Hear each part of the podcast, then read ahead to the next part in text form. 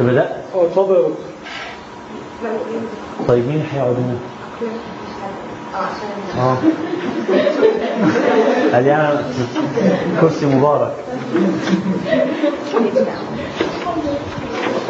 طيب. مش مشكلة هو إحنا عملنا اللي علينا. طيب الحمد لله رب العالمين. الحمد لله الذي أنزل على عبده الكتاب ولم يجعل له عوجا. الحمد لله الذي نزل الفرقان القائل فيه تبيان كل شيء. الحمد لله في الأولى وفي الآخرة. وصل اللهم وسلم على سيدنا وحبيبنا ومعلمنا وقدوتنا وشفيعنا بإذن ربنا. اللهم صل وسلم عليه في الأولين والآخرين وعلى آله وصحبه ومن تبعهم بإحسان. وعنا معهم وبهم وفيهم. يا أرحم الراحمين. رب اشرح لي صدري ويسر لي أمري. واحلل عقدة من لساني يفقه قولي. اللهم وجهنا لما خلقتنا له واصرفنا عما نهيتنا عنه ولا تشغلنا بما تكفلت لنا به. اللهم اجعلنا من جند الخير دلنا عليك أرشدنا إليك.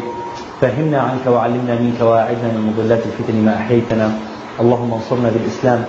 وانصر الإسلام بنا. واجعلنا حجة له لا عليه. واجعله حجة لنا لا علينا. السلام عليكم ورحمة الله وبركاته.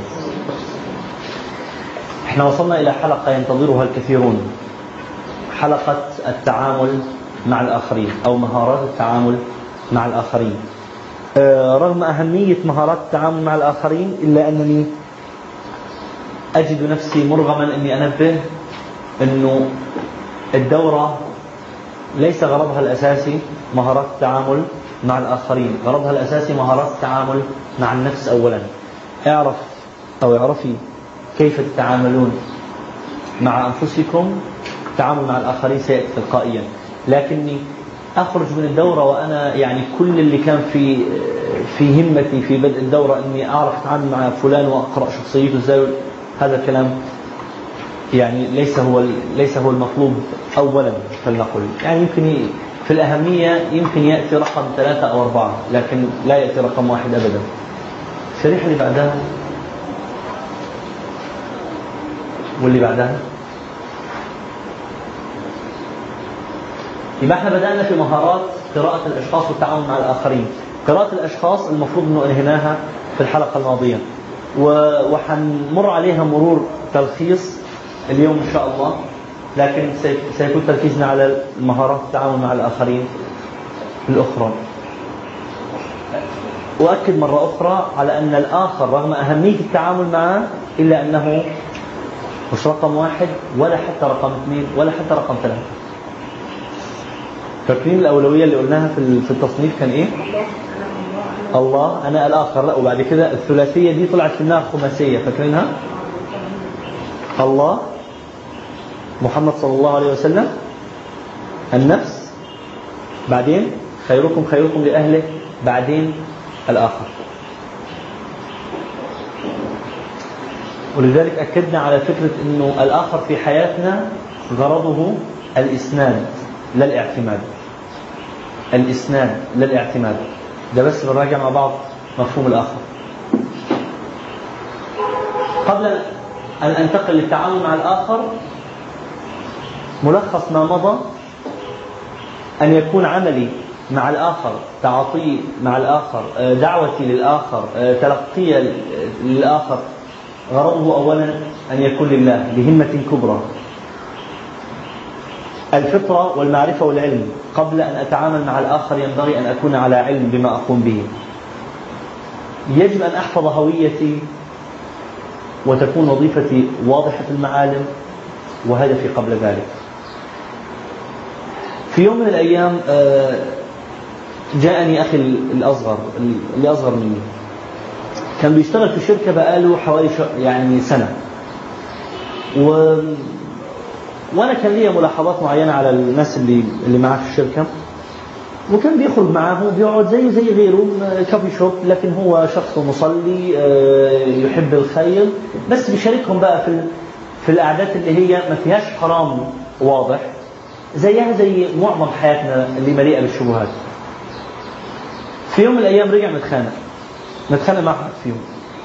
فقلت له حصل إيه؟ قال لي وإحنا قاعدين راح قايل كلمة مش ولا بد. قلت له اتخانقتوا ليه؟ قال لي اتخانق إيه اللي اتخانق؟ طبعا أنا انزعجت وقلت له إزاي تقول كده مش عارف كلمة مني كلمة منه؟ رحنا متخانقين. أنا حطيت الغلط على مين؟ على مين؟ ليه؟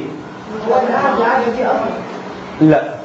هو قعدته لوحدها ما, ما تخليش أغلط. عشان سبحان الله هو قاعد في وسط لا.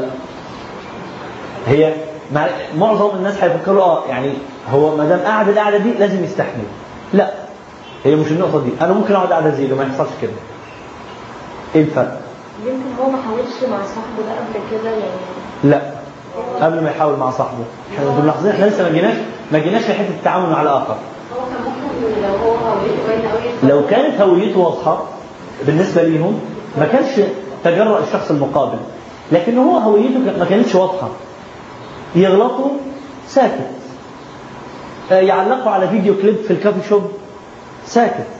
تعدي بنت وممكن أحدهم يعلق تعليق سخيف يعديها أو أو قد يبتسم أو قد يشارك في السماع لنكتة بايخة. فمن الطبيعي إنه صاحبه ده قال خلاص أهو يعني آه، معانا. ما دام الهوية مش واضحة يبقى من حقي إني أقول أي حاجة بقى.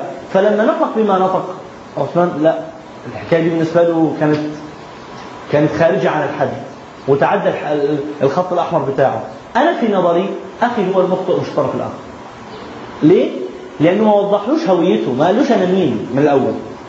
وبالتالي ما حدش يعتب على على الأطراف الأخرى اللي حواليه لما ما تبقاش فاهماه إذا كان هو نفسه مش فاهم نفسه اولا ومفهمهم هو مين. يرحمكم الله. ال... الإشكال للأسف في كثير من الأحيان إنه يأتي شخص وعمل لي كده ومش عارف طب أنت قلت له أنت بتحب إيه وما بتحبش إيه؟ كان لازم يفهم لوحده. لا معلش. زي عملية قيادة العربية. عارفين القاعدة اللي بتقول آه، يعني قد وكأن الآخرين إيه؟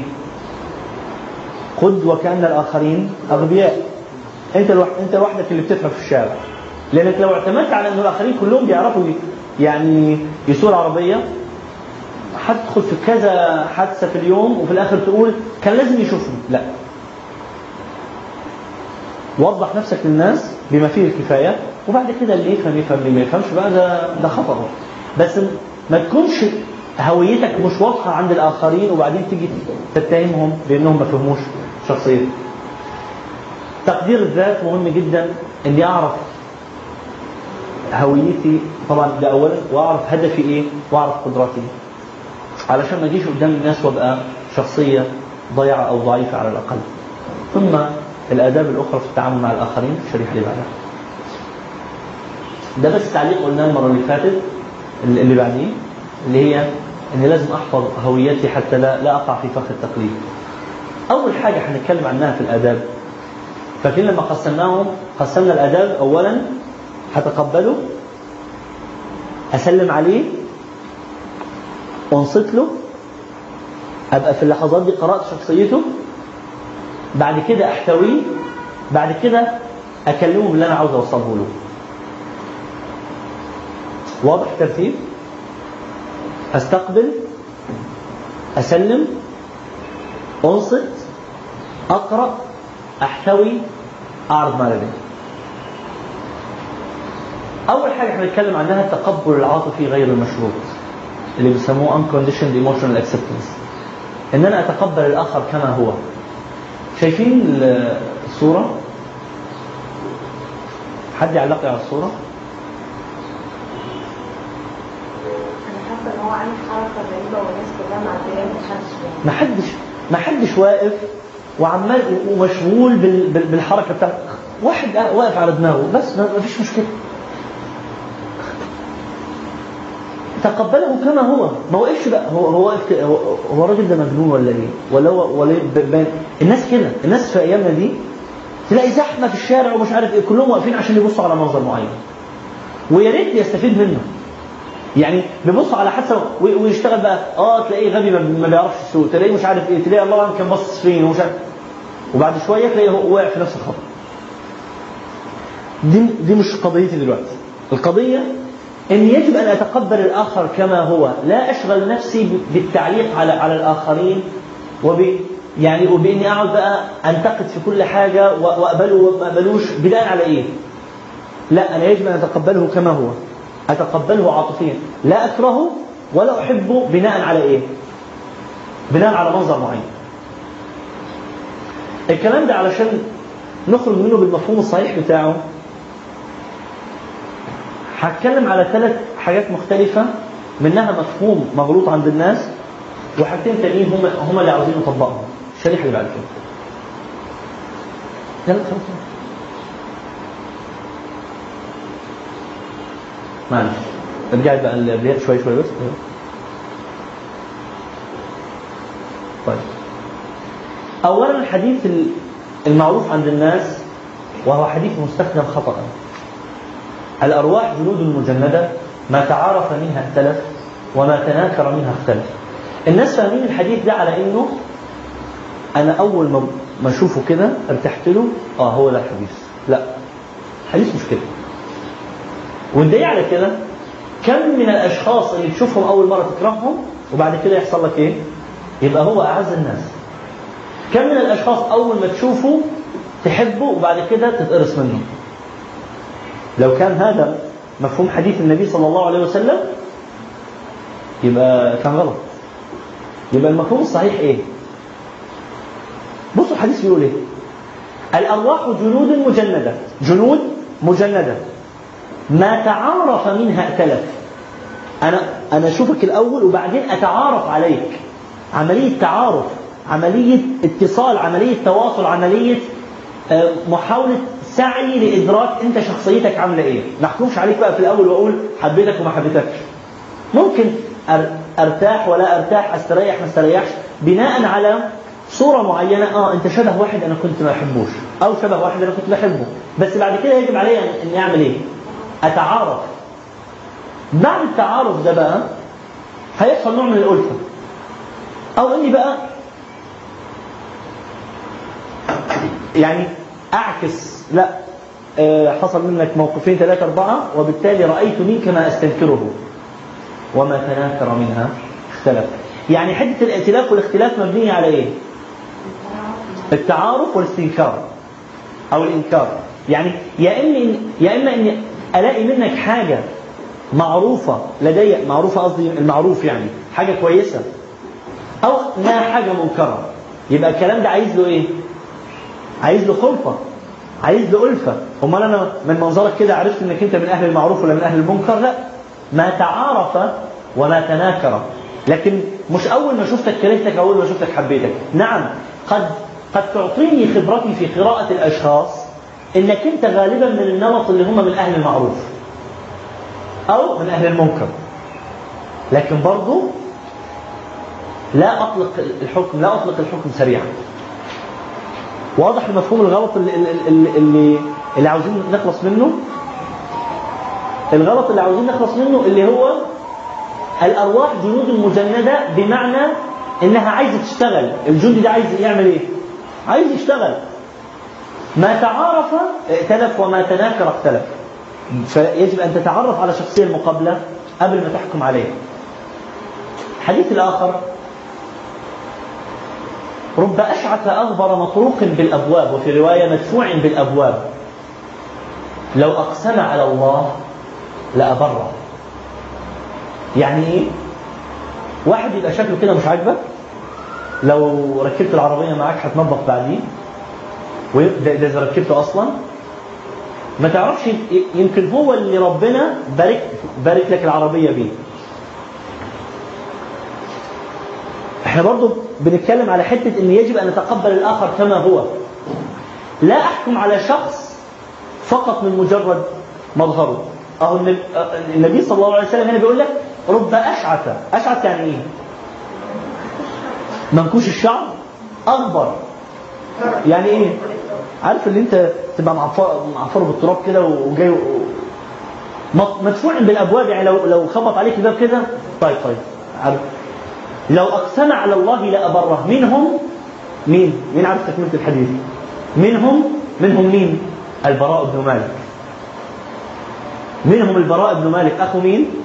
أخو أنس بن مالك أهو دول اللي جم له يوم اليمامة يوم حرب اليمامة علشان يطلبوا منه إيه؟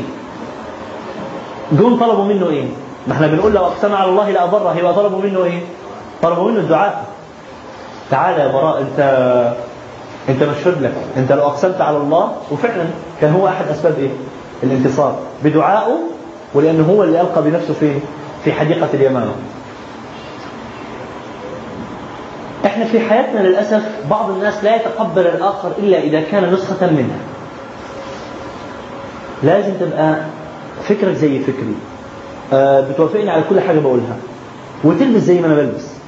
ولازم تبقي محجبة زي أو متحجبة زي ما أنا متحجبة أو منقبة زي ما أنا. أو منتقبة زي ما أنا منتقبة أو تبقى أنت عندك لحية زي ما عشان كده أقبلك ولا ما أقبلك؟ الكلام ده غلط. لو شاء ربك لجعل الناس أمة واحدة. حادثه لطيفة حصلت مع إبراهيم بن أدهم. عارفين إبراهيم بن أدهم؟ عارفينه؟ كان إيه ده؟ ده كان من كبار. يعني محدثي التابعين وزهدهم حصل معاه إنه في يوم من الأيام راح آه، المدينة المنورة. وكان له فيها حاجة فصلى في مسجد المدينة المنورة المسجد النبوي على صاحبه الصلاة والسلام. و وبعد صلاة العشاء جم قالوا له لو سمحت معلش إحنا يعني بننظف آه، إطلع. ف قال لهم أطلع أروح فين؟ أنا ما عنديش مكان أروح له. هم طبعا مش عارفين. أطلع أروح فين؟ قال لهم قالوا له لا تطلع ما فيش لازم تطلع دلوقتي. كلمة كلمتين مش عارف إيه راحوا واخدينه من رجليه وساحبينه على على ظهره مطلعينه بره. لقى فران جنب المسجد النبوي على صاحبه الصلاة والسلام بيشتغل بالليل. راح قايل له يعني آه، معلش يعني آه، أجاورك شوية. قال له اقعد نسلي بعض صلاة الفجر. قال له بس ما عنديش حاجة أقدمها لك. يعني اللي هقدمه لك بس إنك أنت يعني يعني هتستخدم بس آه، نار ال- الفرن يعني يدفيك شوية. قال له مش الفران ده كان كل عمله إيه؟ يخبز يعني العجين يخبزه يحطه في الفرن. بسم الله الحمد لله. بسم الله الحمد لله إبراهيم آدم بص كده هو الراجل ده مسكين كده ليه؟ يعني ما يعرفش غير بسم الله والحمد لله أقول له حاجة كده أنفعه بيها. قال له يا هذا ألا تحسن غير هذا؟ يعني ما عندكش ما عندكش غير بسم الله والحمد لله؟ قال له لا والله غير أني ما دعوت الله بدعاء قط إلا واستجابه لي إلا دعاء. كل ما أدعي ربنا دعاء بيستجيبوا لي فما عنديش مشكلة بقى أدعو بسم الله والحمد لله أحفظ بقى الأذكار كلها ما أحفظ. بس عندي حتة اني إني بيني وبين ربنا عمار كده كل ما أدعوه يستجيب لي إلا دعاء واحد. قال له وما ذلك؟ قال له دعوت الله أن يحظيني بإبراهيم بن أدهم ولم يحصل الأمر حتى الآن. له كده. قال له يا هذا لقد أتي بي ممدودا على ظهري حتى يستجيب الله دعاءك فران مسكين بسيط لا يعبأ له لكن جواه بقى دنيا كاملة. يا هذا لقد أتي وإبراهيم بن آدم كان إيه؟ كان لسه عاوز إيه؟ عاوز يعني يعطف عليه ويعلمه بقى دعاء ولا مفيش. الحكاية مش بال مش بالمظهر وبما حتى أتفوه به. فاكرين يمكن حتة لما كلمتكم عن محمد حنيف؟ اللي يسبح بعد الصلاة؟ أو شخص. بيركب معاه رئيس دولة مراته ولاده وهو سائق. والله أعلم بقى هو هو مين عند ربنا. باختصار اللي عاوز أقوله في الحديث ده لا تحكموا على ظاهر الأمور. لا تحكموا على ظواهر الناس. اتعامل معاه. شوفوا هو عامل إيه. وبعد كده بقى تقبله أو ما تقبلوش. لكن أن تحكم على الشخص من لباس ومن حتى وإن, وإن قلنا في قراءة الأشخاص أن اللباس يعطيك طابع معين بس قلنا ده جزء ما يجيبش كل حاجة. الحديث الآخر أو يعني ما ورد في السيرة أن النبي صلى الله عليه وسلم مات ودرعه مرهونة عند يهودي. إيه دخل الحديث ده في حتة التقبل العاطفي غير المشروع؟ إحنا أولا أزلنا حكاية إن الأرواح جنود مجندة أنا أول أول ما أعرفه أحبه حب من أول نظرة. لا ما فيش الكلام ده. لازم تتعارف وبعد كده ما تعارف منها ائتلف وما تناكر منها اختلف. وقلنا الحديث الثاني اللي يدل على إنك يجب أن تقبل الناس كما هم. تعرفين حتة ان الصحابة كانوا كانوا بيضحكوا على عبد الله بن مسعود؟ صغير ورجليه رفيعة يروح النبي صلى الله عليه وسلم قايل لهم إيه؟ لقدم عبد الله عند الله أثقل في الميزان من جبل أحد. حكاية مش مش في الحج. البراء بن مالك اللي هو لو أقسم على الله لابره بالمناسبة من الناس اللي اللي فعلا لما تشوفه رفيع ويعني يعني عارف قليل كده لا يمكن ما يعديش العين يعني ما يبلاش العين لكن عند الله الحديث الآخر بقى دلالة على نفس الحتة اللي هي إنك يجب أن تقبل الآخر كما هو إزاي؟ النبي صلى الله عليه وسلم في أواخر عهد المدينة المنورة قبل وفاته بشوية في معاملة يعني معاملة مادية تجارية بينه وبين واحد يهودي المنطق يقول أوليس من الأسهل أولم يكن من الأسهل على النبي صلى الله عليه وسلم إنه يجي عند واحد زي الزبير بن العوام عبد الرحمن بن عوف عثمان بن عفان كبراء يعني وتجار المسلمين وأغنياء المسلمين يجي يقول لهم يا عم هات لك يعني شوية دراهم كده بدل ما ارهن الدرع ده عند يهودي ولا الحوجة لليهودي صح؟ ده المنطق وإحنا بنتكلم عن أواخر الدولة الإسلامية. يعني المدينة المنورة بقى في اتساع والمسلمين هم المسيطرين مش في مكة. لو في مكة كنا نقول آه الوضع ما يعني ما يستاهلش. مع كل ده النبي صلى الله عليه وسلم يموت ودرعه مرهون عند يهودي ليه؟ الله أعلم ظاهر الكلام كده في درس للأمة. يا جماعة اقبلوا الآخر الآخرين كما هم. أنا اتعاملت مع يهودي كما هو. لا لا قلت له أنت يهودي ما تعاملش معاه ولا طردته بره المدينة ولا وكنت حاطط الدرع أنتوا عارفين الدرع زمان كان عامل زي إيه؟ زي عربية دلوقتي. الدرع كان حاجة مش مش بسيطة. كان حاطط الدرع عند يهودي. البعض سيقول طيب يعني ده لا يعني ان أنا أتقبله كما هو، هي كل اللي عملوه حط الدرع عنده خلاص، لا لا لا لا. روح ارهن أي حاجة دلوقتي في أي مكان. الراجل ده عايز له إيه؟ قعدة وكلام وشرب شاي ومش عارف إيه وصح ولا لأ؟ ف... فالنبي صلى الله عليه وسلم ما اتجاش لليهودي قال له أهو الدرع أهو بس عشان ما أكلمكش. لأ أكيد قعد وأكيد بخلقه السامي صلى الله عليه وسلم ابتسم في وشه وصبح عليه أو مس عليه وقعد وخد ودا في الكلام معاه يعني قبله كما هو. مش هتبقى معايا يا ضدي انت بتتعامل اهو انت بتتعامل مع مع نبي الامة صلى الله عليه وسلم. فيا تبقى معايا يا أحط عليك X كده وانت عارف بقى لو حطيت عليك X هيحصل إيه؟ ما حدش يتعامل معاك. لا. تعامل معاه ووضع درع يعني درعه رهنا عند هذا اليهودي. الدروس باختصار كده والدروس كثيرة يعني وهنعدي على معظمها. بس أنا حبيت أخرج من الحكاية دي. أول شيء للتعامل مع الآخر وكسب الآخر بالمناسبة. وكسب الآخر أن تتقبله كما هو. إشمعنى أنت عاوز يتقبلك كما أنت؟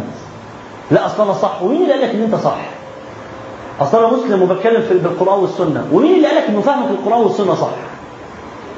لا هخش في الدايرة دي.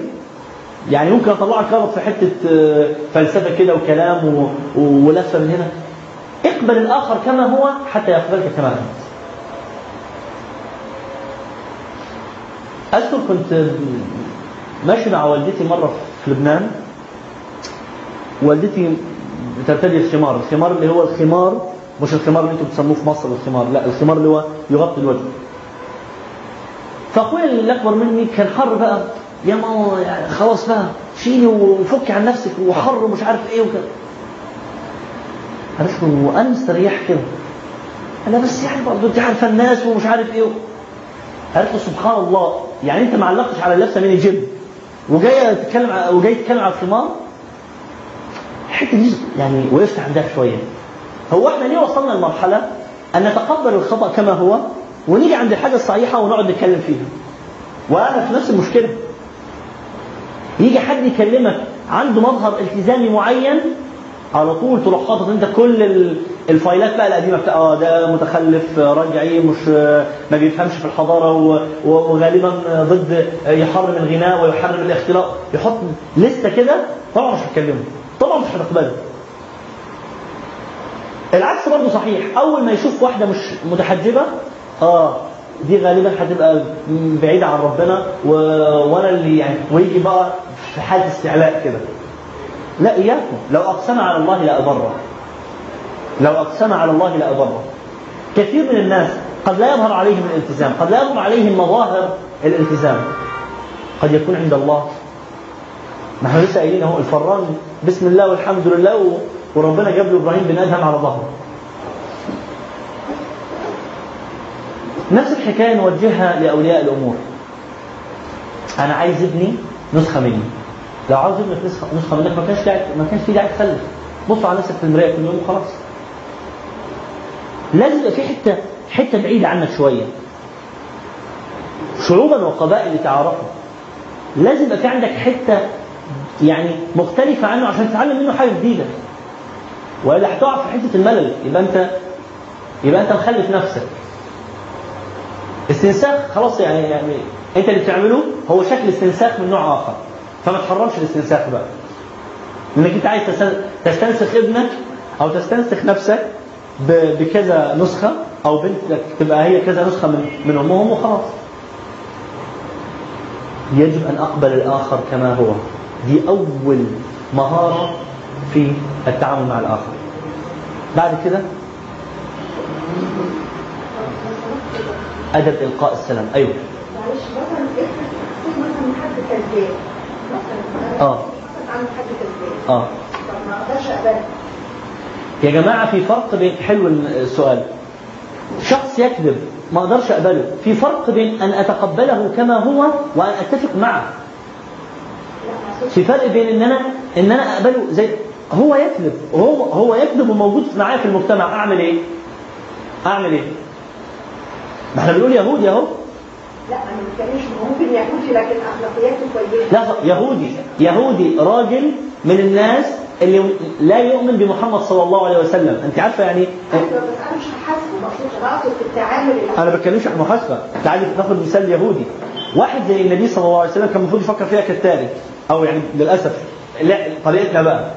آه ده لا يؤمن بيا بقى. آه ده معناه ده مكذبني. ده معناها بيقول كده بطريقة غير مباشرة. إن أنت يا محمد كذاب. انت مش نبي آخر الزمان وأنا مش عايز أؤمن بيك. ومع ذلك قبل ده انت مش بتتكلمي بقى عن شخص بيكذب انت بتتكلمي عن شخص بيقول لك أنا مش مش قابلك ومع ذلك قبله وتعامل معه كما هو. شخص يكذب. إحنا هنيجي على الحته دي بعد شوية. هو بيكذب لمين أو على مين؟ في الآخر كده بيكذب لمين أو على مين؟ على نفسه. المهم بقى إن حدودي تبقى واضحة في التعامل معاه إنه ما يتجاوزنيش. بس أنا في الآخر كده عاوزه لا يتجاوز الحد في التعامل معي أنا. لكن هو كما هو لما سلم عليه السلام عليكم. بس ولو قدرت أنصحه هنصحه. بس طبعا بعد كذا بعد كذا حاجة هنتكلم فيها. بس يجب أن أقبله. كما أصل لو ما قبلتوش هيحصل إيه؟ هخسره. هبقى في في إمكانية إن أنا أسعفه أصلحه أدعوه بس أنا خسرته لأني ما قبلتوش. لأني الوعاء القلبي بتاعي كان أضيق من إنه يتحمله. فلو جه في يوم من الأيام وكان فعلا عنده قدرة إنه يتغير هقول له معلش أصل أنا ما قبلتكش من الأول. وهو هيقول لي أنا مش هقبلك أنت ما قبلتنيش. ما خدتنيش على علاتي فما أقدرش دلوقتي أسلمك نفسي. أنا عاوز واحد رحيم يطبطب عليا. إذا ما قبلتوش كما هو خلاص. هرفضه هيخش كده أهلا طيب. خلاص.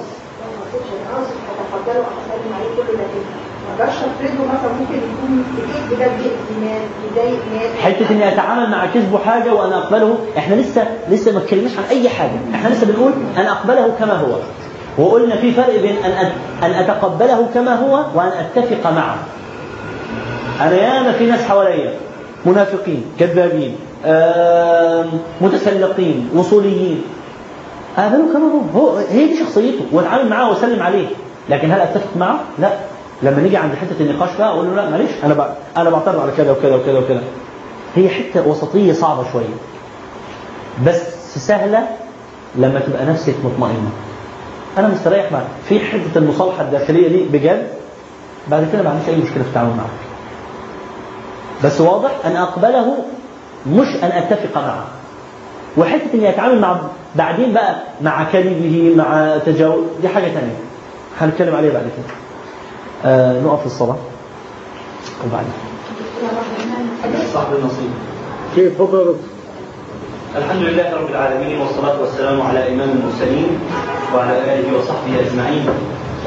من أراد مؤنسا فإن الله يكفيه ومن أراد حجة فإن القرآن يكفيه ومن أراد الغنى فإن القناعة تكفيه ومن أراد واعظا فإن الموت يكفيه ومن لم يكفيه شيء من هذا فإن النار تكفيه. أعاذنا الله وإياكم. منه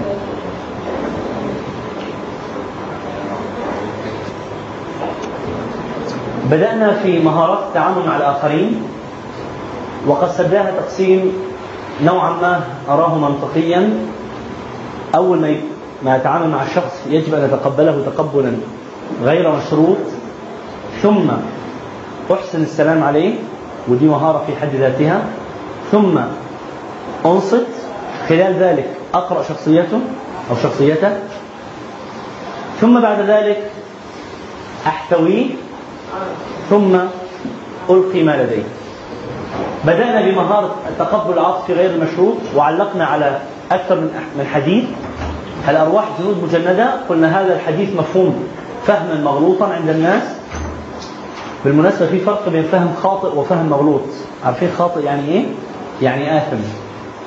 خاطئ يعني آثم. فالأصح أن أنت تقول مغلوط أو خطأ. الحديث هذا مفهوم على أنه الناس أول ما يشوفوا بعض يعرفوا بعض لأنه أرواحهم تغ... لا. قلنا الحديث يقول الأرواح جنود مجندة ما تعارف منها ائتلف وما تناكر منها اختلف. يجب أن تعرف هذا الشخص فتعرف هل أنه هل من ستتعارف عليه لأنه من أهل المعروف أم أنه ممن ستنكر عليه شخصيته؟ فلا تألف.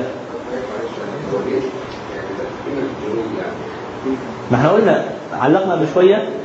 إنه جنود بحد ذاتها أنها جنود مجندة لتعمل. مش جنود لو لو كانت المسألة آه زي ما إحنا متصورين بمجرد ما أشوفه كده يعني يعني كنت هتخيل الحديث ممكن يبقى الأرواح مأمورة. مش دعوها فإنها مأمورة الناقة خلاص. الأرواح مأمورة لكنه أو الأرواح مسيرة. جنود يبقى لازم تعمل إيه؟ يبقى وعشان كده جه بعدها وقال تعارف. وعملية التعارف بالمناسبة أي كلمة تفاعل في اللغة لازم تيجي بين إيه؟ بين اثنين تكاتب تفاعل تراسل تقاتل تناصح دايما بين اثنين فلازم عملية شغل بين الاثنين علشان يا إما آه أنت من الناس اللي حرض عنهم وحألفهم أو لا. وعلقنا على إزاي إنك ما يصحش تحكم على الآخرين من أشكالهم وينبغي أن تقبلهم كما هم؟ رب أشعث أغبر مدفوع بالأبواب لو أقسم على الله لابره وقلنا كيف أن النبي صلى الله عليه وسلم ترك لنا يعني دليل واضح بين على الأمر ده أنه ترك درعه مرهونه عند يهودي رغم أنه كان بإمكانه إنه ما يسيبهاش معه. كان بإمكانه إنه يخلص من الرهن ده بأحد أغنياء المسلمين. الحقيقة افتكرت أه حادثة حصلت معي. كان في معي طالب في الجامعة في الكلية. كان شخص من الناس اللي هم يعني ظاهرين كده بعيد عن ربنا. الشعر بقى الطويل لحد هنا والجينز اللي مخروم من الركبة وال ودايما بقى heavy metals وال... وال... والموسيقى الصاخبة وزي زي كثير من ال... يعني من الشباب مصاحب. مصاحب بنت بعلاقة غير شرعية.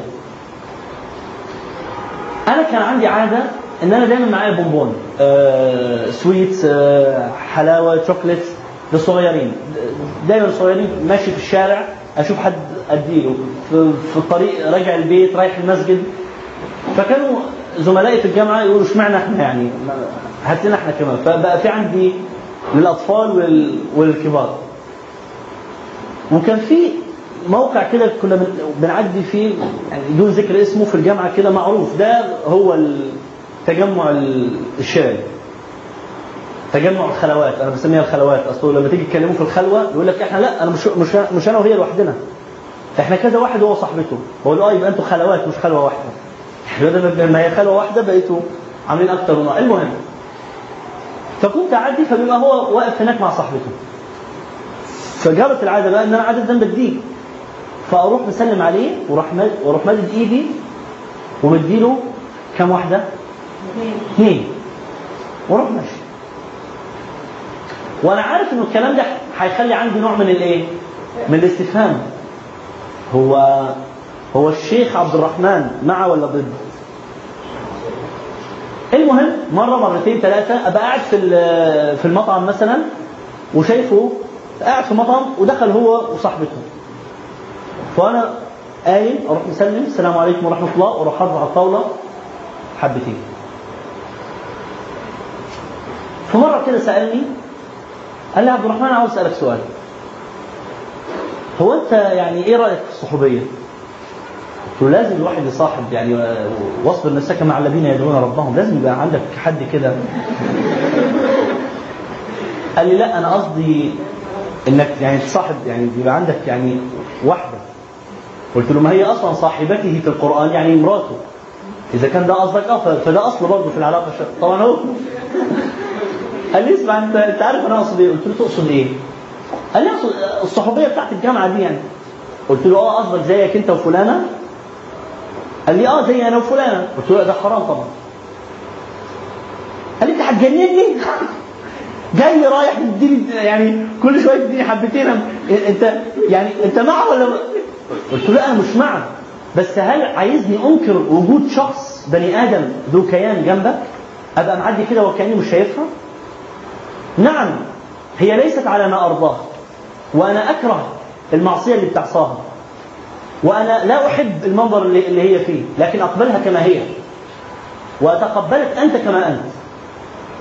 مش لازم تبقى عبارة عن copy paste مني نسخة كربون. الكلام ده كان محور تغير علاقة الشخص هذا بي ومحور تغيره في علاقته في- الشخصية الأخرى لأنه بعدها بأيام قليلة راح وطلبها من أهلها بعدها بأيام قليلة راح واتجه الاتجاه لأن تكون العلاقة ذات طابع شرعي.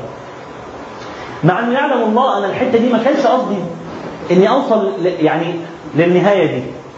لكن كان كان قصدي إن أنا أعلمه إن أنا متقبلك ومتقبلها كما هي. دي حتة مهمة جدا. بعد التقبل العاطفي غير المشروط ننتقل إلى الشريحة اللي بعدها.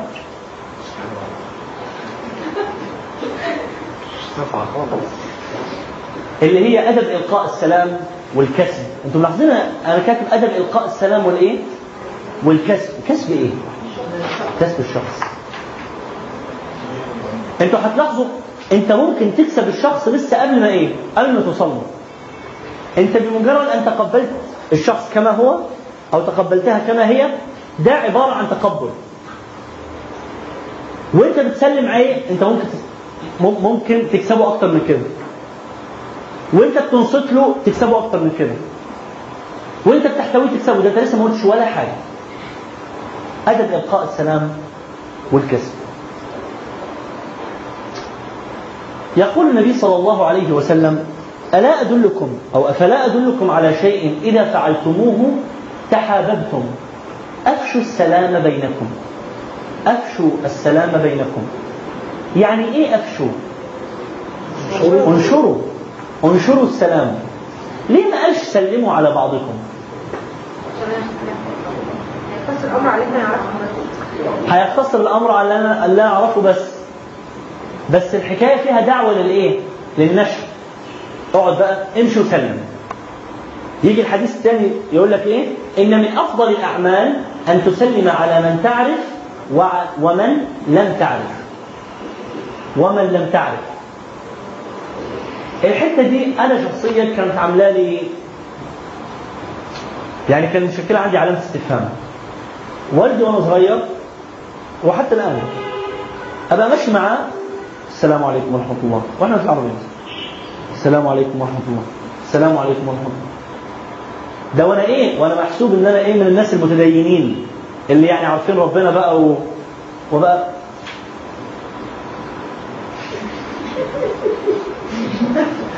بجد يعني مرة مرتين ثلاثة أربعة بس كتير. اللي قاعد واللي على الرصيف واللي, واللي جاي يبيع له حاجة واللي, واللي لوحده واللي ماشي لما كبرت اكتشفت ان الحكاية دي عايز لها قوة أن تنشر السلام. أن تفشي السلام دي عايز لها قوة. دي من دلائل قوة الشخصية. ليه؟ لأنك مش هتسأل بقى هو هيقول إيه لو أنا سلمت عليه.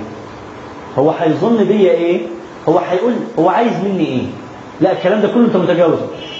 أنت بتسلم لغرض السلام لغرض أن تدخل على نفسك ثم على هذا الشخص هذا الشعور بالألفة. الكلام ده حصل لي بالظبط وأنا في يعني في الجامعة كنت ساكن في في بناية سكن طلاب. وكان البناية دي بينها وبين المسجد شارع بس. أنزل أعدي الشارع أصلي وارجع البناية تحتها في مطعم وفي بتاع تنظيف ملابس يسموه دراي كلين في يوم من الأيام سمعت إنه بتاع المطعم اللي تحت اتكلم عليا أو تكلم عني بشيء سلبي. الحكاية دي للأسف أثرت فيا سلبا. ظهر السلوك مني بإيه؟ وأنا نازل أنا متعود معتاد إن أنا نازل أعمل إيه؟ السلام عليكم ورحمة الله. إزيك يا فلان؟ وأروح معدي الصلاة أرجع أسلم. المرة دي بقى ماشي. نازل بالأسانسير متضايق. أسلم ما أسلمش. أسلم ما أسلمش. أسلم ما أسلمش. أسلم ما أسلمش. أسلم ما أسلمش. جيت ما سلمتش انكسرت. انتصر هو. خسرت حتة الألفة الداخلية بتاعت السلام دي. صليت المغرب وأنا مش مستريح. أسبح بعد الصلاة مش مستريح. أصلي السنة مش مستريح. رحت معدي الشارع بقى وقفت كده. أنتوا ملاحظين هو هو هو المعركة دلوقتي بين مين ومين؟ بيني وبين نفسي. ملوش دعوة. هو قاعد في قاعد في محله مستريح ما ملوش أي المشكلة بين عبد الرحمن وعبد الرحمن. عديت الشارع بقى قلت السلام عليكم. عارفين السلام عليكم طلعت كده يا دوب يعني. بس حسيت برضو إنها الحمد لله. طلعت ريحت شوية قرأت شوية كده وكملت مذاكرة. وأنا نازل. كانت نفسيتي أريح. فوانا معدي كده. السلام عليكم ورحمة الله. إزيك يا فلان؟ عارفين بعد ما قلتها؟ شلت بقى. ال... ال... الكلكيعه اللي هو خلاها عندي من غير ما يقصد لضعفي أنا. في لحظتها بالص... يعني بكل صراحة اكتشفت قد إيه كان والدي شخصيته قوية إنه ماشي السلام عليكم. ما عندوش مشكلة. غلط ما غلطش سلم قال ما قالش رد السلام ما ردش السلام دي, دي, دي حاجة خاصة. أنا أسلم. افشوا السلام بينكم. على من تعرف وعلى من لم تعرف. ليه حتة من لم تعرف؟ أصل من تعرف دي بسيطة. السلام عليكم. عادي أنت أحيانا لما تيجي يبقوا في كذا شخص قاعد في مكان معين. تيجي السلام عليكم تروح قاعد. طب واللي جنبه؟ أصل ما أعرفوش. طب سلم. وهيقول لك بقى هو يعرفني منين؟ وتأتي الأمثلة للأسف تسيء إساءة غال يعني غريبة. كتر السلام يقل المعرفة. عكس تماما بقى. هنا افشوا السلام بينكم هناك كتر السلام يقل المعرفة. النبي صلى الله عليه وسلم يقول فإن حالت بينهما شجرة أو حجر أو حائط ثم لقيه فليسلم عليه. حديث صحيح. إذا إذا إذا جت بينهم حجرة أو شجرة أو حيطة ثم لقيه فليسلم عليه. لأنهم كانوا عارفين زي ما قلت قبل كده السلام ده كان له معنى عندهم. كان يعرف إن أنا وأنا بسلم دلوقتي في خطايا بتتناثر بيني وبين أخويا أو بيني وبين أختي. فحته السلام دي كانت تمثل قوة الشخصية. تمثل مدى تقديري لنفسي. أنا عمال أعمل حاجة أنا متأكد منها. إذا حتة السلام دي دي حاجة خاصة بيك. السلام ده علشان يثمر لازم يطلع بطريقة إيه؟ بطريقة مناسبة. تدل على تقديري لنفسي اولا ثم احترامي للمقابل. الشريحه اللي بعدها. عشان كده لما اتكلمنا في قراءة الأشخاص وقفنا عند حتة إن لما أسلم حتة النظر. النبي صلى الله عليه وسلم يقول تبسمك في وجه أخيك صدقة. وفي حديث آخر في سنده ضعف يقول لا تحقرن من المعروف شيئا ولو أن تلقى أخاك بوجه طلق أنتم ملاحظين حتة ولو أن تلقى يعني أقل حاجة. أقل حاجة. ده إحنا في ايامنا دي بنجاهد أنفسنا عشان نطلع الابتسامة. وهو يجي يقول لك ولو أن تلقى أخاك. وكأنه كانت الأنفس مطمئنة لدرجة إنه يقول لك يا أخي خلاص على الأقل يعني حتة الابتسامة دي. هي سهلة للدرجة دي؟ آه. لما تبقى لما يبقى جوه إيه؟ مستريح. ليه بقى حتة الابتسامة؟ أنتوا عارفين لما ينصحوا شخص بالمذاكرة يقول له المذاكرة أنواع. أنا ممكن أذاكر بالطريقة دي. ابقى ماسك أي حاجة واذاكر بالطريقة دي. دي واحدة. اثنين وقال صلى الله عليه وسلم إذا انقطع إذا مات أحدكم انقطع عمله إذا مات أحدكم انقطع عمله. دي مذاكرة ثانية اختلف فيها إيه؟ الصوت. اللي اللي أكثر من كده إذا مات أحدكم انقطع عمله إلا إذا مات أحدكم انقطع عمله إلا من ثلاث. إذا مات أحدكم انقطع عمله إلا من ثلاث. الصفحة إذا مات. صوت وإيه؟ ونظر. اللي أكتر من كده بقى؟ كتابة. إذا مات. شغل بقى. صوت. سمع. شاف. كتب. أكتر من كده بقى وهي من أروع أو تقريبا أفضل أنواع المذاكرة المذاكرة مع مين؟ مع حد. قول لي أسألك نتناقش آه، اسألني آه، امسك الكتاب كده وقول لي آه، أي حاجة معينة ونتناقش فيها. إيه دخل الكلام اللي أنا بقوله في السلام؟ واضح كده إنه إنه كلما استخدمت حواس أكثر كلما كان في انطباع أقوى للي أنت بتعمله. أنت لما تسلم ممكن تسلم وتسمع بس أو تسلم وتأشر. لكن لما تسلم بيد وبنظرة وبصوت وبابتسامة شغلت كم حاجة؟ شغلت السمع بالسلام بإلقاء السلام واللمس بالمصافحة والمنظر الجميل برؤية الابتسامة ويجي أكتر من كده بقى حتة الإيه؟ الطيب العطر البرفيوم فأنت كده لما يشوفك شخص معين خلاص. تديله انطباع من من أول سلام كده. النظر الابتسامة المصافحة إلقاء السلام بوضوح وإلقاء ما يحب أن يستمع إليه من السلام وأكثر من كده بقى حتة البرفيوم يبقى بالعكس كل شوية جاي السلام عليك كده حاطط كاريرا. لا كاريرا دي بعمل لها دعاية. كله في المونتاج؟ في حتة السلام ينبغي أن يعلم أن المصافحة لها دور كبير. لها دور كبير في تأليف العلاقة. لأن الإنسان سبحان الله عندما تتحرك لديه عاطفة معينة اللي بيسموها ال chemistry الكيمياء تيجي حتة الفيزياء لازم تعبر عنها. هي كده.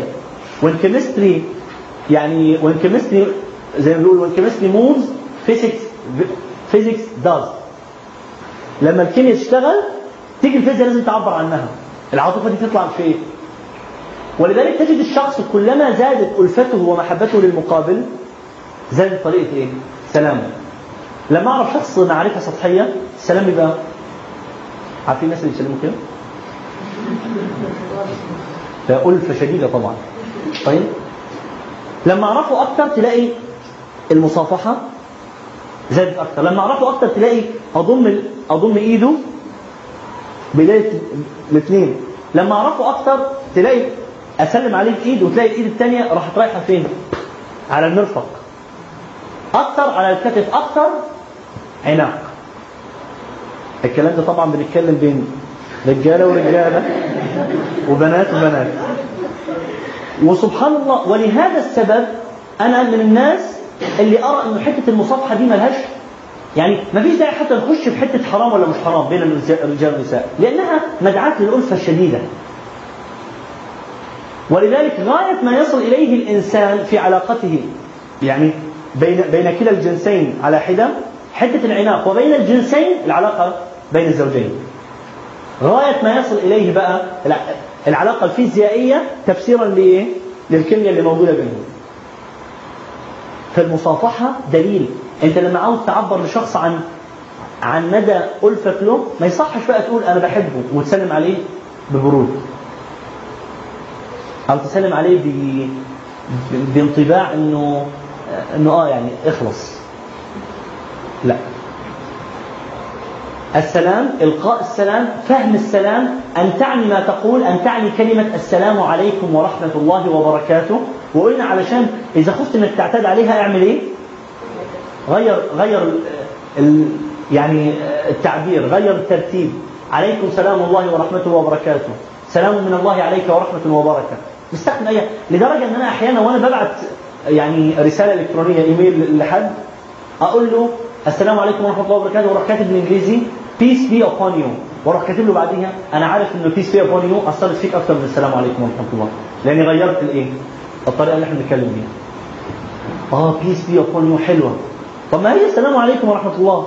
بس لأنك ألفتها فبقت أقل وقتا. وحتة الابتسامة ضرورية جدا. حتة أن تفشي السلام يعني كلما استطعت أن تفشي السلام أكثر كلما استطعت أن تنشري السلام أكثر اعلم أنك إيه؟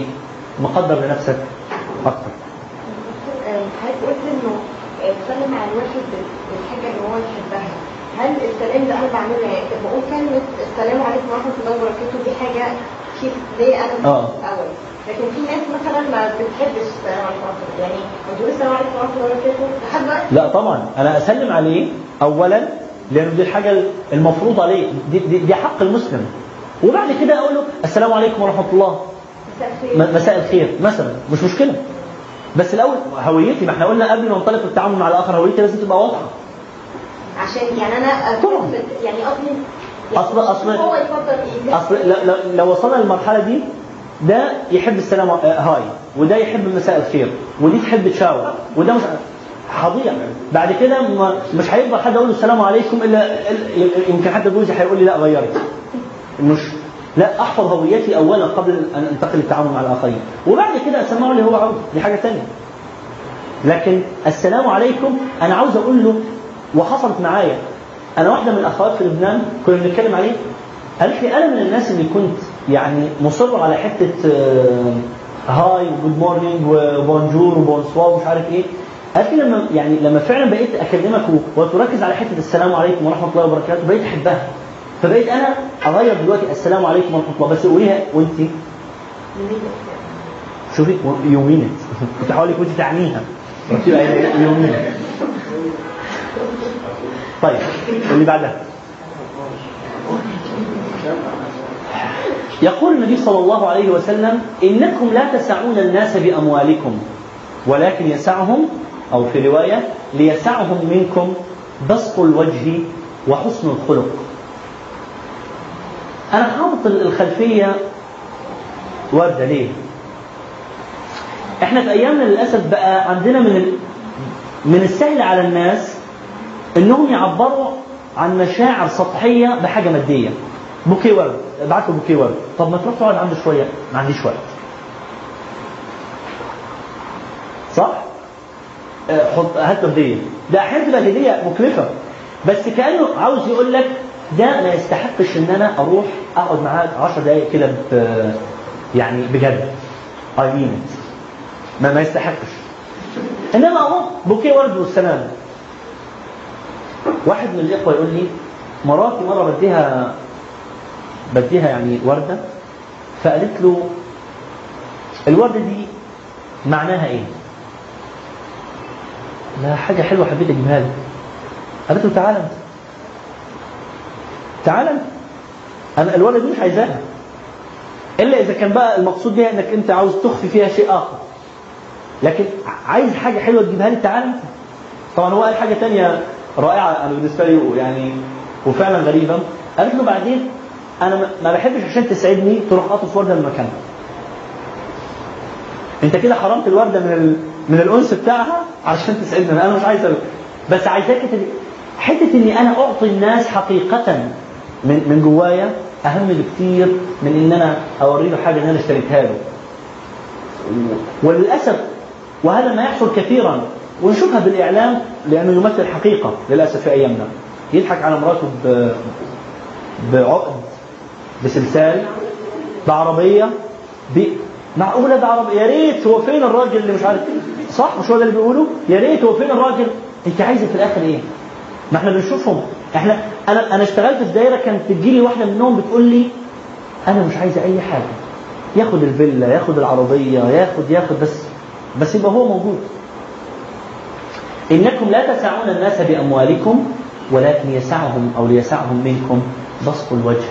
بسط الوجه. لاحظين كلمة بسط الوجه وحسن الخلق. علشان أوصل للكلام ده قبل ما قبل ما ننطلق بس بص معايا الشريحة دي. لاحظتوا اللي حصل معاكم؟ قلبت في كل ال... في كل الصور ورحتوا مركزين على الصورة اللي فيها إيه؟ الابتسامات. فين؟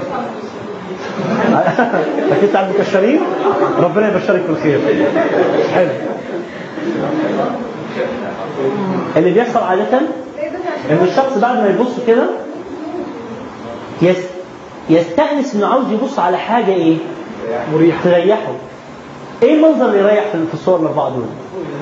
أول واحد فوق على الشمال، ثاني واحد اللي فوق على اليمين. بعد كده تحت على الشمال بعده صح ولا لا؟ ملاحظين اثر الابتسامة؟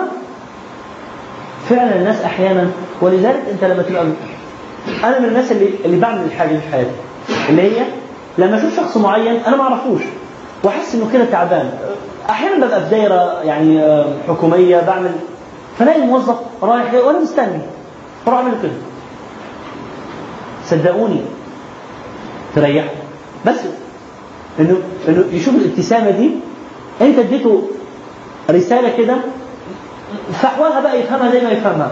ربنا يديك الصحة. جزاك الله خير على الوقت اللي أنت يعني بتبذله علشاننا يا ريت بس تستعجل كده في الحاجة اللي أنا قلت لك عليها. أنا مستني بقى لي كتير بس مش عايز كلها وصلت بإيه؟ بابتسامه هو مش عايز أخش بكلام كتير أنتوا أكيد قريتوه قبل كده وعارفينه. العضلات اللي بتتحرك في الابتسامة أقل من العضلات اللي بتتحرك في التكشيرة وال... لكن المهم ان أنا أحاول قدر الإمكان على أن الابتسامة دي تظهر صادقة. إزاي أطلعها صادقة؟ الشريحه اللي بعد قبل ما انتقل من حتة اولا التقبل العاطفي غير المشروط بعدين إلقاء السلام. قبل ما انتقل على اللي بعد إلقاء السلام تعال أقول أنا إزاي أضمن إنه إلقاء السلام خد حقه؟ وإزاي أضمن ان هو حي يعني هيؤتي الثمرة اللي أنا عايزها؟ اولا الاستعداد. الاستعداد إزاي؟ إنك تبقى مستعد نفسيا إنك تسلم. أصلك لو مش مستعد لو لو في كلاكيع قوي جوه الوعاء النفسي ده وأنت عايز تسلم لازم كلكيعه من دول تطلع في السلام. حتى لو حاولت تخبيها هتطلع فاكرين في قراءة الأشخاص. قلنا الابتسامة اللي تطلع مش مش صادقة العين العين نازلة وعضلات الوش طالعة السيركل فيس ده هتطلع كده. لكن لما تبقى أنت مطمئن مستعد مخلص كل اللي اتكلمنا عليه قبل كده النفس واقفال الملفات وكل يوم يوم جديد وما تساوى يوم فهو مغبون ومستريح ومطمئن والآخر لا يعني لك الاعتماد عليه 100% لما تخلص كل الكلام ده هتلاقي حتة انه السلام هيجي بأريحية شديدة. وهنا هيطلع عندك حاجة اللي أنا بسميها صدق التوجه. بتبقى متوجه للآخر وأنت صادق 100% فاكرين الحديث بتاع سيطلع عليكم رجل من أهل الجنة أو سيخرج عليكم رجل من أهل الجنة اللي كل يوم يطلع عليهم متوضي حاطط الشبشب تحت تحت الإبط كده وماشي مرة مرتين ثلاثة. وإذا بعبد الله بعبد الله بن عمر يقول له وفي رواية عبد الله بن عمرو بن العاص يعني أحد الاثنين مستغرب. الراجل ده عمل إيه؟ علشان النبي صلى الله عليه وسلم يبشره بالجنة ثلاث أيام. زاره عمل تمثيلية قال له أنا متخانق مع أبويا عاوزك تستضيفني عندك ثلاث أيام يراقب إيه؟ أنتم ملاحظين الناس كانوا هممهم فين؟ إحنا لو حد قال لنا هيدخل دلوقتي صاحب الشركة الفلانية أغلى شركة في مصر هروح أصاحبه بقى وأشوف هو بيعمل إيه عشان أغلى شركة في مصر هو راح صاحبه عشان إيه؟ علشان ضمن الجنة إزاي؟ ثلاث أيام بيراقب فيه آخر في الآخر كده قال له تعالى أنت بتعمل إيه؟ النبي صلى الله عليه وسلم حصل معاه كذا وكذا وكذا وبشرك بالجنة ثلاث مرات. قال له ما فيش.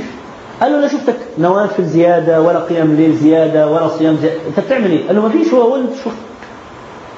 بعدين راح قال له آه فاضل حاجة بس. إلا أنني كلما وضعت رأسي متوسدا فراشي دعوت الله أن يزيل كل ما في قلبي من أي غل على أي نفر من المسلمين. قال له تلك هي والله لا نطيقها. ده مين اللي بيتكلم؟ ده صحابي. تلك هي والله صعبة. أنا بتخيل الراجل ده اللي اللي بيصحى كل يوم ملفات نظيفة. بيسلم على الناس إزاي؟ بيسلم ما هو كلهم بالنسبة له إيه؟ جداد بقى ملفات جديدة. كلهم صحابة. غير بقى لما أصحى كل يوم فاكرين حتة الأوزان الزائدة اللي اتكلمنا عنها. كل يوم شايل الأوزان وداخل الشغل. أهلا. آه ازيك يا فندم آه طيب. آه أصل ده صاحبي وده امبارح مش عارف إيه. لكن لو تمكنت فعلا ان الملفات دي تغلق واصلا ما يبقاش ما يبقاش لها أثر علشان يعني تضطر إنك تغلقها هتصحى كل يوم وأنت إيه؟ صادق في توجهك للآخرين. الكلام ده لو كان لو كان موجود دلوقتي أقول لك آه تعالى ننتقل إلى مهارة أخرى. بعد التقبل العاطفي غير المشروع وإلقاء السلام ومهارة إلقاء السلام وكسب الناس مهارة إيه؟ الانصات.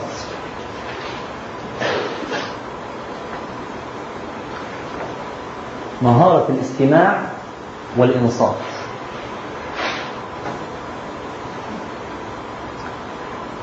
أظن إحنا اتكلمنا قبل كده عن إيه الفرق بين اتفضل يا عم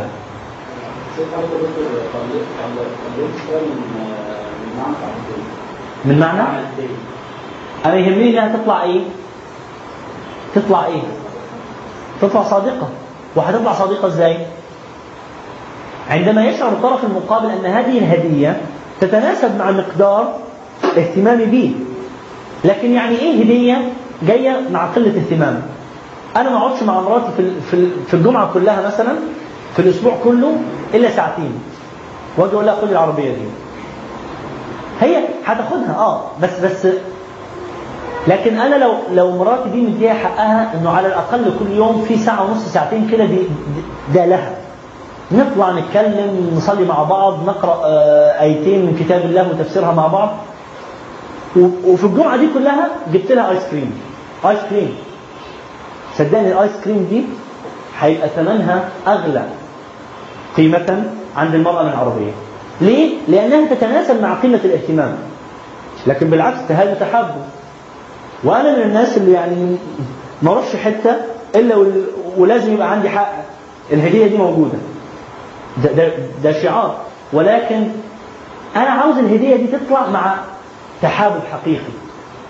مش حاجة خلاص بقى آه وده اللي حاصل في أيامنا. ده حتى ده حتى للأسف الرسائل القصيرة ال SMS forward forward أنا بقول للناس ما تبعتليش حاجة ما تعنيهاش. ما تبعتليش حاجة؟ آه, آه فورورد. مش انشر ولا كلام مش عارف إيه أمانة في عنقك يوم القيامة اذا يا ابني اديني حاجة. أنت عايز تقولها لي أنا. أحيانا كنت أنا من الناس اللي في العيد مثلا كنت لما ابعت إيميل سلام أول سلام أول لكل الناس بقى اللي عندي. آه، أهنئكم بكذا كذا كذا كذا. بعت لي مرة واحد قال لي عبد الرحمن معلش أنا عارف آه، وقتك مزدحم بس عاوز تعيدني ابعت لي واحدة الأيام ما قلتلوش أنت غلطان مع إنه الراجل عارف إن أنا مشغول وأنا عندي عذري وأنا ببعت للكل أهو وببعت كلام عام ما قلتش بقى ما ضحكتش عليهم كلكم وحشني. هو لا ما قلتش. السلام عليكم ورحمة الله أهنئكم بمش عارف إيه ب- لكن الراجل عنده حق أنا بالنسبة لي عنده حق طلب حاجة من حقه. ابعت لي حاجة تحسسني إنها ليا. قلت له صح. ومن يوميها هو من الناس اللي ما حدش بقى يعملها. هتعب. بس هو فعلا من الناس اللي لأني عارف ان الحتة دي بتأثر عنده بديله الحاجة اللي هو عاوزها. لكن اللي أنا قصدي إنه لازم الهدية تطلع وأنا اعنيها بس. إيه الفرق بين السماع والاستماع والإنصات؟ كنا اتكلمنا فيهم قبل كده. السماع اللي هي إيه؟ الخاطرة.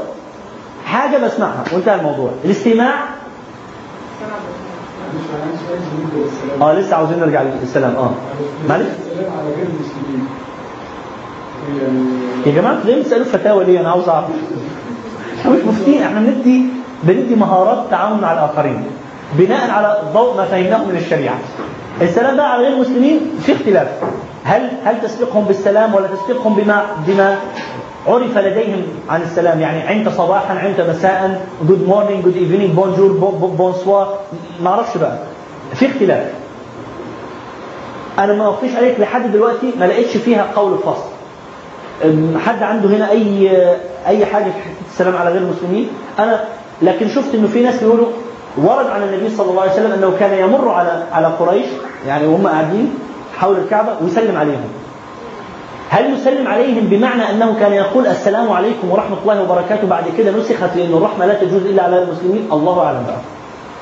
لكن المهم إن أنا طالما جيت إني أس- أسبقه بالتحية. تحية إيه بقى؟ دي اختارها زي ما أنت عايز. خلاص؟ يبقى السماع هو مجرد السماع. الاستماع هي إنني أطلب السماع. أنا أتوجه لطلب السماع. استمع والانصات هو التدبر في الاستماع.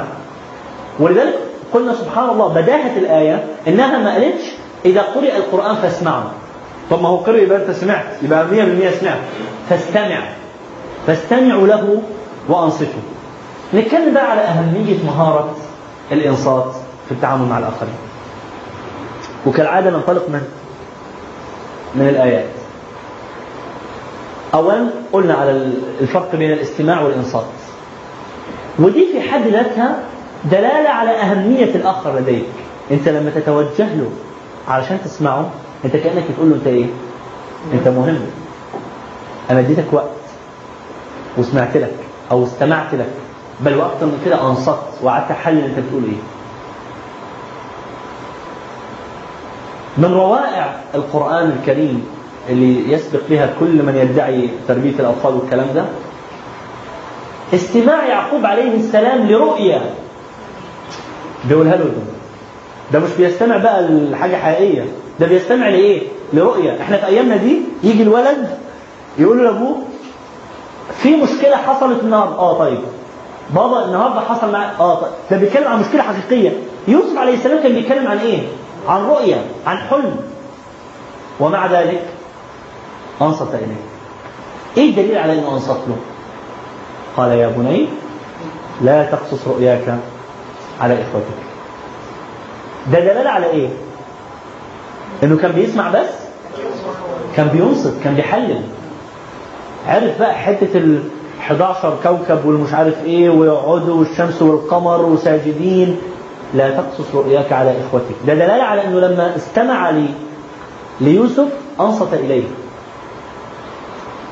من الضروري أن يشعر الآخر وخصوصا الأبناء إنه أنا أعني بالنسبة لك شيئا. مش معقولة تبقى واحدة جاية من المدرسة ماما تعالى أقول لك حصل معايا النهاردة إيه؟ آه النهارده وأنا وأنا ماشية كده واحد آه، راح مثلا قايل لي الكلمة الفلانية. آه طيب هاتي بس السلطة من هناك. طيب اي السلطة. فلما قال لي كده بصيت حبيت أوريه بقى إن أنا مش راضي عن الكلام ده. طيب بس هاتي الطبق اللي هناك ده. والمشكلة بقى تيجي نفس الست دي بعد كده بنتي ما تقوليش حاجة. بنتي صاحبتها تعرف كل أسرارها. أنا ما بتكلمنيش ليه؟ طب ما كلمتك قبل كده. جات لك الفرصة. بس أنت اللي فقدتيها. هل هذا يعني إن أنا أستمع فقط لما أود الاستماع له هل أستمع بس للي أنا مبسوط إن أنا أستمع له ولا أستمع لأي حاجة؟ طالما أنها ستؤدي إلى نتيجة مثمرة. أي حاجة. يوسف عليه السلام كان أحب أبناء يعقوب إليه. طيب استمع له دي واضحة. هل ده يعطيه مبرر إنه ما يستمعش للبقية؟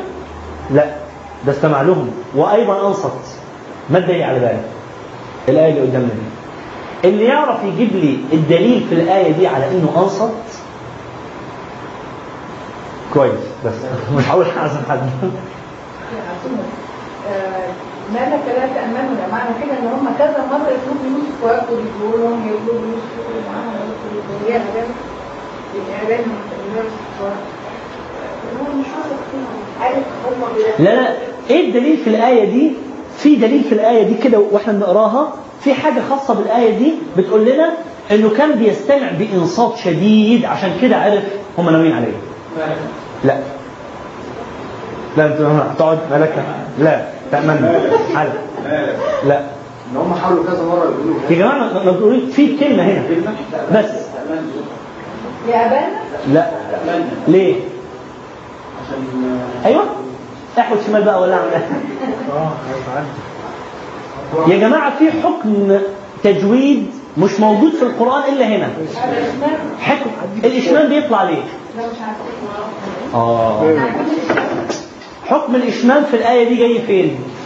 في لا تأمنا هي لا تأمنا ت- المفروض تتلفظ إزاي؟ لا تأمنا أهو لا تأمنا لا تأمنا ميم مفتوحة نون ب- ب- بشدة مفتوحة وال- واللسان في سقف الحلق أهو لا تأمنا آه الإشمام بقى يقول لك لا مش كده دي بتتلفظ كده لا تأمنا اشمعنى؟ آه ده دليل على أن الإنسان تلفظ بشيء لم يكن يعنيه مطلقا. أنا بتكلم في حاجة فاكرين حتة إن لما تيجي أنت تتكلم في حاجة وتروح عضلات الوش مشدودة لأنك ما بتعنيهوش زي حالة بكاء الطفل فاكرينه اللي كان اللي كان في الصورة عمال يعيط وماسك العياط كده؟ هي لا تأمنا لو كانت مطلقة كده صحيحة بيعنوها كانوا قالوا إيه؟ لا تأمنا راح ربنا قايل لك لا. هم كانوا بيقولوا حاجة لا. عارف لما أنت؟ آه طيب. طيب دي مش طالعة من نفسك. فطالعة كده. طيب. طيب دي مش المفروض طيب طيب. لكن طيب. وتجزع اسنانك كده. لا تأمنا جت لا تأمنا هو كان شديد الملاحظة للدرجة دي إنه عرف انه إنه آه لحظة دي لا تأمنا دي مش أمال إيه؟ وإلا كان فايدة حكم الإشمام انه إنه يجي في الحتة دي إيه؟ حكم الإيه؟ الإشمام. حكم الإشمام. اللي هي لما ترجعها في الصورة تلاقي معين. كده أو معين. آه. فوقيها. عاوز يقول لك إنه اللفظ ظهر بطريقة لم يكن صاحب اللفظ يعنيها. فطلعت الكلمة متفبركة متكلفة مش مية في المية. ولشدة إنصات يعقوب عليه السلام عرف. ولذلك قال لهم هن- هنجي لك كمان شوية. ما لك لا تأمن مش لا تأمن آه ده دلالة على إنه كان إيه؟ كان منصت كان منصتا. مش بس بيسمع وخلاص. ملاحظ كل كلمة بيقولوها.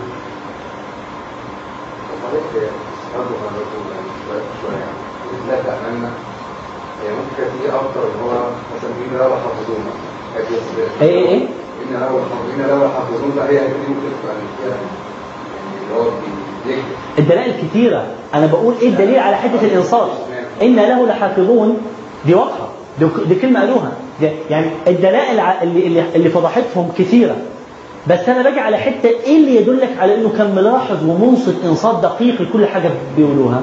حتة الإشمام دي.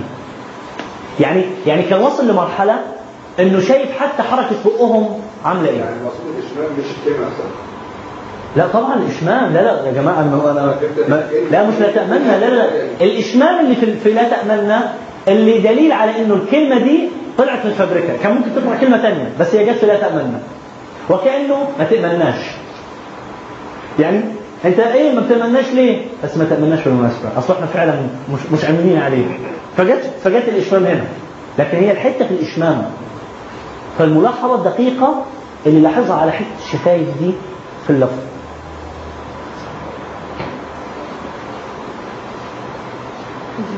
هو الانصات ضروري ليه؟ دي عدينا عليها قبل كده كنت سألت قبل كده سؤال وعدينا عليه الانصات ضروري في حالتين اولا علشان إيه؟ طبعا علشان أستمع علشان أفهم ال- الآخرين علشان أتعلم فيجب أن أنصت وأحلل بقى الكلام اللي وعلشان إيه؟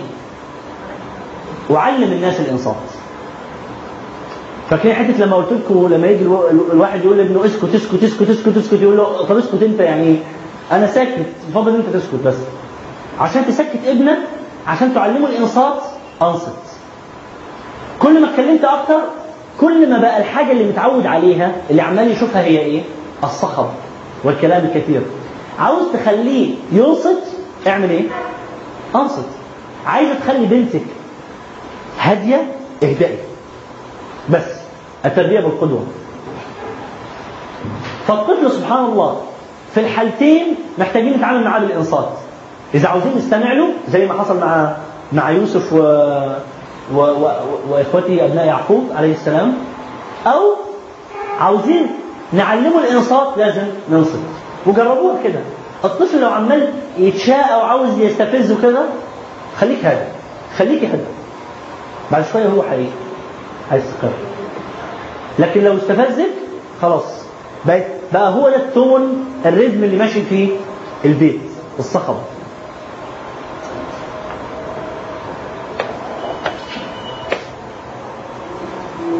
إيه الحاجات اللي أنا محتاج تبقى عندي علشان حتة الإنصات دي تاخد حقها؟ وادي الآخر حقه في حتة الإنصات. الاقتناع اولا. الاقتناع بإيه؟ الاقتناع بإن اللي أنا بعمله ده صح. أصلك لو قعدت كده تمثيل بس مش هتوصل. وهيتضح لدى الآخر إنك أنت عمال بتمثل عليه. زي ما قلت امبارح فاكرين في حتة اللي اللي يروح عند استشاري نفسي مثلا في عيادة نفسية أو طبيب نفسي؟ يروح. آه, آه معاك معاك. اتفضل ده واضح إنه مش منصف مش منصف هو مش مدرك حقيقة مدى أهمية مش مقتنع بمدى أهمية الإنصات للطرف الآخر طب الاقتناع ده هيجي منين؟ واضح أول حاجة عايزها للإنصات إني أقتنع بإنه الإنصات ضروري لعملية إيه؟ كسب الآخر طب أنا عايز الاقتناع ده ياخد حقه يجب أن أشعر تماما بما يشعر به الآخر أحط نفسي في مكانه أحط نفسي في مكانه إزاي؟ طب هو جاي يكلمني عن حاجة تافهة لا يمكن أتصور إن أنا أبقى فيها في يوم من الأيام. واحد جاي يكلمني عن مشكلة بينه وبين صاحبته في الجامعة ومش عارف ينام ومش عارف إيه وبيسهر وب... وشغال ألبومات وكاسيتات وإيميلات ومش عارف. طب أحط أحط نفسك في مكانه. أصلك لن تتمكن من اعطائه حقه إلا لما تشعر بما يشعر به حقيقة. عارف أنت لما تبقى بتبص كده على فيلم طالما إنك أنت مش عايش الدور هيعدي عليك كده لما تبدأ تتأثر وتعيش الموقف اللي عمال يمر بيه البطل أو البطلة أو تلاقي نفسك إيه؟ عيطت فرحت آه، سقفت في لحظة معينة ليه؟ لأنك عشت تماما بمشاعر هذه اللحظات اللي بيعيشها الآخر. علشان الإنصات ياخد حقه يجب أن تقتنع بأن ما تقوم به حاجة مطلوبة. اثنين يجب أن أشعر بما يشعر به الآخر.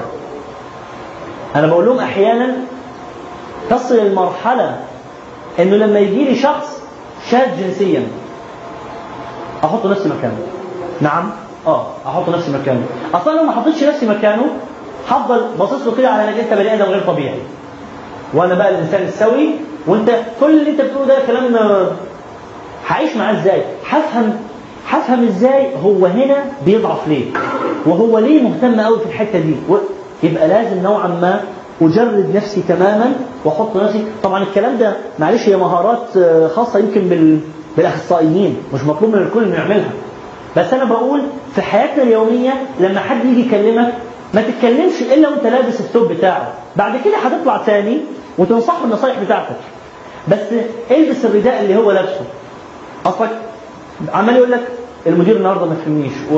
وعمل لي كذا ومش آه ما انت عارف بقى خلاص ما المدير مش هنديله حاجة الإنصاف لن يأخذ حقه إلا لما أشعر تماما بحتة لو أنا كنت فعلا في مكانه ولو فعلا حد عمل معايا كده لو فعلا المدير الكلام ده كله حتة الانصات دي علشان تتم أقتنع أشعر تماما بما يشعر به الآخر وأديله إيه؟ الوقت الكافي. ما هي علشان الإنصات التحليل ده ياخد حقه لازم اديله وقت. اتفضل يا أخي. كمان في راجل بيحس إن هو لو يعني بيتكلم مع حد بيسمع حاجة يعني حاجة خارجة زي ما أنت قلتها وكده بيحس ان ان هو غلط بيعمل حاجة غلط فبيضطر يعني اما ينفضه ويمشي أو يعني إنه بيعمل حاجة غلط ومش عايز يقف معاه يعني أنا غلطان أو أنا أنت تركته ونفضت له وغيرك نفض له وغيرك نفض له وغيرك نفض له مين اللي هيستمع له؟ إيه؟ هينضف ها؟ إيه رأيك يا أحمد؟ ما أنا قلت إيه؟ قلت دي مش اختصاص مش مش مش اختصاص الكل دي اختصاص البعض بس لو إحنا وصلنا لمرحلة انه أنا نفضت وغيري نفض أنا ما اهتمتش وغيري ما اهتمش وغيري لم ينصت وغيري لم ينصت مين هينصتني؟ وسيأتي يوم القيامة يتعلق برقبتنا كلنا. ما حدش سمعني. أصلهم كانوا رافضيني. هل تراها بسيطة وهنجي لك كمان هل تراها بسيطة على النبي صلى الله عليه وسلم؟ والمدينة المنورة بقى خلاص في وال- والأمة الإسلامية قائمة يجي واحد يقول له إذن لي بالزنا. نعم. لي بالزنا أنت جاي منين؟ ومع ذلك سمع له ولا ما سمعلوش؟ صح ولا لا؟ مع إنه الحاجة اللي بيقولها مرفوضة تماما لكن لازم ينصت أنت لازم ت... هو جاي لك عارفين package هو جاي هو ال package بتاعه كده. هو جاي كده. ما ينفعش زي ما قلت العبارة دي أكتر من مرة ما ينفعش تطلب من واحد يحل يعني إنه يحل معادله رياضية وهو تانية ابتدائي. أنت كده بتظلمه. هو كده. نشأته بقى طريقة تربيته الفهم بتاعه الله مرض الله أعلم. بس في الآخر يجب أن أشعر تماما بالطريقة اللي بيشعر بيها. وإلا مش مش هستوعبه مش هحتويه اللي هي هنجيلها بعد كده. مش هحتويه. الكلام ده كله لازم ياخد إيه؟ هو الانصات فاكرين لما اتكلمنا في منهجية التفكير الانصات بيدينا إيه؟ بيدينا وقت. من غير من غير انصات مش هيبقى في وقت. ومن غير وقت مش هيبقى في انصات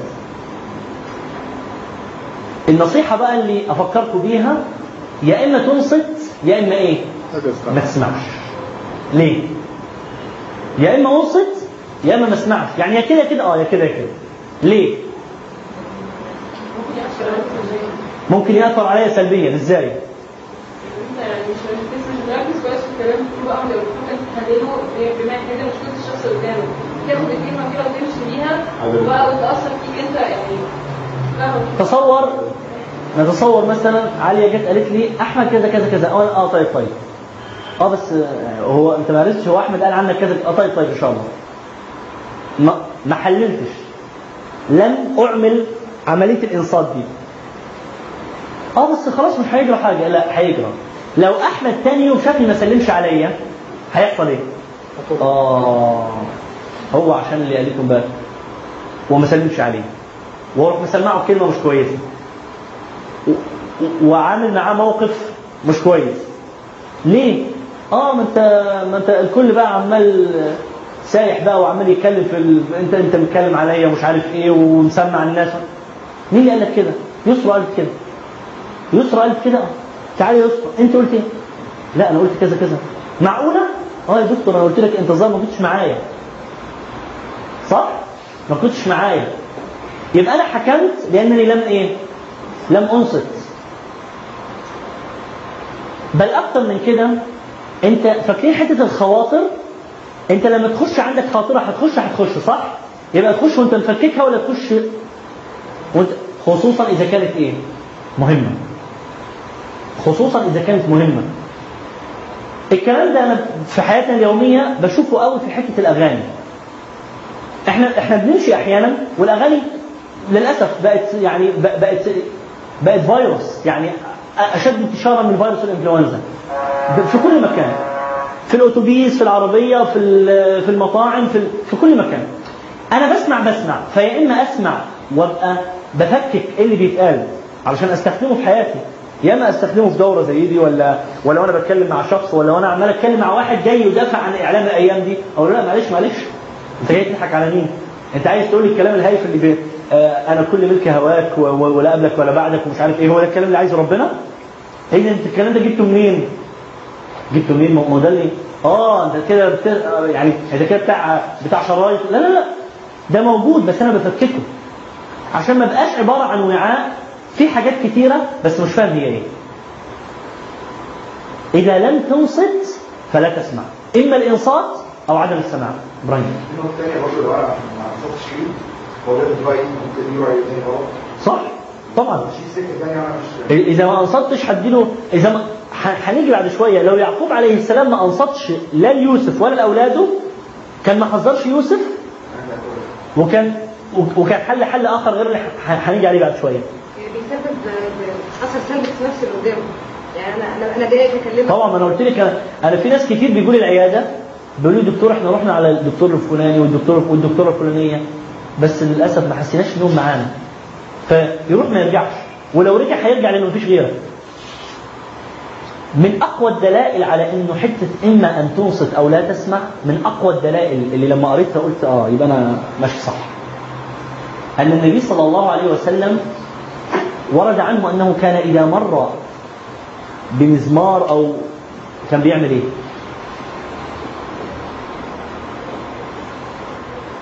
خدتوا بالكم؟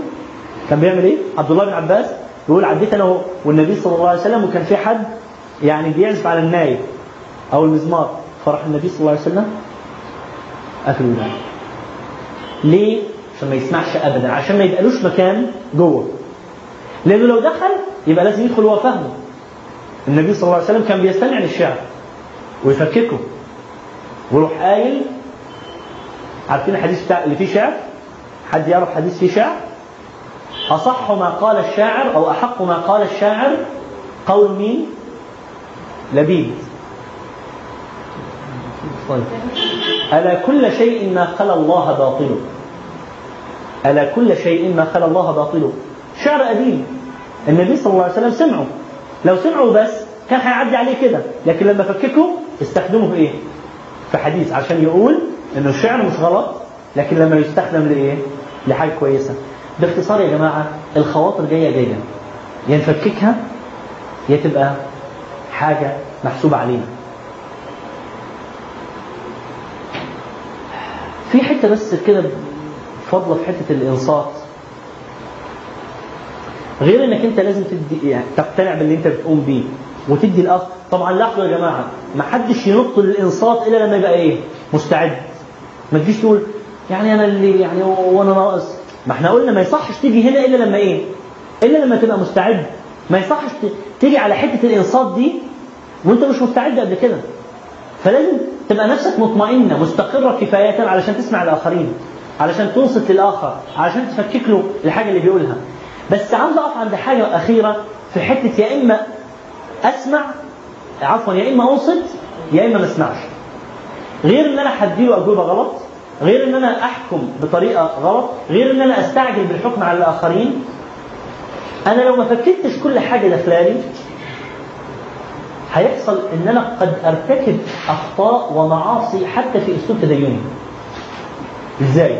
كثير من الإخوة للأسف الشيخ الفلاني قال كده. قال كده منين؟ ما سمعتش؟ أهو شريط أهو أسمع الشريط معاه. وريني قالها فين. أهو أهو قالها فين يا ابني؟ أهو إيه؟ ما هو؟ يا ابني انت انت, بتسمع ولا؟ آه اصله بيسمع بس. ما بينصتش ما بيفككش ما بيقولش هو هو ده جابها منين. في يوم من الأيام للأسف للأسف أستمع إلى إلى شريط لأحد. لأحدهم. هو رأيه من الناس اللي يرو- يرون تحريم الغناء. وأنا أميل إلى إلى تحريم الغناء بتاع الأيام دي. أنا من الناس اللي أميل إلى الكلام ده.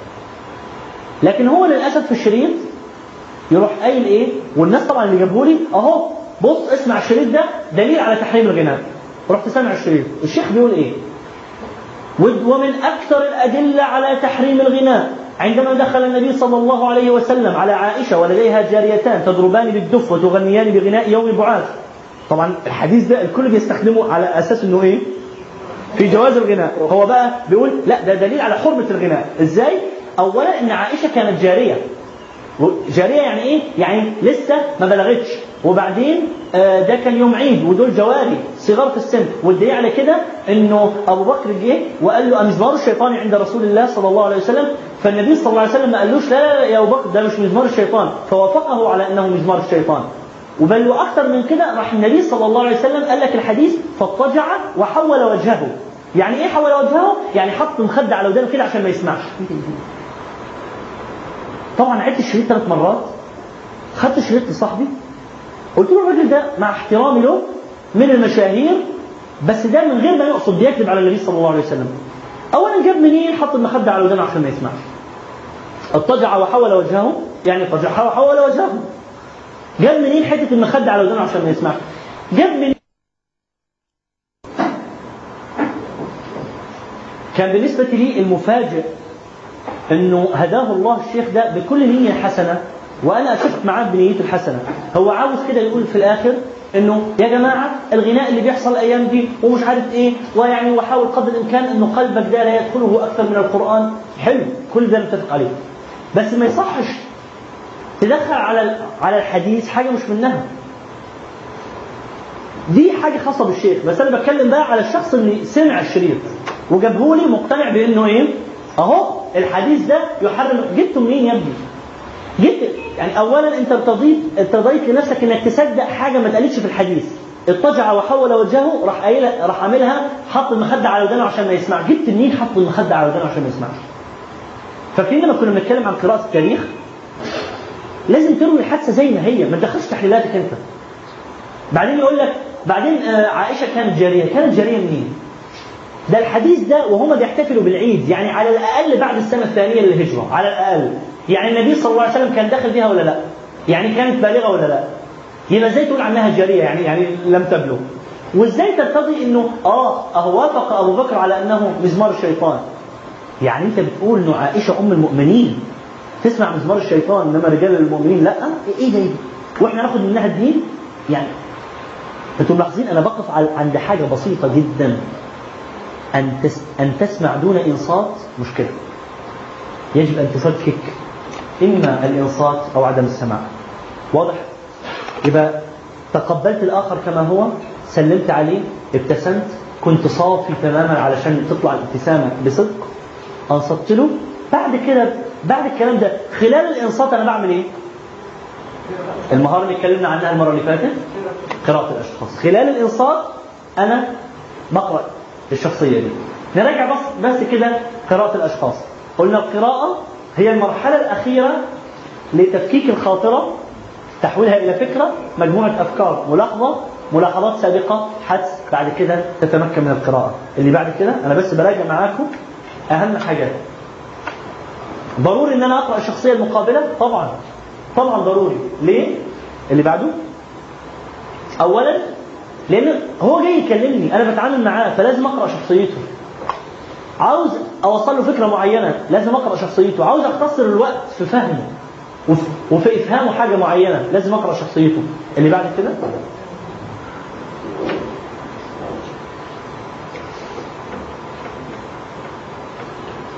إيه اللي يحصل لو في حالة الإنصات أخفقت في القراءة؟ إيه اللي يحصل؟ وأنا بقرأ شخصيته وأنا بنصت له اخفقت في قراءته. هيحصل إيه؟ طبيعي. يا إما هديله معلومة غلط. يا إما هكلمه بطريقة ما يفهمهاش. يا إما آه هطلع بحكم خطأ عنه وعن كل ما يمثله هذا الرجل. زي مثال الشريط اللي لسه بنتكلم عنه. لو أنا ما انصتش وما قرأتش شخصية الشخص ده بصدق هقول المشايخ اللي بيتكلموا في حرمة الغناء دول كلهم وحشين وكلهم مش لا لا لا لا. الشخص نحسبه على خير وواضح كده من نبرة صوته في الإلقاء من قراءة لشخصيته كده إنه راجل نحسبه صادقا. بس المشكلة فين؟ في حتة إنه يعني نزودها شوية في إنه عاوز يحلل الحكاية لصالحه. بس إذا أخفقت القراءة هطلع بأحكام خطأ بنتائج خطأ بمعلومات خطأ. مش هوصل فكرة للمقابل كما ينبغي. اللي بعد كده. فاكرين قلنا قراءة الشخص أقرأ المحيط أولا اللي جاي منه. ده قبل ما يجي لي بقى ده قبل ما يجي ويتكلم معايا. دي حاجة سبق بها. الاسم قلنا بيع- بيعطي انطباع مهم جدا. ولذلك جيد إنك كنت بتتعامل مع شخص معين. أنا بتكلم ح- الاسم عفوا بس. حلو إنك تعرف الاسم. لو حفظته قبل ما يجي دي حاجة كويسة. بس جيد ان أن تعلمه إنه اسمه ده مهم بالنسبة لك وده إحنا نتكلم عليه في التعامل مع الآخر بعد كده. لغة الجسد وأنت تنصت لازم لغة الجسد المظهر ولغة الكلمات اللي اتكلمنا عنها كلها تبقى واضحة. مهم جدا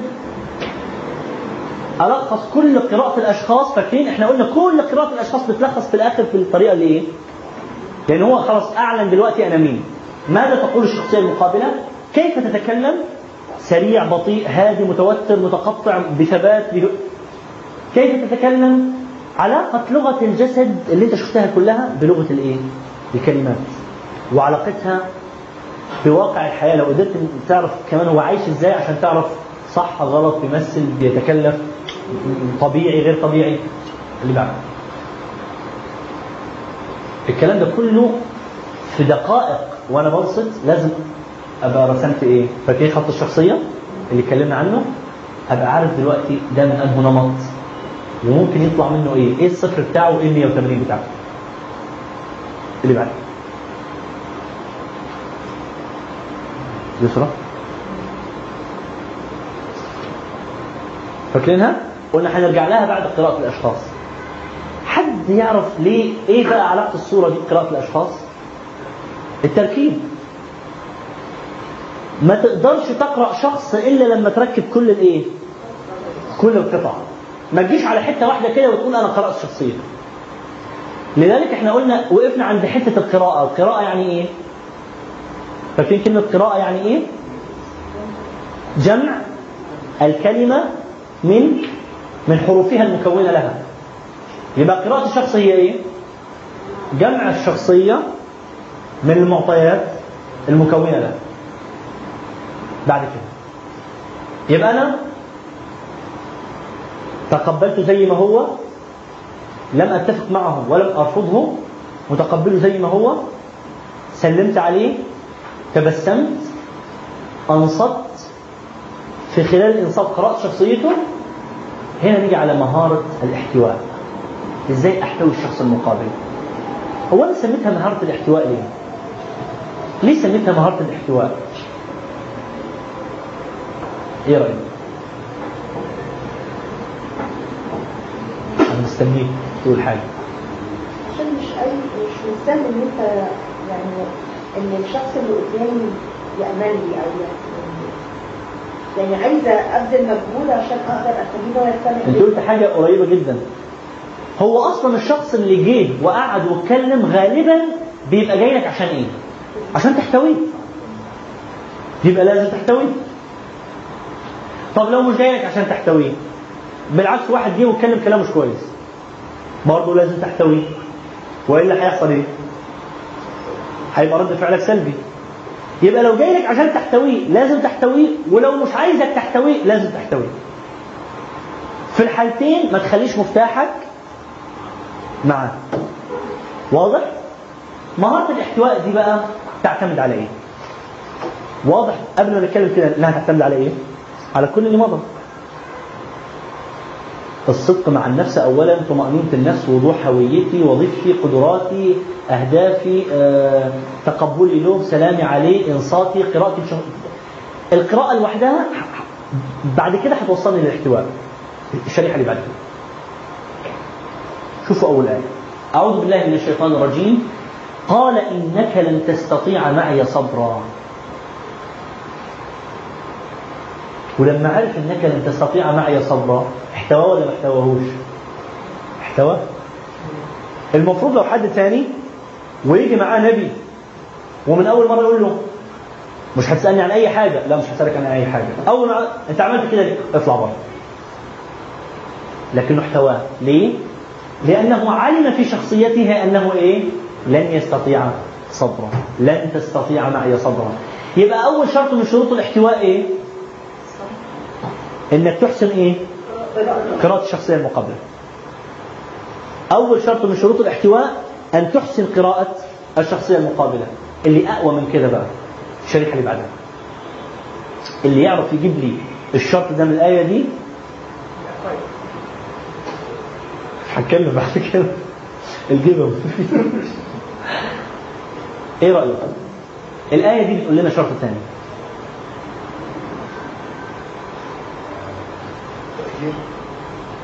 إزاي تأثير يعني؟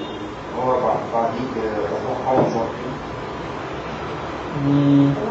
يعني.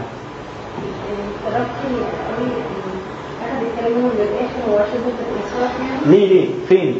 إيه اللي في الآية دي يقول لنا إنه في حاجة معينة لازم تخليك تحتوي الآخر. فيه الخير جبتيها منين؟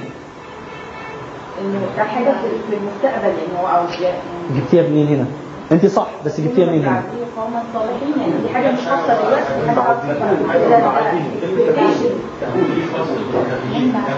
أنتوا بتلفوا حواليها عم هي بعدين دي سيد يو- يوسف عليه السلام. طيب هو اللي هيعملوا حاجة خطا آه. هو هو الكلام مش ممكن يكون لسه مش واصل قوي أيوه. فابتدى يقول لهم إحنا هنعمل كده بس بعد كده هيحصل موقف معين فاحسن تحسنه برضه قربت منها. يفتحوا يوسف من الأسوأ الناس اللي هم بيعتموه ويعذبوه ومع ذلك؟ ليه؟ ليه؟ لأن هم بيقولوا يا جماعة إحنا عايزين نقتل. أو نطرحه ارضا وتكونوا من بعده قوما صالحين. إيه اللي أنا عاوز أقوله هنا؟ من شروط الاحتواء أن تحسن الظن في المقابل إن هو في الآخر عاوز يعمل حاجة كويسة. يمكن يغلط في الطريق. لكن هو في الآخر عاوز يوصل لإيه؟ هم دول عاوزين يوصلوا لإيه؟ إنهم يكونوا إيه؟ صالحين. طب حد يبقى صالح وهو عاوز يقتل؟ هو كده. ما إحنا قلنا خد خد الآخر باكت كده. جاي جاي كله على بعضه. وصلت ولا حسن الظن. أ- أعيدها تاني عارفين أوجب لأخيك سبعين عذرا؟ ده حديث ولا لا؟ ده مش حديث طبعا. طيب ده مش حديث. ده مش حديث. ما حتى حتى ما شفتش إنه مروي عن عمر. أثر. يعني يقال اوجب لأخيك سبعين عذرا فإن لم يكن له عذر فلعل له عذر أو سبعين أو لوم نفسك. ليس بحديث. لكن المعنى بتاعه سليم. اللي هو علشان تحتوي المقابل لازم تعرف ان هو بطريقة تفكيره عاوز يبقى كويس. بس هو بس يبقى كويس إزاي؟ هي دي الطريقة اللي يعرفها. هم عاوزين يقتلوا علشان يبقوا في الآخر إيه؟ بارين بيع- بيعقوب عارفين؟ إحنا حابينك جدا يا بابا. بس عاوزين نزيد بقى اللي بينك وبيننا ده. عاوزين يعني ننحي يوسف من الطريق علشان نبقى بارين بيك. حتة إنه إحنا عاوزين نبقى بارين بيك هي اللي تخليه إيه؟ يحتويهم. والله أنا عارف ان أنتم كويسين. من أروع الأمثلة على الكلام ده مثال غاية في الأدب وغاية في الروعة وغاية في الاحتواء مثال مين؟ علي بن أبي طالب مع مين؟ مع مين؟ مين الناس اللي كانوا ضد علي بن أبي طالب؟ الخوارج الثوار الخوارج. الخوارج دول هم مين؟ هم أناس كانوا بيحبوا علي بن أبي طالب حبا جما شديدا يعني غايه غاية في ال... يعني في الغلو. لدرجة إنه لما قبل إنه يخلي اثنين حكام بينه وبين معاوية قالوا له إزاي تحكم وأنت أمير المؤمنين؟ أنت كده حكمت غير شرع ربنا أنت خرجت عن الملة أنت كفرت. أنتم ملاحظين؟ ومن الحب ما قتل. يبقى الخوارج عملوا إيه؟ خرجوا على علي كفروه وبقوا يح- يحاربوه. بعت لهم مين يتكلم معاهم؟ عبد الله بن عباس. فعبد الله بن عباس بيقول له أكفار هم؟ هم دول كفار؟ يروح قايل له شوفوا شوفوا شوفوا حسن الظن والاحتواء والأدب الرائع. قال له من الكفر فروا دول أبعد ما يكون عن الكفر. من الكفر فروا إنما هم إخواننا بغوا علينا. شايفين الأدب؟ ده واحد بيكفره. ده مش بقى واحد جاي يتكلم معاه وسمعه كم كلمة مش كويسة واختلف معاه. ده واحد بيقول له أنت كفرت وأنا استحليت دمك وإحنا كلنا كده حاجة بتاعت 8000 على الأقل عاوزين نقتلك. يروح قايل له من الكفر فروا. دول بعيدين عن الكفر. دول ما رأيت قوما أشد اجتهادا منهم في العبادة. من الكفر فروا. إنما هم إخواننا بغوا علينا. يروح قايل الكلمة الرائعة بقى اللي بتخدم اللي إحنا بنقوله ده. ولكن اعلم يا عبد الله أنه ليس من طلب الحق فأخطأه كمن طلب الباطل فأدركه. اعرف يا عبد الله إنه شتان بين اثنين فرق كبير بين واحد عاوز يوصل للحق وراح غلطان. فرق كبير بين ده وبين واحد عاوز يوصل للباطل وراح وراح جاي. دول عاوزين يعملوا إيه الخوارج دول؟ عاوزين حق ولا عاوزين باطل؟ عاوزين حق لكنهم إيه؟ ضلوا في الطريق. عارفين العبارة الشهيرة طريق جهنم مليء بالنوايا الحسنة؟ هم هم يعني حاجة قريبة من كده. هم أرادوا الحق فضلوا. شتان بينهم وبين واحد أصلا عاوز الباطل. يبقى عشان تحتوي المقابل يجب أن تقرأ شخصيته أولا ثم تدرك إنه في الآخر كده هو عاوز يوصل لإيه؟ عاوز يوصل لحاجة كويسة تحتويه هو هو يعرف كده. عارفين حتة أحيانا ال- الأب اللي يقسو على ابنه ويروح الابن كده بعقل وحكمة ودول للأسف قليلين الأيام دي يغفر لوالده. ليه؟ لأنه عارف إن هو بيقسو عليه عشان إيه؟ عشان بيحبه. فحتة عشان بيحبه غفرت له. واضح؟ يبقى علشان تحتوي المقابل. ينبغي أن تقرأ شخصيته. اثنين أن تحسن الظن به عاوز يوصل لإيه ما الذي يأمل أن يصل إليه؟ في حتة كده اللي بيقولوها آه، يعني إنك تعرف أن الراجل ده بيتصرف التصرف ده علشان في الآخر بالنسبة له يوصل لحاجة كويسة. بس الكلام ده مش على إطلاقه. أصل للأسف في مدارس دلوقتي نفسية بتقول لك كل بني آدم وراء سلوكه نية إيجابية. فالحرامي عاوز يسرق علشان يبقى كويس علشان يبقى غني يبقى لازم تحتويه. وشارون بيقتل في الفلسطينيين عشان يبقى عنده بلد. هو عاوز يستقر الراجل مظلوم. لا لا الكلام مش على إطلاقه. اقرأ الشخصية ثم. عشان كده بدأنا من شروط الاحتواء إنك إيه؟ أن تقرأ الشخصية اولا ثم لو كان من جماعة وتكونوا هو إيه اللي صبر يعقوب عليهم؟ عشان عارف وتكونوا من بعده قوما صالحين. هم عاوزين يوصلوا لهم وكانوا صالحين فعلا. فغفر الله لهم. اللي بعد كده. بعدين مصر يعني هو كده اعترف إن هم دلوقتي عملوا شر هو معترف وهم معترفين إن هم شر آه. إزاي؟ إزاي دلوقتي هو في اعتراف ما إحنا دلوقتي ما إحنا لسه بنقول أب بيخبط ابنه قلم يروح محمر له وشه. العملية دي عملية إيه؟ كويسة ولا مش كويسة؟ بس هو ده هو ده خلاص خلاص لكن ده هو لسه عايش الفعل. ما هو ما هو هو عمال يفكر بصوت عالي. هو الفرق بقى إنه الأب ما قالش أنا هضربك بالقلم علشان أحبك. علشان أنا بحبك. هو ما قالهاش. هم قالوها بس. الفرق بينهم وبين الأب ان الأب ما قالش اسمع ما تزعلش مني. أنا هضربك قلم دلوقتي علشان أنا بحبك. هم هم دول اللي عملوه. فلو لو كان الأب قالها كان تلاقي الولد. صح؟ ما هو قالها له خلاص. لكن أنت بتقول الكلام ده لو هم بعد ما عملوا كده هم دلوقتي بيقولوا إحنا هنقتل اقتلوا يوسف أو اطرحوه أرضا يخلو لكم وجه أبيكم وتكونوا من بعد. ده بالعكس ده أدعى إلى احتوائه. الكلام ده أدعى إلى احتوائه. لأن هو بيقول لك أنا في الآخر عاوز عاوز أزيحه من قدامي علشان عاوز أبقى واحد كويس مش عاوزه في الطريق تقول له إيه؟ يعقوب ويوسف طبعا. آه.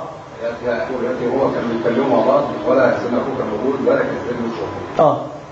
بس يعقوب بخبرة الأب ولأنه عارف حتة الغيرة اللي موجودة عندهم وعارف إنهم كويسين هم مش سيئين. هم مش مطلعوهم كده زي ما طلعهم فيلم معين. يعني سيئين. لا هم كويسين بس هي الحتة بس حتة الغيرة الشديدة اللي جواهم من مين؟ من يوسف وبنيامين إذا يعني إذا صح تسمية الأخ الآخر. ف فل- فلأنه عارف إن هم الحتة بس غيرة احتواهم. أنا عارف انكم أنتوا أنتوا كويسين. ولذلك لاحظ لما رجعوا له لا دعا عليهم مع إنهم ضيعوا الولد. لا دعا عليهم ولا سمعهم ابدا. ممكن ما إحنا عشان عشان كده قلنا لازم تبدأ بإيه؟ بقراءة الأشخاص ثم تشوف الشخص ده عاوز يوصل لإيه؟ واضح يا عم؟ طيب مثالين أخرين أو آخرين علشان حتة الاحتواء فاكرين حتة الاعرابي اللي جه بقى في المسجد؟ آه تعالوا نطبق عليها حاجتين بقى اولا النبي صلى الله عليه وسلم بخبرته قارئ شخصية الأعرابي ده. وعارف بقى حتة ال- البساطة اللي عندهم وال- والعفوية ومش عارف إيه وراح داخل المسجد كده وراح قالع. صح؟ قرأ شخصيته. وعارف ان الراجل في الآخر كده مش عاوز يسيء لهيبة المسجد. يعني أحسن الظن به. هو مش داخل عشان يقول المسجد بتاعكم ده بصوا أنا هعمل فيه إيه. لا. هو كل اللي عاوزه عاوز يريح. وبس عاوز يعمل زي الناس. بس صح ولا لا؟ الحاجتين دول كانوا واضحين بما فيه الكفاية وحاجة مهمة هنتكلم عليها آخر حاجة اللي هي بذره الرحمة. الحاجتين دول كانوا واضحين لدرجة إنه يحتويه راح قايل لهم شوي شوي. وبالمناسبه حتة شوية شوية دي فيها إعجاز علمي. الإنسان في لحظة ال... الارتياح وال... والانبساط وقاعد في الحمام بيبقى أكتر حاجة شغالة عنده حاجة اسمها إيه؟ ال parasympathetic nervous system. الجهاز نظير السمبثاوي أو النظير الودي. كل حاجة مسترخية. طيب؟ ده طبيعي. في حالة الخوف بقى العكس تماما. sympathetic nervous system بقى ادرينالين شغال وخايف. تصوروا لو الصحابه راحوا جايين ومخوفينه. كان هيحصل عنده حاجة بيسموها زي shut down كده. من ده لده كان ممكن إيه؟ يقع ساعتها. فالنبي صلى الله عليه وسلم قال لهم إيه؟ وطبعا عارفين بقى وجه وراح قايل له إيه؟ فهموا الحاجة اللي هو ما كانش عارفها. أنت جيت على مكان يعبد فيه الله. ده مكان إنما جعلت المساجد ليذكر فيها الله. طبعا راح قايل الكلمة المشهورة بتاعته الجملة المشهورة للاعرابي قال إيه؟ اللهم ارحمني ومحمدا ولا ترحم معنا احدا. فراح قال له النبي صلى الله عليه وسلم إيه؟ لقد ضيقت واسعا. أو في رواية لقد حجرت واسعا. يعني يا رحمة ربنا فيه وانت عاوز تخليها عليه وعليك بس. اليهودي اللي جه لمحمد صلى الله عليه وسلم وراح ماسكه وقال له إنكم قوم مطل يا بني عبد المطلب. إيه اللي خلى النبي صلى الله عليه وسلم يحتويهم إنكم قوم مطل تماطلون في الدفع. ميم طاء لام. إنكم قوم مطل يا بني عبد المطلب. اولا النبي صلى الله عليه وسلم يعرف اليهود دول طبعهم إيه؟ وحته الماديه عندهم إيه؟ وحته التجارة عندهم. وفي نفس الوقت الراجل عايز حقه. بس جاي قبل أوانه. ده جاي قبل وقته. بس خلاص هو هو مش جاي عاوز يقول إن أنا عايز أهينك يا محمد صلى الله عليه وسلم. هو مش عاوز يقول أنا جاي كده أعمل شويتين دول قدام صحابتك علشان أوريك إمتى حتة القراءة صح؟ وحتة عدم سوء الظن. راح قايل يا عمر كان الأولى بك أن تأمره بحسن الطلب وتأمرني بحسن الأداء. تقول له يطلب إزاي؟ وتقول لي أديله إزاي؟ راح قايل له إيه؟ قال والله يا محمد جربت عليك كل أمر أو كل خلق إلا الحلم. حتة الحلم دي والاحتواء دي. وها أنا أراه فيك أشهد أن لا إله إلا الله وأنك يا محمد رسول الله. حتت بسيطة كده. يا تخليك تكسب بني آدم يا تخليك إيه؟ تتصرف. واضح؟ تقبلت الآخر كما هو سلمت عليه ابتسمت له أنصت له قرأت شخصيته أحسنت الظن احتويته بعد كده بعد الاحتواء بقى قبل الاحتواء بقى نتكلم على حاجة مهمة جدا في عملية الانتقال من الاحتواء لعملية إنك تتكلم إزاي شايفين الصورة اللي قدامكم؟ دي صورة إيه؟ إيه؟ يعني إيه؟ بالظبط كريات دم حمراء وإيه اللي معاها ده؟ إيه إيه الحاجات التانية دي؟ لا شعاع ده موجود خلية عسل نحل خلية عسل نخ آه نح حبيبي أيوه.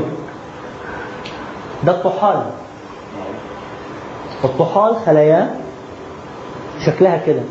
وكرة الدم الحمراء أكبر من المكان اللي بتعدي منه فين؟ في الطحال. هو أنا جايبها ليه؟ من أهم الحاجات اللي لازم تبقى عندك علشان تحتوي أو تبقى عندك علشان تحتوي المقابل قبل ما تكلمه في أي حاجة حتة المرونة. وح- وحاجة تانية هنتكلم فيها. يبقى لازم تحتوي قراءة أشخاص إحسان ظن وإيه؟ ومرونة. كان عندنا دكتور في السنة الثالثة في الطب البشري كان بيدرسنا الباثولوجي اللي هي علم الأمراض. كان يقول لنا كلمة كان يقول لنا يا أولاد أنتوا عايشين لأنكم مرنين. فكنا مش فاهمينها قوي أنتوا عايشين لأنكم مرنين. إيه الحكاية بقى يا دكتور؟ كان بيقول تصوروا ربنا سبحانه وتعالى خالق كرة الدم الحمراء دي مقعرة من إيه؟ من وشين باي كونكيف بيسموها. زي ما هي مرسومة كده. ومخلي عندها غشاء مرن جدا. الغشاء ده من طبيعته انها عشان لما تعدي في الطحال مش هتقدر تعدي ال- المكان ضيق فتروح عاملة إيه؟ بكل مرونة كده تروح ماشية. ولذلك بتعيش كرة الدم الحمراء 120 يوم. لما يبقى عندها 120 يوم تبقى عنيدة تتيبس تبقى صلبة تفقد المرونة بتاعتها. تيجي عند الطحال تقول له عايز أعدي. يقول لها عدي. زي ما تعدي دايما. أنا ربنا خلقني كده. تقول له لأ. أنا ما عديش كده بقى. أنت اللي لازم توسع. كلمة من هنا كلمة من هنا يروح عامل لها إيه؟ مكسرها.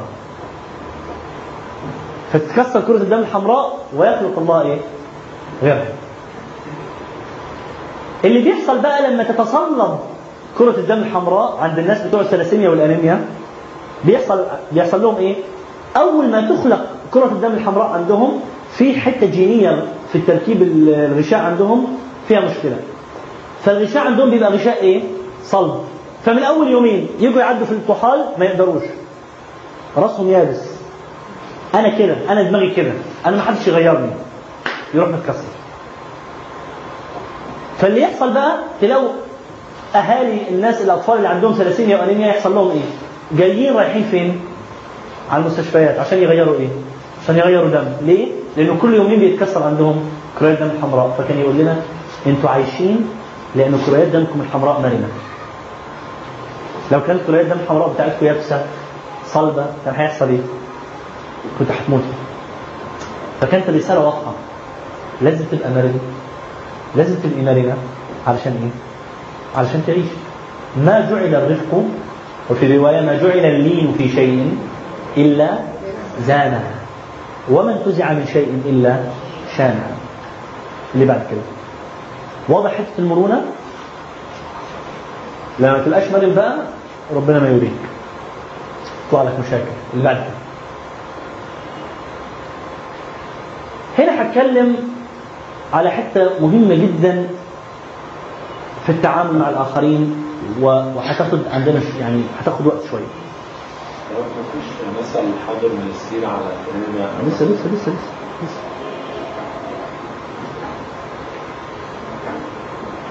المرونة بتتناسب مباشرة مع شخصية اللي إحنا بنسميها الشخصية المتواضعة. الشخص المتواضع شخص مرن. عكس مين بقى الشخص الايه؟ عكس المتواضع إيه؟ متكبر. وعشان نتكلم بقى على الحكاية دي تعالوا نعرف الأول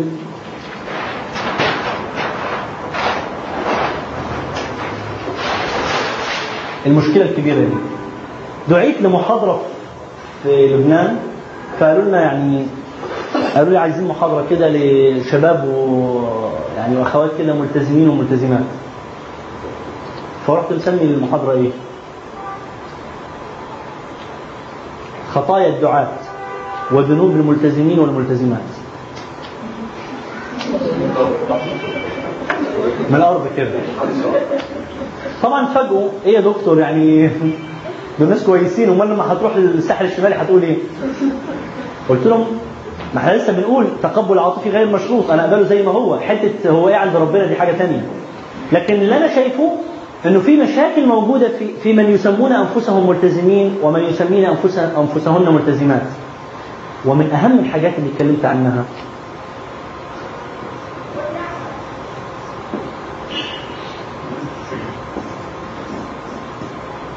إيه دي؟ الكبر. ملتزم ومش عارف إيه وشكله مش عارف إيه وبيشتغل في الدعوة ورايح وجاي ومشاريعه. وعنده حتة كبر وهي ملتزمة وبتخاف ربنا ومش عارف إيه ولو حد جه في يوم من الأيام قال لها آه بس معلش حضرتك أنت عندك الخطأ الفلاني. أنت مين أنت عشان تقول؟ أنت عارف أنا إيه؟ انت عارف أنا بقالي كام سنة أصلي؟ أنت مين؟ حفظت لك آية وحديث وجاي آه. تعالوا بقى نتكلم على الكبر. عل- علشان نشوف إيه مشكلة الكبر في التعامل مع الآخر. وإيه المشكلة دي عموما؟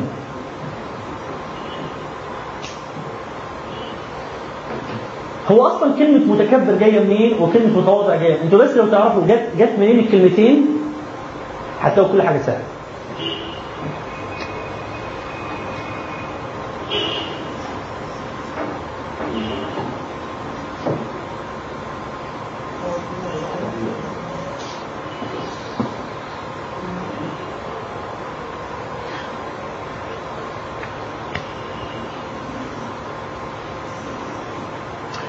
هي في اللغة كلمة يتفعل يعني إيه؟ يعني بيعمل حاجة فكلمة يتكبر يعني إيه؟ يعني هو وضيع وعمال إيه؟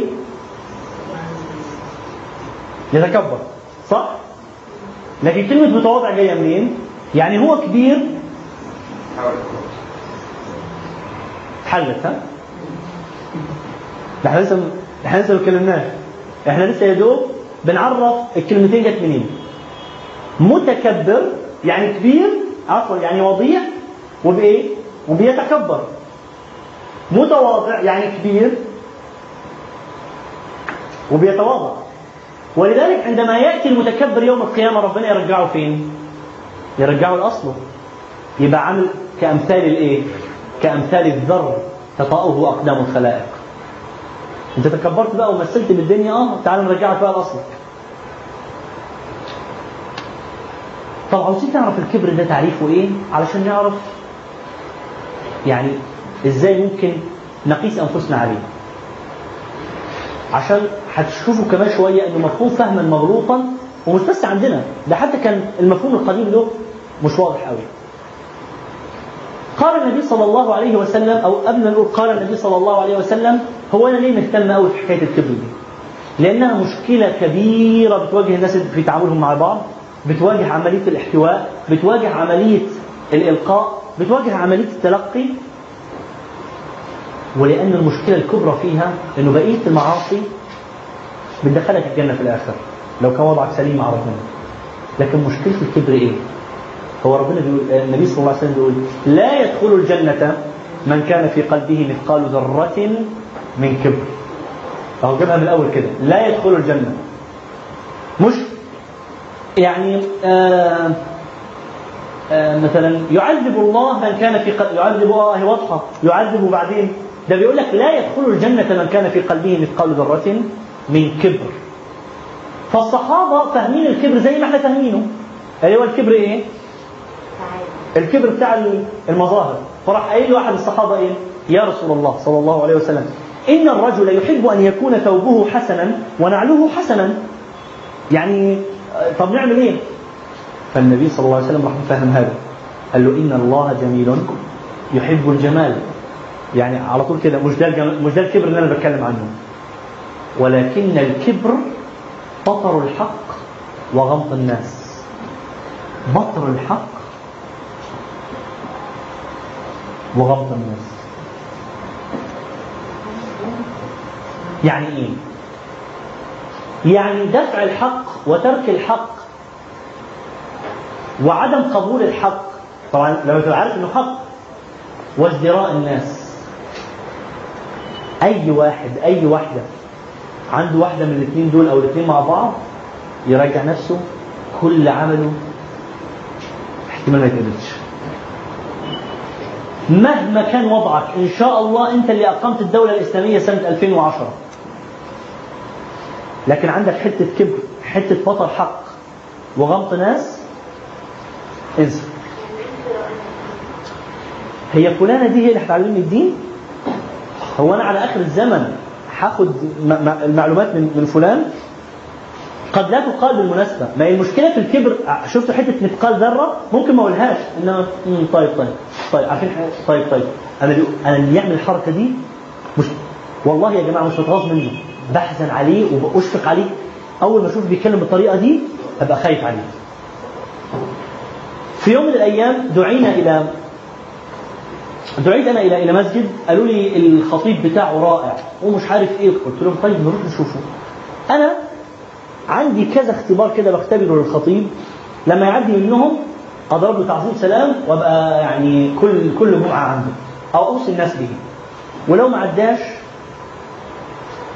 كلهم بيصبوا في إيه؟ كل الاختبارات بتصب فين؟ في الكبر. طريقه دخوله على المسجد عاملة إزاي؟ عبايه بقى ومش عارف إيه والناس حواليه والكلام ده ولا طريقة غير متكلفة؟ صعوده على المنبر لغة الجسد بتاعته في التعامل مع الناس وهو بيتكلم هل بيتكلم كتير عن نفسه؟ بعض بعض الخطباء يعني كمان شوية هيكفر الأمة الإسلامية كله عشان يقول لك أنا الوحيد اللي تتبعني. وهنالك من ظهر في هذه الأيام وكذا ومش عارف إيه. وهنالك من يسمون أنفسهم طب وأنت مين؟ يعني أنت عاوز تقول لي في الآخر إن أنت اللي صح؟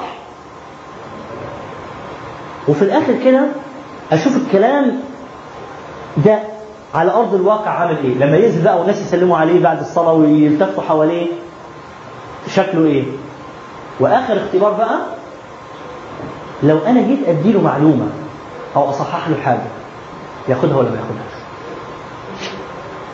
سمعنا للراجل الأربع امتحانات عدى منها فل بسيط دخل بتوب بسيط طلع خطته رائعة من أروع ما يكون تواضع بقى وكلام.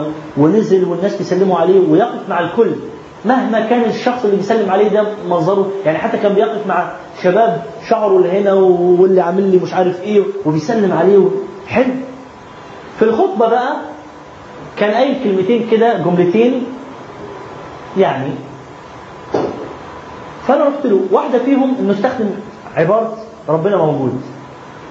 فرحت انوهه على الحكاية دي. والثانيه مش عاوز أقولها لأنها يعني بتعمل يعني مشكلة.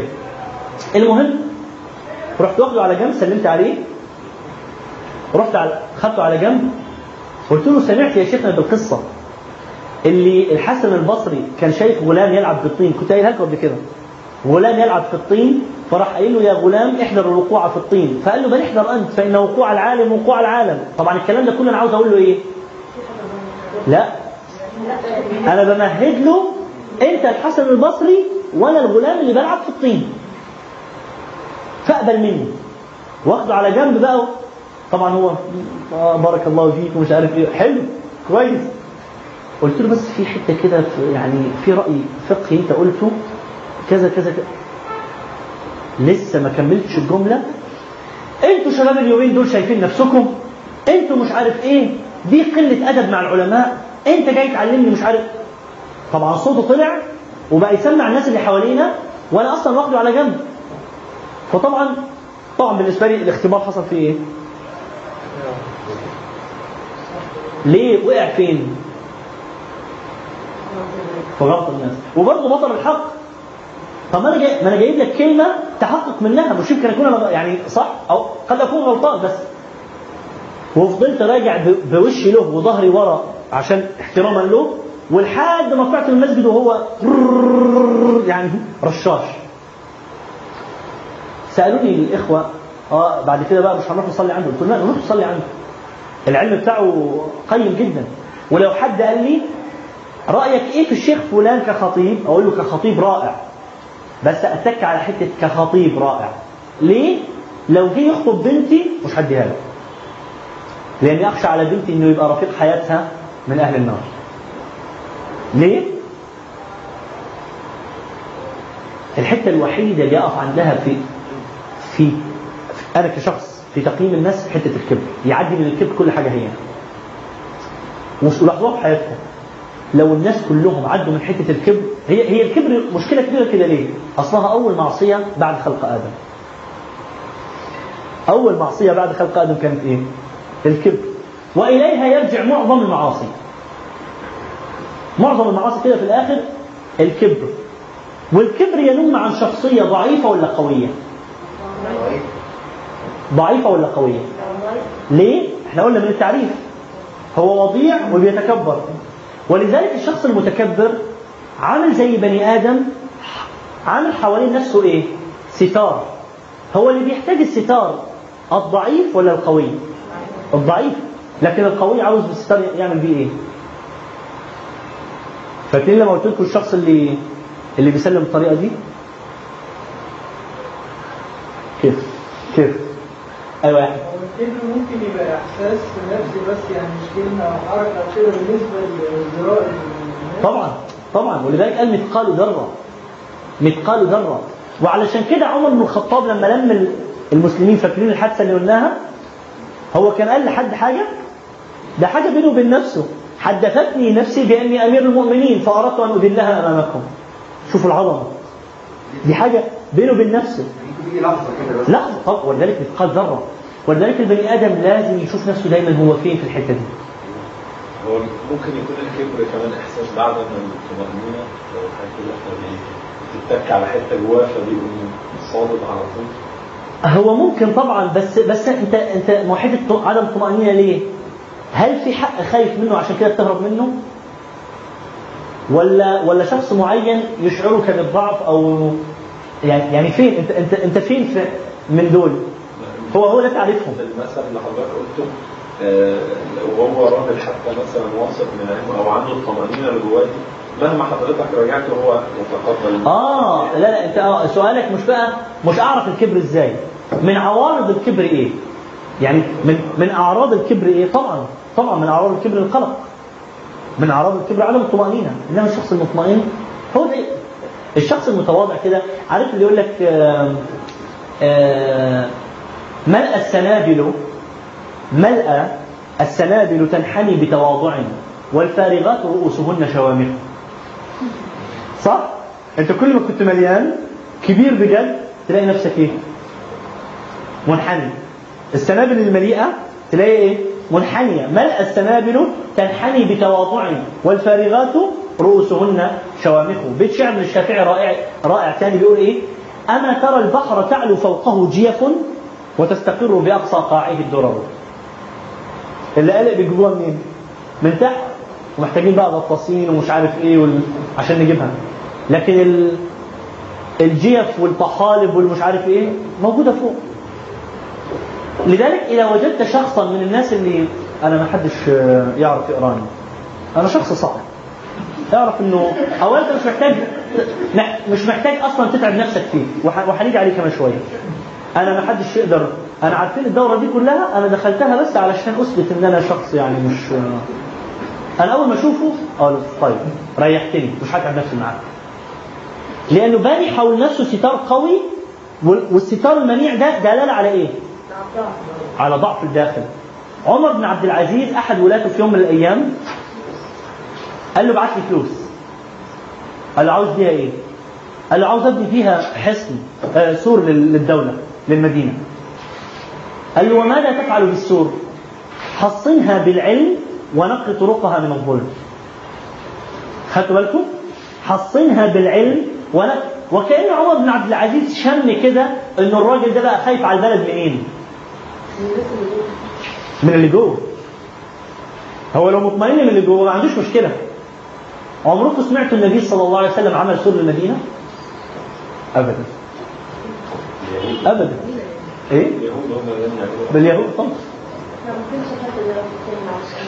إحنا قلنا اللي بيعمل سور بيعمله ليه؟ لأنه خايف الناس تخش جوه تشوف الضعف اللي جوه فبيعمل سور لكن لو هو أنت عارفة أحيانا من طريقه السلام بتلاقي ولذلك بيسموه عند الاجانب social limit 30 سم كده ما تعديهوش. خليكي هنا. أصل لو قربت هتعرفيني عكس تماما السلام عليكم تلاقي إيده إيده تحت كده ويسلم عليكم وكمان شوية يحاول يخش في قلبي ما عنديش حاجة ما عنديش حاجة أخاف منها. يعني اقري كل حاجة جوايا. أنا واضح. ده اللي أنا بسميه بين شموخ المسيطر وانكسار المتعالي. بين شموخ المسيطر وانكسار اللي مسيطر بجد تلاقيه شامخ. حتى ولو كان إيه؟ أنا كنت لسه يمكن امبارح بكلم الشباب عن الشخص اللي كان بيدربني دفاع عن النفس. شخص قصير مطبطب كده يعني أي حد يشوفه في الشارع يقول ده أخذه على مين وامشي متواضع بشكل غريب. لكن ساعة الجد يطلع حاجة ثانية فعلا الشخص اللي اللي متواضع بجد اللي مسيطر بجد تلاقيه شامخ كده بيبص للامور بشموخ. إنما المتعالي ما هو أصل هو ضعيف فلما بيتعالى فهتلاقوه بيتعالى على قاعدة إيه؟ على قاعدة هشة. فبيحصل له إيه؟ بينكسر. اللي بعده. يرحمكم الله.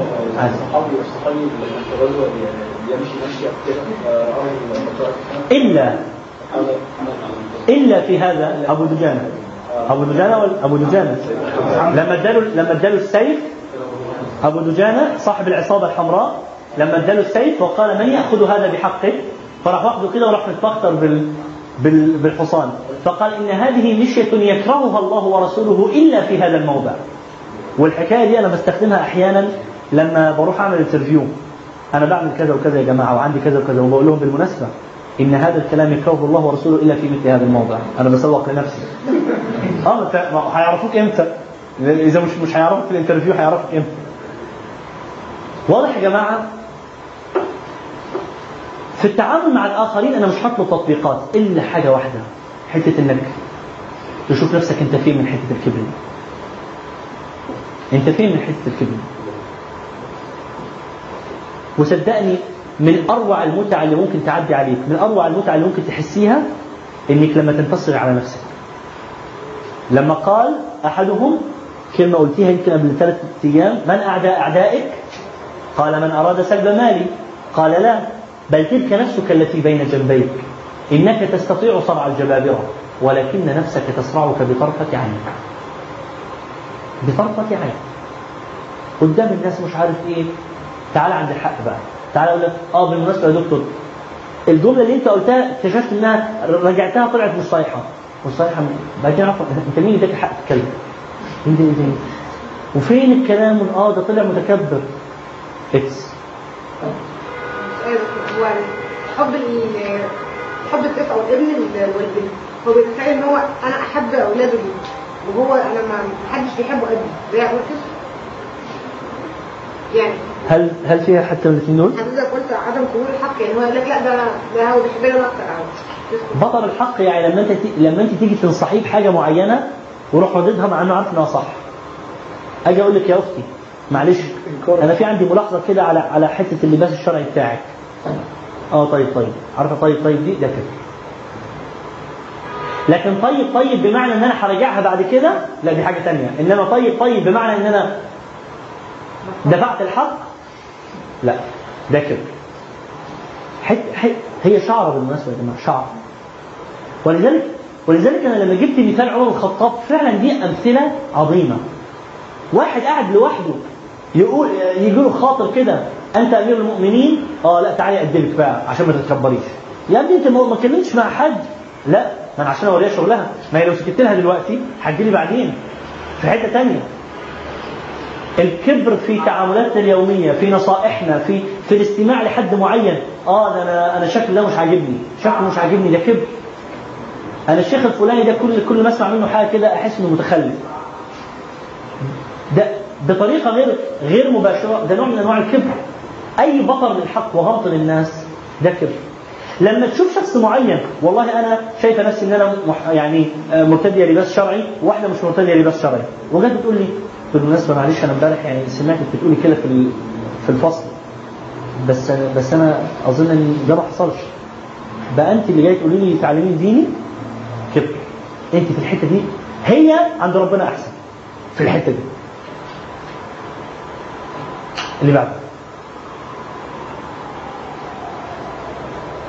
ولذلك أنا كاتب هنا النوعيه دي من الناس اللي نقفل واللي أنا محدش بقى يقدر يقراني وأنا شخص صعب وأنا مش عارف إيه أنا كاتب هنا لا أشغل نفسي كثيرا هنا. لأنه نفس الوقت اللي ممكن تشتغل فيه مع الشخص ده تشتغل فيه مع خمسة غيره. لسه عمال تدور على المفتاح وتفك له القفل ومش عارف إيه ويا ترى هيفتح ولا ما يفتحش؟ لا لا. روح على غيره. لكن بنفس الوقت اعمل له إيه ده؟ أسيبه تماما؟ لا. لكنه احوم حواليه وأستثيره. احوم حواليه كده وارمي له طعم. لكن ما اشغلش نفسي بيه. أصل كل ما شغلت نفسي آه شفتوا أنا مهم جدا. أنا الناس كلها عمالة تحاول تدعيني الأيام دي. كل الناس ما عندهمش شغلانة إلا أنا يخلوني أخش المسجد معاهم. ده كل كلمة عمال يعمل إيه؟ يتكبر أكثر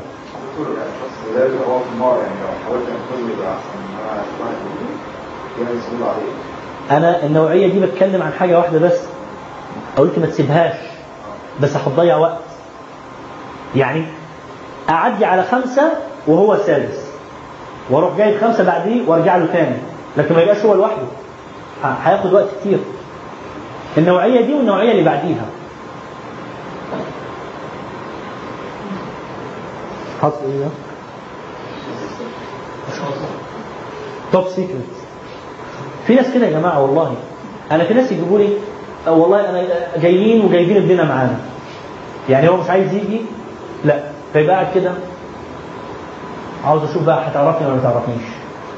أنا أبويا وأمي جايبيني غصب عني بس أنا قلت يلا هشوف لكم بقى الدكتور ده اللي أنتم بتقولوا. أنا أول ما أشوف بالطريقة دي أقول له معلش معلش. أنا آسف. يعني أبوك وأمك غلطوا في حقك وفي حقي معلش. قوم روح. لأنه ده هيبقى كل عمليته في في تواجده معايا إنه يعمل لي إيه؟ حرب. انت مش حتى لو وصلت لحاجة صح حتى لو وصلت لحاجة صح. لأن النفسية بتاعته خلاص بقى. وده في غاية الضعف. أنا بقول لكم يا جماعة إياكم إياكم إياكم ان تتصلوا انه إنه يبقى في عندكم حتة الكبر دي إنه أنا ما حدش عارفني ومع ومش ما حدش حد ده ضعف. أنا أعترف بضعفي خير لي من أن أكون متكبرا. الشخص الغامض المتكبر إذا كان الغ- الغموض بتاعه من حتة من الاثنين دول أنا مش عايز حد يعرفني ومين اللي مش عارف إيه و- وأنا على آخر الزمن يجي واحد ده متكبر. لكن الغامض لأنه مش لاقي حد يفكه ده حاجة ثانية اللي بعد.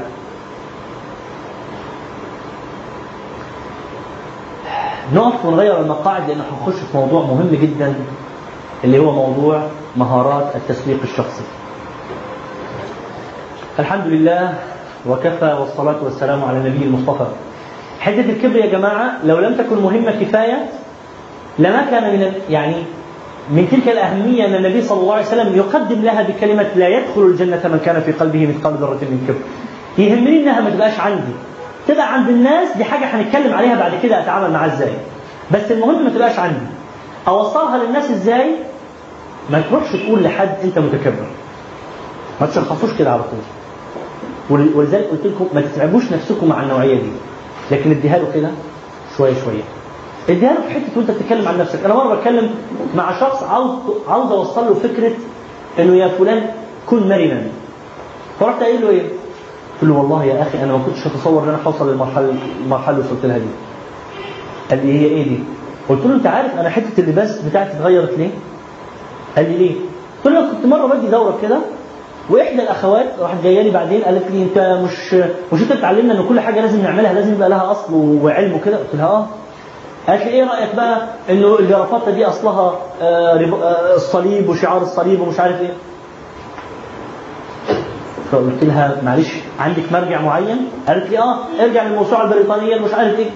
ورحت راجع لقيت المعلومة صحيحة ورحت واخد كل الجرافطات بتاعتي ومديها لواحد صاحبي. أنا عاوز أوصل له إيه؟ انت عندك بتواجه مشكلة في تقبل نصائح الآخرين. أنا بديك مثال حصل معايا إن أنا غيرت لباس بقالي 16 سنة بلبسه من نصيحة واحدة المفروض ان اتكبر عليها. أنت مين أنت؟ ده أنت حيالله واحدة حضرت عندي دورة. تيجي؟ بس ده بس هل ده يعني إن أنا هروح على الكل بقى؟ آه أنت لباسك مش لا لا لا. أنا تقبلت الفكرة. مش ضروري. مش ضروري. يعني أسقطها على الآخرين.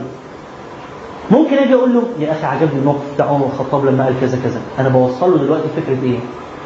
الكبر. بس ما اقولوش بقى آه انت باين عليك متكبر. طب حد لو جه قال لي انت متكبر.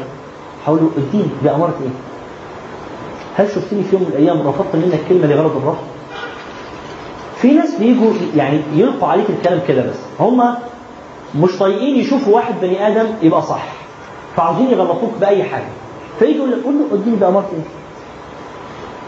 إذا أديتني دليل على إن أنا فعلا توقفت عند حاجة وما قبلتهاش ابقى أبقى فعلا متكبر وأبقى أخشى على نفسي. نراجع مع بعض إحنا وصلنا فين.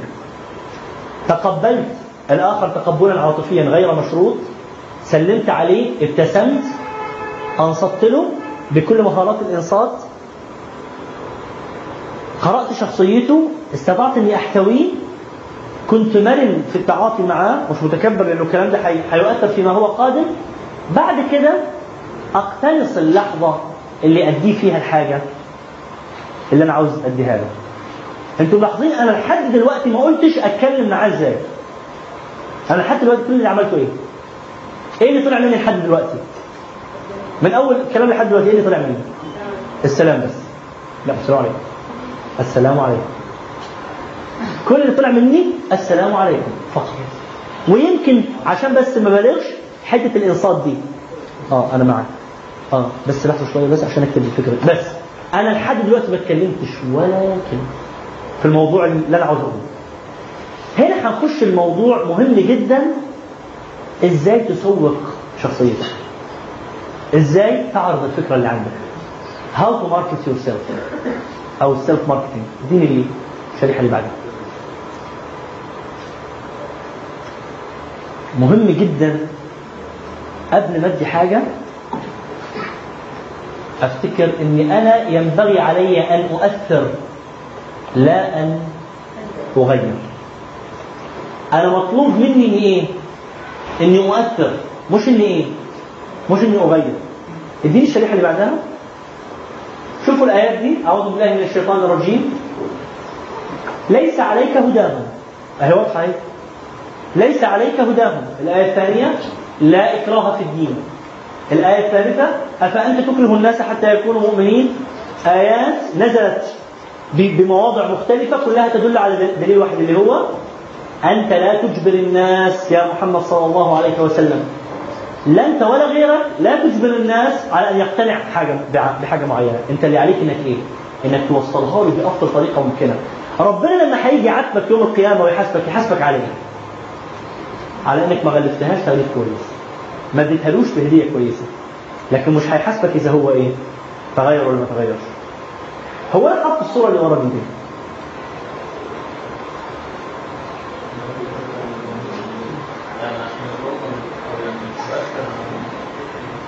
هو إحنا بنتكلم قبليها مباشرة كنا بنتكلم عن مهارة إيه؟ الاحتواء. تقول التقوية يعني لازم يبقى فيه يعني أنا بحاول أغير يعني يبقى فيه مش المرونة إحنا بنتكلم عن مهارة الاحتواء وهنتكلم في الآخر على ملخص كل حاجة إحنا بنقولها اللي هي بذرة الرحمة. إحنا أحيانا وإحنا عاوزين نغير الآخرين بندوس عليهم. بندوس على أقدامهم. عارفين من الحب ما قتل الدب اللي شاف دبانة مضايقة راجل راح هو عاوز إيه؟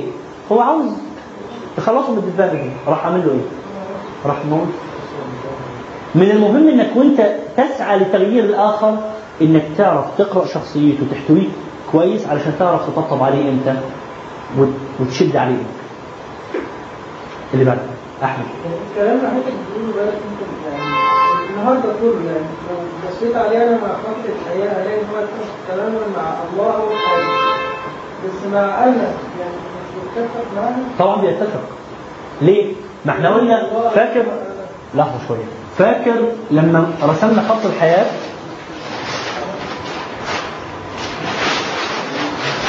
قلنا إنه أنت لما هتيجي تتعامل مع الآخر لن تتعامل إلا بشيء إيه؟ يرتضيه من؟ الله. هل في حاجة قلناها دلوقتي لم يرتضيها الله؟ يعني وأنت منطلق علشان تتعامل مع الآخر أو تستوعبه هو جاي لازم تستوعبه أو تتعامل معاه بالطريقة اللي عايزها مين الله سبحانه وتعالى. هل في حاجة من اللي ذكرناها حتى الآن لا تتماشى مع مع الكلام ده؟ أنا لما كنت ده أنا فهمت منها أن أنا أهتم بنفسي وأحب نفسي أكتر من أنا صح. ما أنت لما هتحب نفسك في الآخر هتقعد لوحدك ولا هتدي الحاجة دي لحد تاني؟ ما إحنا قلنا من الأول فاقد الشيء لا يعطيه أنت حضرت تاني حلقة ولا لا؟ آه عشان كده. إحنا قلنا مهم إنك تهتم بنفسك اولا علشان لو ما اهتمتش بنفسك مش هتعرف تدي مين الآخر علشان كده فاكرين كنت بديكم مثال ال ال ال ال الأجنبية اللي كانت جاية لي العيادة اللي بتقول لي أنت معقوله قاعد للساعه للساعة المتأخرة دي علشاني؟ كنت أقول لها علشان مين؟ أنا قاعد علشانك لكن من خلال مين؟ من خلالك انت فأنا لما أبقى مطمئن كفاية ومدي نفسي حقها لازم أدي الآخرين بعد كده وما هنطلق لمين؟ كنتم خير أمة أخرجت لمين؟ للناس. لكن لو أنا بتكلم في الفهم اللي أنت فهمته يبقى إحنا بنتكلم على الأنانية السلبية. أدوس بقى على الناس عشان أنا أصعد بقى وأتسلق وأبقى وأبقى كويس. لا طبعا ده مش مطلوب.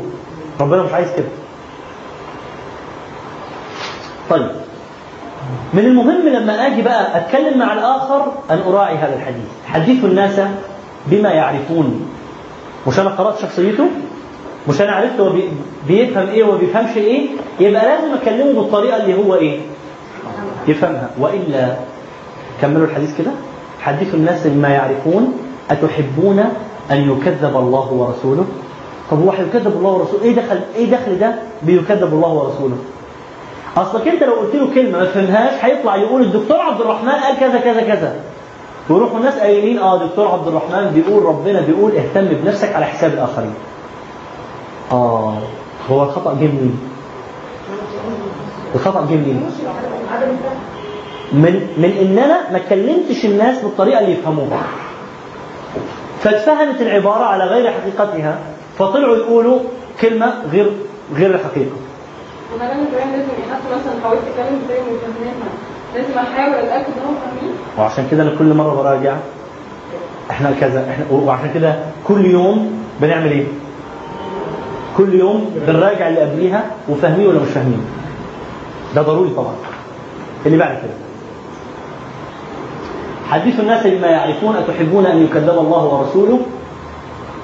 مهم جدا. قبل ما انطلق لحكاية تسويق شخصيتي خط الشخصية يبقى واضح بالنسبة لي.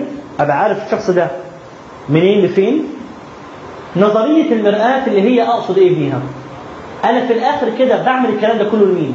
فاكرين حتة المرآة؟ إن أنا أعكس علشان أنا أطلق الشعاع مني علشان المرآة دي تعمل لي إيه؟ علشان ترجع عليه فما اهتمش قوي أنا هديك دلوقتي علشان بعد شوية تقول لي شكرا. أنا مش عارف إيه لا لا وده هنتكلم عنه أكتر في بدرة الاخ آه، عفوا في مفهوم الأجر الذاتي وآخر حاجة بسألها وأنا بتكلم مع الشخص المقابل. حاجة جبنا سيرتها في الإنصاف. ماذا لو كنت مكانه ماذا لو كنت مكانه أنا لو كنت أنا اللي جاي لو أنا بخبط لو أنا اللي بخبط الباب دلوقتي بقول له دكتور عبد الرحمن عايزك شوية. لو أنا دلوقتي في مكانه هيبقى إيه رد الفعل اللي أنا عاوزه؟ هتقول لي أكيد هيبقى رد الفعل آه اتفضل. بس أنا مشغول. طب لو أنا في مكانه وأنت مشغول كنت هتحب يبقى الرد إيه؟ يعني أنا عبد الرحمن قاعد راح مخبط عليا أحد ال- المرضى وقايل لي دكتور عبد الرحمن أنا عايزك دلوقتي. أنا مشغول بس أرد عليه إزاي؟ أخلي نفسي مكانه. لو أنا دلوقتي اللي خبطت الباب وعبد الرحمن مشغول أحب يرد عليا إزاي؟ أقول له لحظات بس أصلا لو قعدت معاك دلوقتي واستمعت لك مش هديك حقك. فتحب أقعد معاك وأسمع لك ومش مديك حقك ولا أقعد معاك كمان نص ساعة وأبقى متفرغ لك؟ آه أنا هختار الطريقة دي. ده كله قبل ما أنا إيه؟ قبل ما أتكلم معاك. الشريحه اللي بعد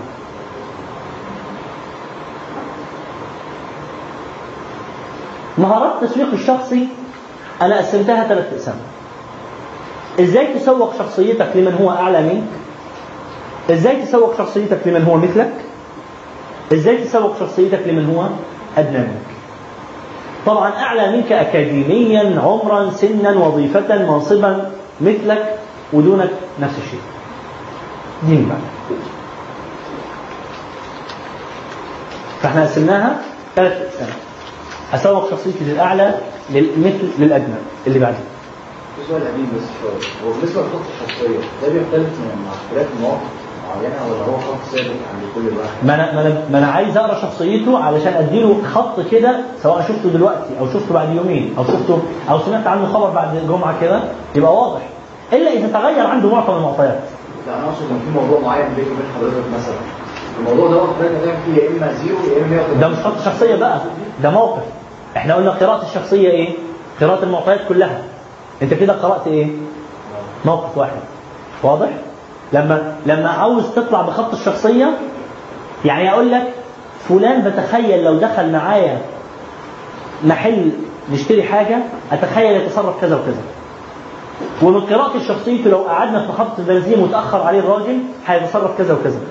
ومن قراءة شخصيته لو قاعد في المحاضرة بتاعتي وتأخرت عليه هيتصرف بكذا. يبقى أنا مش موقف بقى أنا رسمت خط الشخصية لإيه؟ لحياة كاملة تقريبا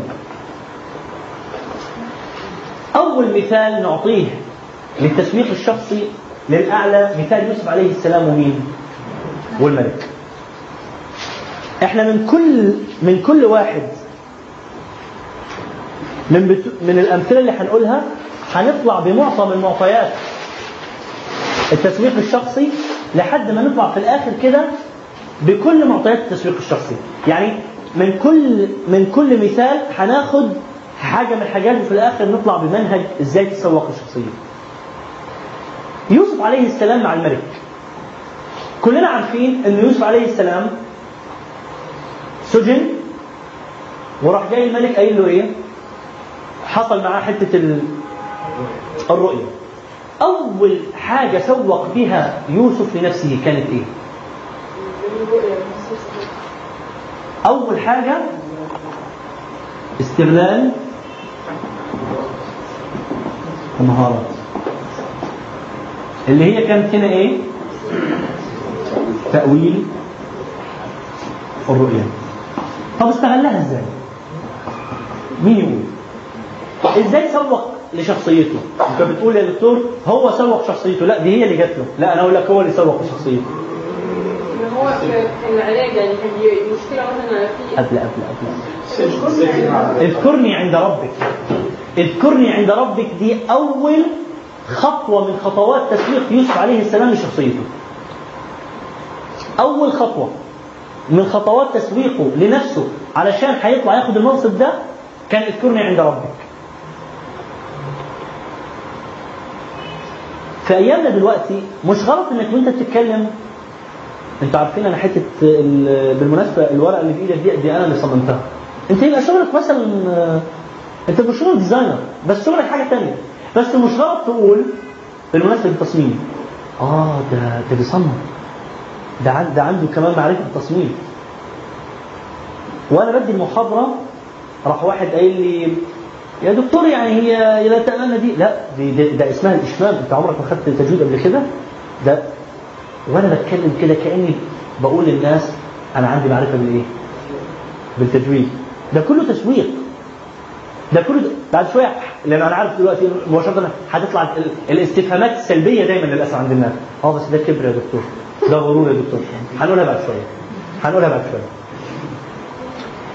قال اذكرني عند ربك. هي اذكرني عند عند ربك كبر ليه؟ بعد شوية هنعرف بس أول مقومات تسويق الشخصية عند الأعلى استغلال إيه؟ المهارات طيب.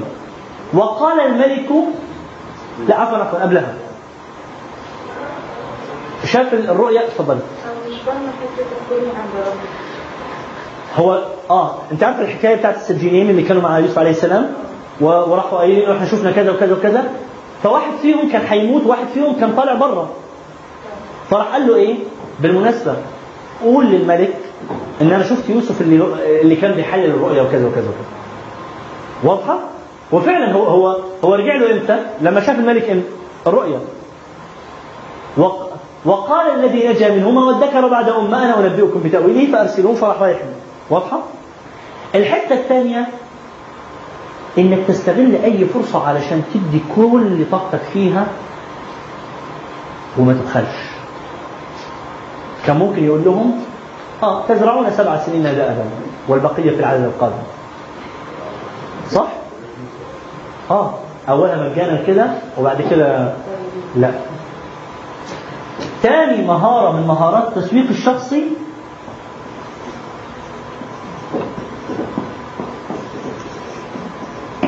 الصدق في العطاء. الصدق في العطاء. ليه؟ أصلك اولا هتثبت لنفسك إنك بتدي لأنك عايز تدي مش بتدي عشان مستني حاجة. اثنين غالبا أول مشروع بتعمله عارفين حكاية ال first impression last impression أول مشروع هتعمله هيدي للناس بقى الرؤية الأولى عنك الانطباع الأول عنك. فلما ياخدوا الانطباع بأنك أنت مخلص صادق محترف في التأويل هيقول لك آه هو ده اللي إحنا عايزينه. ثالثا فيها حتة إنك أنت ما تستناش مش بس إحنا قلنا في الأول ما تستناش المقابل إنك أنت تعملها لغرض إنك عملتها. اثنين تدي أفضل انطباع عن نفسك. ثالثا إنك تعود نفسك إنك تخلص في العمل حتى لو كان رب العمل مش هيديك أجر كاملا. اللي هي حتة الإيه؟ بنسميها إيه في الشريعة؟ الإحسان. الإحسان. والإتقان.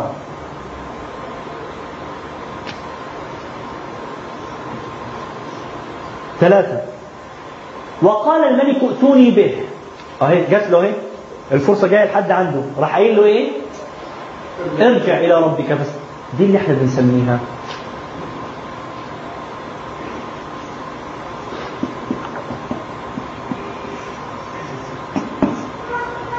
تغلية السلعة. صح؟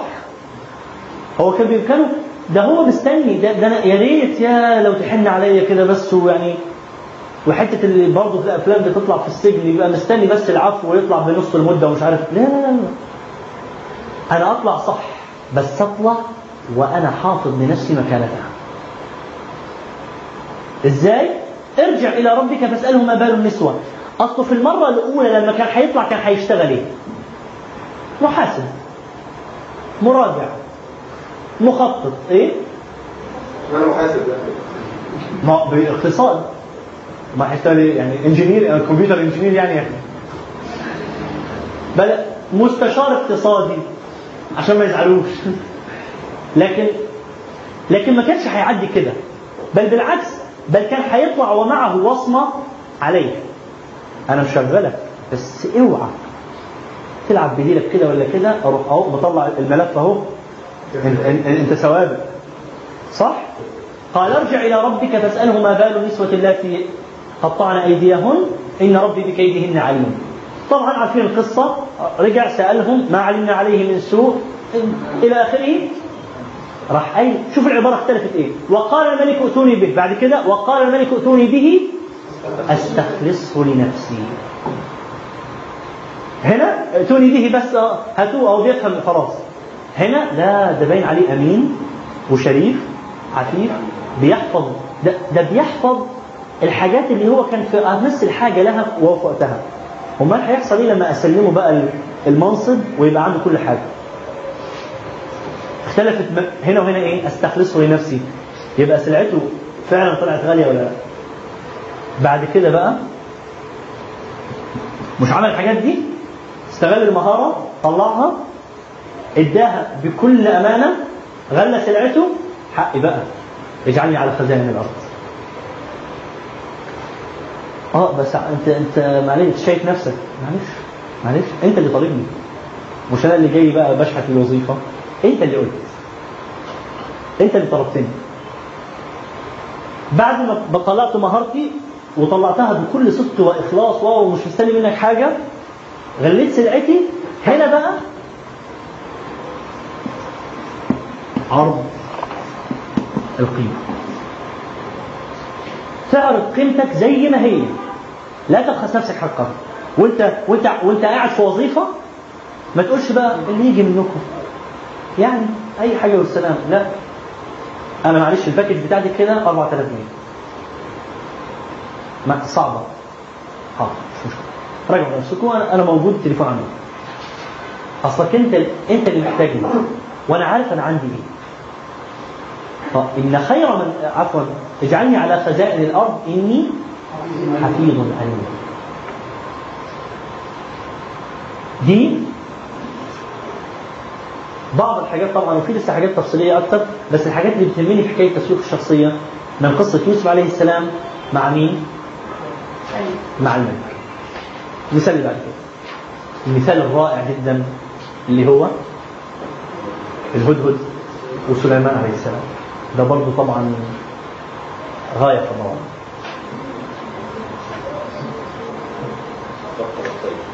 إيه؟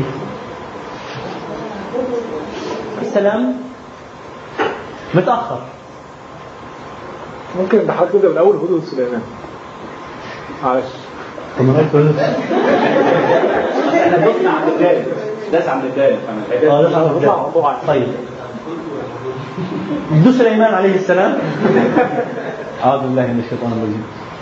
هدى سليمان عليه السلام. القصة اللي أنتم عارفينها كلكم. سليمان عليه السلام بيتفح بيتفقد الطير ما لقاش الهدهد شوفوا طبعا ولو إنه ده مش موضوعنا حن... حن... يمكن يمكن نحول عليه بكرة. حتة أدب القائد وشخصية القيادة السليمة. ما اتهمش على طول الهدهد. هو فين ابن. لا لا لا. مالي أرى... لا أرى الهدهد. الأول قال إيه؟ هو أنا هو أنا اللي مش شايف الهدهد ولا إيه؟ مالي لا أرى الهدهد أم كان من الغائبين؟ شوفوا الأعذار بقى. هو أنا مش شايفه ولا هو غايب ومع ذلك لأن لم يأتني ببينة.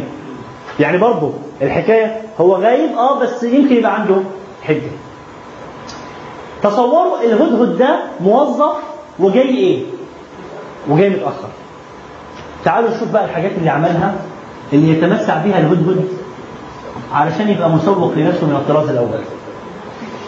أول حاجة أول حاجة فمكث غير بعيد. فمكث غير بعيد. نستفيد إيه من حتة فمكث غير بعيد؟ أنتوا عارفين حتة ال- الموظف اللي أحيانا كل ما يدوروا عليه ما يلاقوهوش؟ يا ابني انت فين؟ الآخر يقول له خليك قريب. keep يعني keep around stay around طيب؟ طب هي حتة فمكث غير بعيد من الضروري إنها يبقى حاجة مادية؟ لا. إيه دي على كده؟ هو كان فين؟ هدهد كان فين؟ كان في سبأ. وسليمان فين؟ في فلسطين. هي دي بعيدة ولا مش بعيدة؟ يبقى فمكث غير بعيد المقصود بها إيه؟ مش المف... مش بس ماديا ده انت المفروض انك تبقى معايا. بوسيلة مواصلات معينة بوسيلة اتصالات معينة لما لما عاوزك إيه؟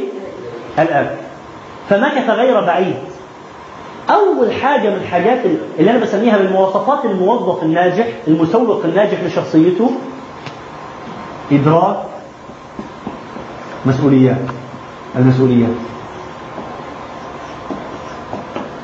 هو عارف انه إنه الحكاية مش لعبة. مش بقى واخد بريك ورايح نسكافيه وساندويتش ومش عارف إيه وبعد ساعة يدوروا عليه يدوب فمكث غير بعيد. تاني حاجة. حاجة برضو قلناها هناك. بس هنا بقى بطريقة تانية بإضافة تانية. تغليف السلعة. قال أحط بما لم تحط به. ده بيتكلم عن مين؟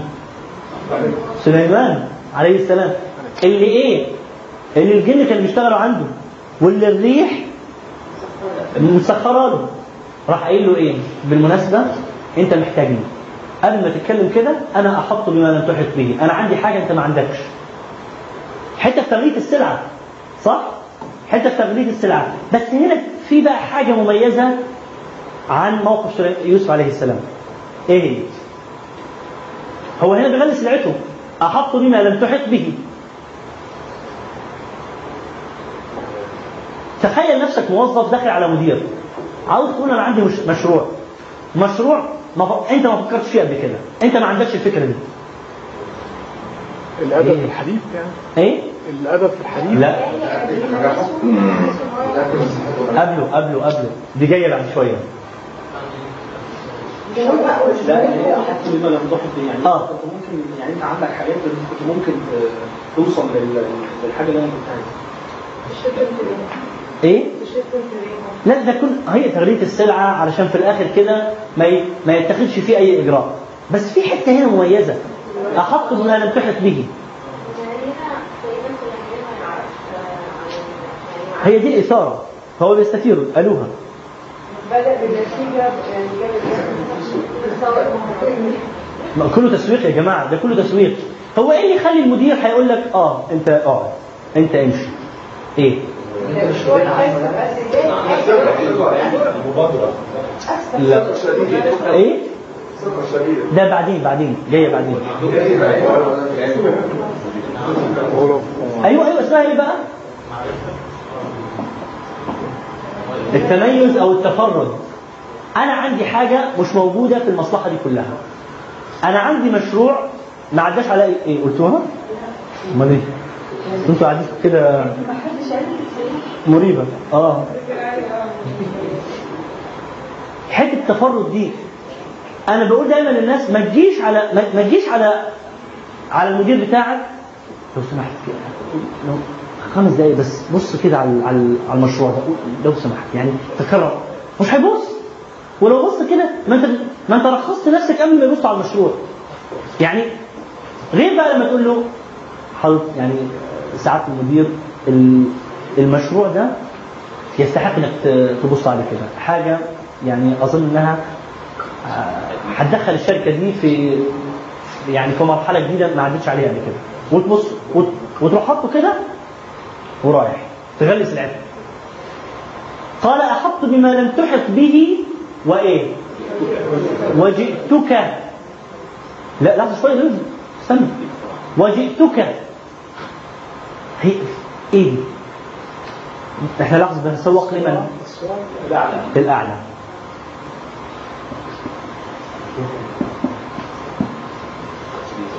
حتة الاحترام والتقدير. أنا جاي لك.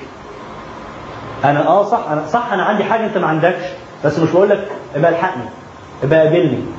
تعال انت بقى لا وجئتك من سبأ.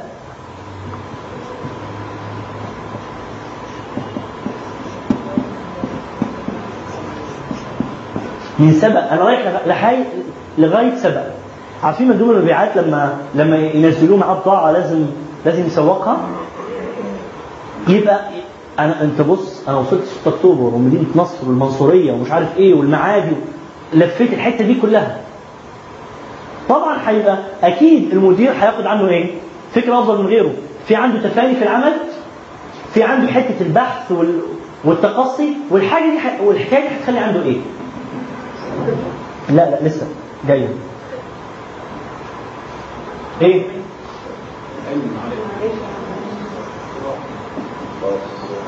الاطلاع اللي بعد كده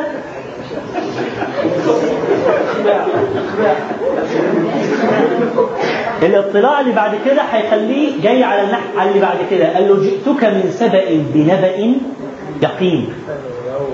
أصل مشكلة الموظف يجي يحط المشروع قدام المدير يقول له بص خد لك بصة كده هتشوف حاجة رائعة. يبص كده إيه إيه يا ابني؟ إيه الهبل ده؟ أنت متأكد إن ده مشروع؟ انت عملت دراسة جدوى؟ انت لاحظت انك ال- ال- الارقام اللي هنا ملهاش دعوة بالمنطق؟ آه معلش اخده اراجعه تاني. لا مفيش مراجعة بقى الغي. لكن قال له إيه؟ جئتك من سبأ بنبأ يقين. بنبأ يقين. الكلام ده كله وهو لسه ما قالوش إيه؟ هو الخبر إيه؟ أنا عندي حاجة أنت ما عندكش.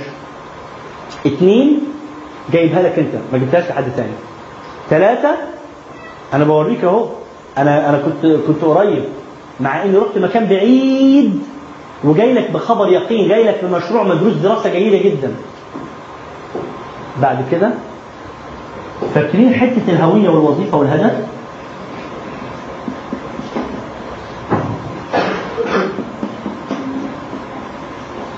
فين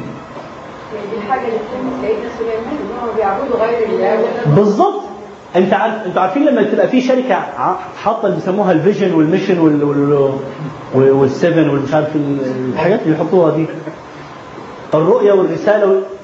ما يصحش تبقى موظف تدعي إنك موظف محترم ناجح وتبقى ماشي في السوق. ما أنتش عارف ال- الحاجة اللي اللي تهم الشركة. قال وجدت امرأة مالهم؟ تملكهم.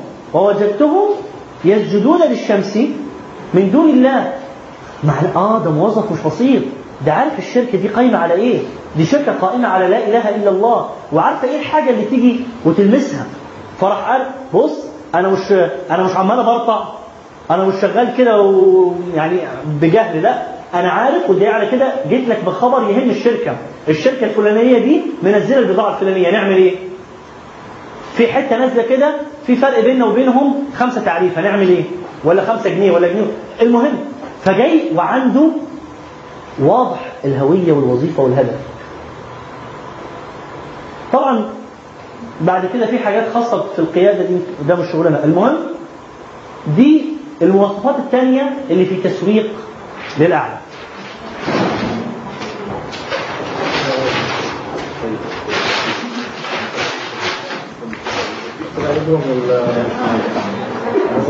مالكم؟ طيب. اتفضلي بس هي مرة شوية بالنسبة لتغلية السلعة. آه. يعني مثلا حد سيدنا يوسف كان عنده سابقة عشان يقدر يغلي السلع يعني إيه هي السابقة؟ إن هو كان فسر للاثنين اللي كانوا معاه في السجن حلو. فهو يعني بيغلي السلع لأن حد جربه قبل كده بس لو حد أول مرة مش هيك هقول لك دلوقتي بعد شوية على مثال سيدنا يوسف نفسه إزاي غلى سلعته مع إنه ما حدش جربه قبل كده. طيب؟ طب لحظة طب سيدنا يوسف طب وهدى سليمان صح؟ في سؤال؟ طيب. بعد كده المثالين اللي بعد كده برضه تسويق من الأدنى للأعلى ولكن فيهم حتة اختلاف بسيط. جعفر والنجاشي عليهما رضوان الله ورحمته وربعي بن عامر رضي الله عنه ورسله. جعفر بن أبي طالب لما وقف والنجاشي كان عاوز بقى يقول له قول لي بقى الراجل اللي محمد اللي صلى الله عليه وسلم اللي طالع فيكم ده بيقول إيه؟ معظم اللي إحنا قلناه قبل كده كان متحقق في مين؟ في جعفر. هويته واضحة، وظيفته واضحة، هد- هدفه واضح، ال- الصورة عنده واضحة، ما اتكلمش قبل ما يطلب منه وبالتالي السلعة بتاعته مطلوبة مش هو اللي عرضها. هنا بقى في حتة بسيطة مهمة في التعاطي مع الاعلى غالبا الاعلى حتة الوقت عنده مالها؟ لا. ما عندوش وقت. فما تقعدش تفصل بقى. ما تقعدش تفصل. وفي حاجة تانية كمان اللي هي إيه؟ اولا قيمة الوقت.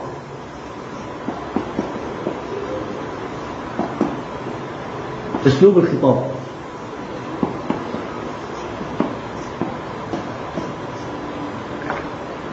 هتشوفوا بعد شوية إنك أنت لما عاوز تتكلم مع واحد زيك أو أقل منك تفصل له. أصلك أنت مش عارف لا تعال أقول لك. بس لا يمكن تسمع في الخطاب إلى الأعلى. في الأمثلة اللي إحنا قلناها كلها تعال أقول لك حاجة أنت. يعني أصلك أنت مش فاهم. حتى في أحط بما لم تحط به ما فيهاش حتة إنه آه أصلك أنت ما تعرفش. لا. أنا عشان رحت سبق اللي هو المكان البعيد رحت جايب حاجة معينة أنت لم تحط بها جعفر لما طلب منه ما قالوش بقى آه الإسلام أن تشهد أن لا إله إلا الله وأن محمدا رسول الله وأن تقيم الصلاة وتؤتي الزكاة وتحج البيت. لا لا لا ما فيش وقت. الراجل ما عندوش وقت. راح قايلها له كل كلها في إيه؟ جملتين ثلاثة وملخص له كل حاجة. قبل الإسلام. مين اللي جه؟ بعد الإسلام. كنا أهل الجاهلية نقطع الرحم. و- و- وناكل أم- يعني وناكل أموالنا بالباطل ونئد البنات. فأتانا من نعرف صدقه وأمانته. فأمرنا بصدق الحديث وصلة الرحم جملتين ثلاثة وبس. راح ملخص راح ملخص الفكرة كلها. مفيش وقت.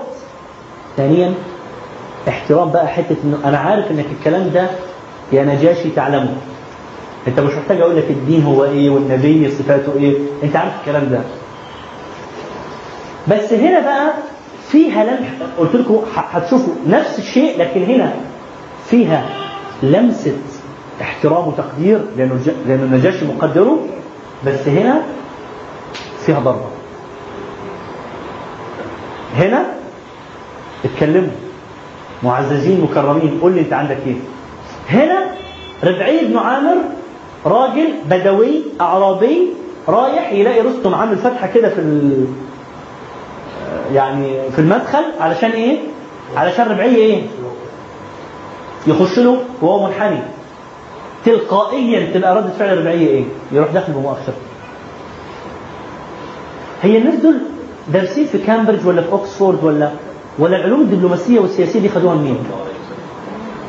في مدرسة محمد صلى الله عليه وسلم عندهم الهوية واضحة والوظيفة واضحة والهدف واضح أنا لا أنحني إلا لله فتلقائيا أول ما جت له الخاطرة بالانحناء راح منحني بالعكس ربعيه بدل ما يشوف واحد داخل منحني راح شايف واحد داخل له إيه؟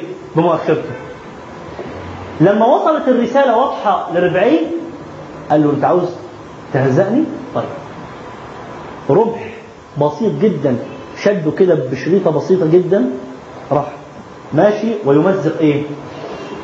اللي هو وسائل الديباج دي اللي هي الحرير. وراح رايح له راح ملقي الرسالة كده وبرضه راح مجاوبه ما قالوش لا. هو هو هنا سئل فأجاب. هنا سئل فأجاب. غلى سلعته لحد ما يتسأل. غلى سلعته لحد ما يتسأل. بس كان لطيف. واداها له.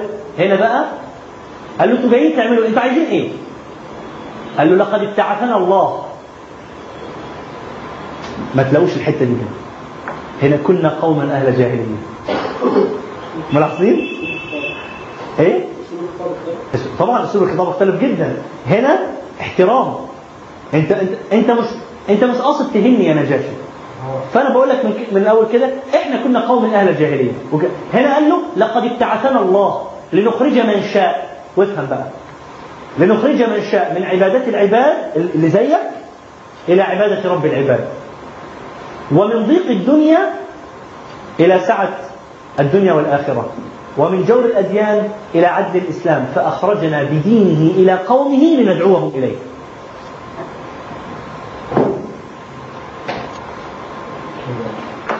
ما هنا فهم شخصيته فاداله الرسالة بما يناسب الشخصية. هنا فهم شخصيته فاداله الرسالة بما يناسب الشخصية. ولذلك كان أسلوب الخطاب مختلف. قيمة الوقت واضحة لكن أسلوب الخطاب مختلف. لكن في في الحالتين لأنهم ملوك وعارفين الكلام ده ما عادش يفصل بقى. لقد ابتعثنا الله. وهنا كنا قوما أهل جاهلية هنا أتانا من لكن هنا إحنا جايين نخرج الناس. جايين نخرج اللي زيك. لكن النجاشي ربنا بعث فينا نبي. وأنا عارف إنك تعرف مقدار النبي يبقى إيه فهو اللي ممكن تسمع كلامه. لكن أنت بقى يا رستم أنا اللي جاي بقى هاخدك من اللي أنت فيه. وراح عامل الحركة اللي يمكن معظمكم مش عارف سمعتوها ولا لأ. عاوز يبهدله راح عامل له إيه؟ راح واخد تراب كده حفل تراب وراح حاططها فوق دماغه.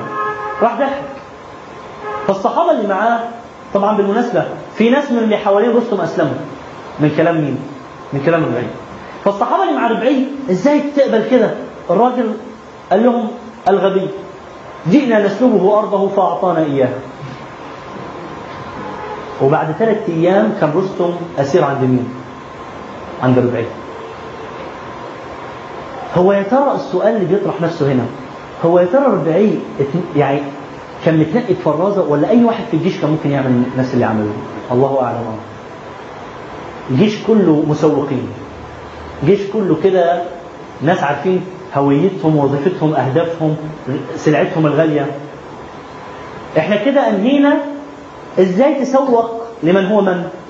لمن هو أعلى. بعد كده ننتقل إزاي تسوق شخصيتك لمن هو؟ زيك. لمن هو؟ مثلك. وأشهر الأمثلة على دي دعوة الأنبياء لأقوامهم. لذلك تلاقوا دايما أو يعني غالبا ما تذكر كلمة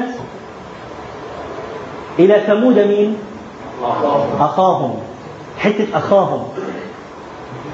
فكان الأنبياء واضح عندهم إن إحنا مش أفضل منكم في حاجة. إنما أنا بشر مثلكم يوحى إلي. يا قوم لا أسألكم عليه أجرا. إن أجري إلا على الله. الحتة نيجي بقى على حتة بقى إزاي تسوق نفسك لمن هو؟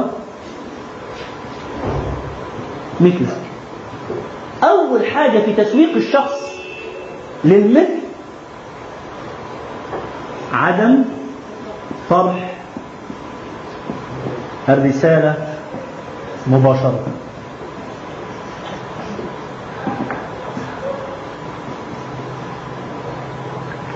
لو تلاحظوا معظم الأنبياء في أقوامهم عمرهم ما جم على طول وكلموا الناس في إيه؟ في رسالة. لكن قبل كده كان بيحصل إيه؟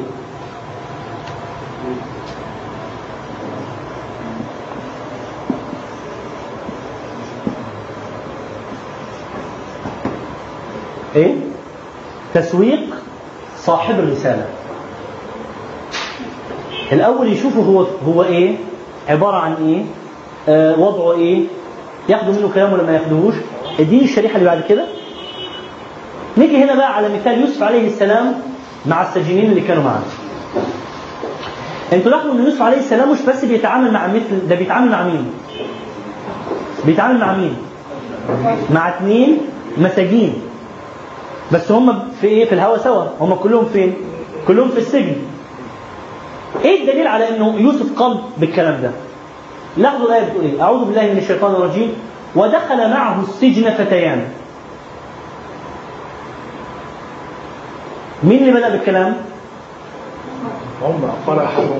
قال أحدهما إني أراني. يبقى يبقى واضح إنه مين اللي مين اللي اتكلم الأول؟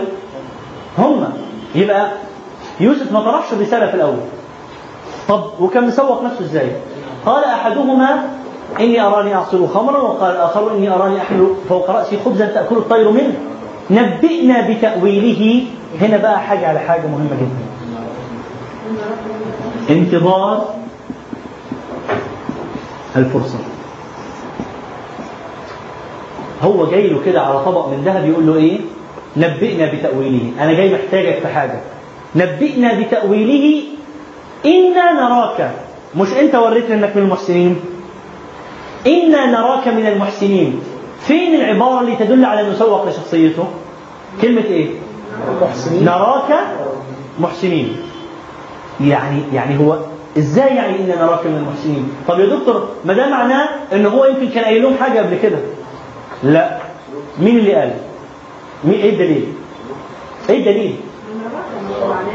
إيه الدليل على إنه ما, ما قالهمش حاجة قبل كده؟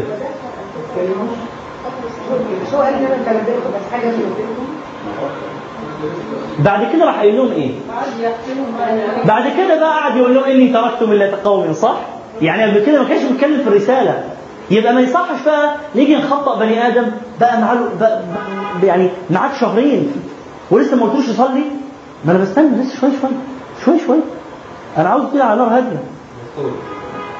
لذلك إنا نراك من المحسنين. لاحظوا برضه نرجع يعني اولا ما طرحش الحاجة مباشرة. سوق لشخصيته لصاحب الرسالة عشان يؤمنوا بالرسالة. انت انتظر الفرصة وبرضه راح عامل إيه؟ حتة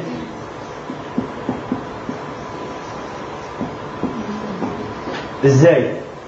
أصل بعض الناس لما يجي له حد يسأله والله أنا متشكر يعني أنا ما أقدرش يعني أنت عارف أنت دلوقتي يعني شرفتني بإنك سألتني. إيه يا ابني في إيه؟ أوكي طيب الحمد لله جزاك الله خير على الثقة. وبس. كويس يعني أنا أنا أشكر الثقة دي. وبس. انما ما تقعدش تصغر نفسك تصغر نفسك في الآخر. إيه ده؟ هو أنا كبير للدرجة دي؟ أمال أنا جاي يسألوا ليه خلاص انسى. قول قال لهم لا يأتيكما طعام ترزقانه إلا نبأتكما بتأويله قبل أن يأتيكما. تغلية ولا مش تغلية دي؟ نرد بقى على الناس اللي كانوا فاكرين الحتة دي يمكن يكون فيها إيه؟ ذلكما مما علمني ربي. آه. ده مش ده مش أنا. ده مش حاجة مش مش إنما اوتيتوه على علم عندي. لا. ذلكما مما علمني ربي. يبقى مع تغلية السلعة نفتكر دايما حتة الإيه؟ هي ليه حتة التواضع ما جاتش في تسويق إلى الأعلى؟ ما هو بالطبع أصلا ده كده وده كده. هتتواضع إيه؟ بالعكس أنت لازم لازم تقول له أنا- إن يعني إني حفيظ عليم. لكن هنا علشان ما يفتكرش إنك أنت متكبر عليه.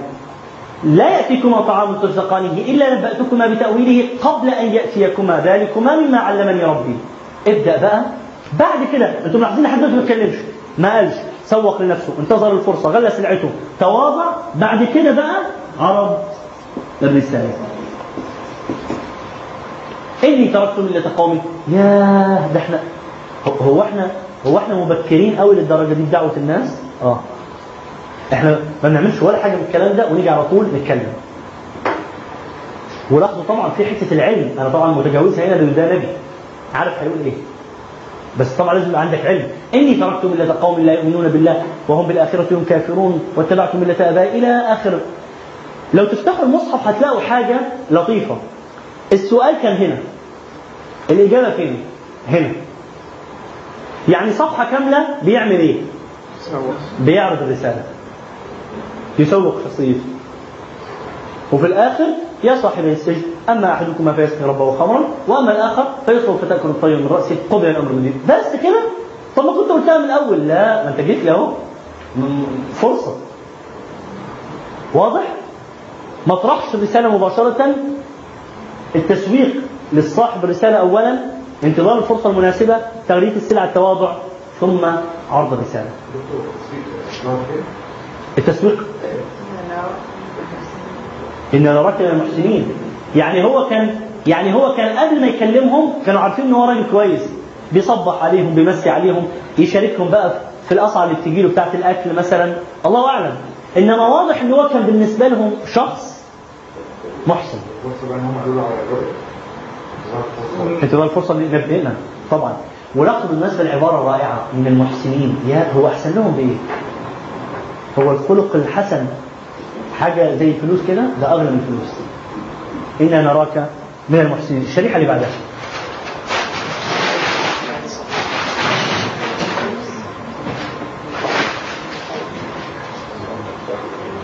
فاكرين صاحب صاحب الجنتين في سورة الكهف؟ هناخد منه برضو كان حاجة كده للتسويق مع الإفك اولا لاحظوا العبارة من أولها لآخرها القصة من أولها لآخرها بتتكلم على عبارة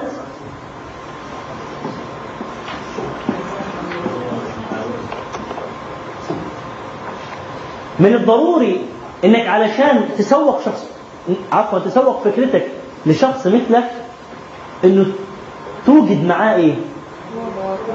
توجد معاه أرضية حوار. إذ قال لصاحبه وهو يحاوره. الشخص اللي بيعنينا بقى اللي هو الشخص الكويس إذ قال لصاحبه وهو يحاوره إيه؟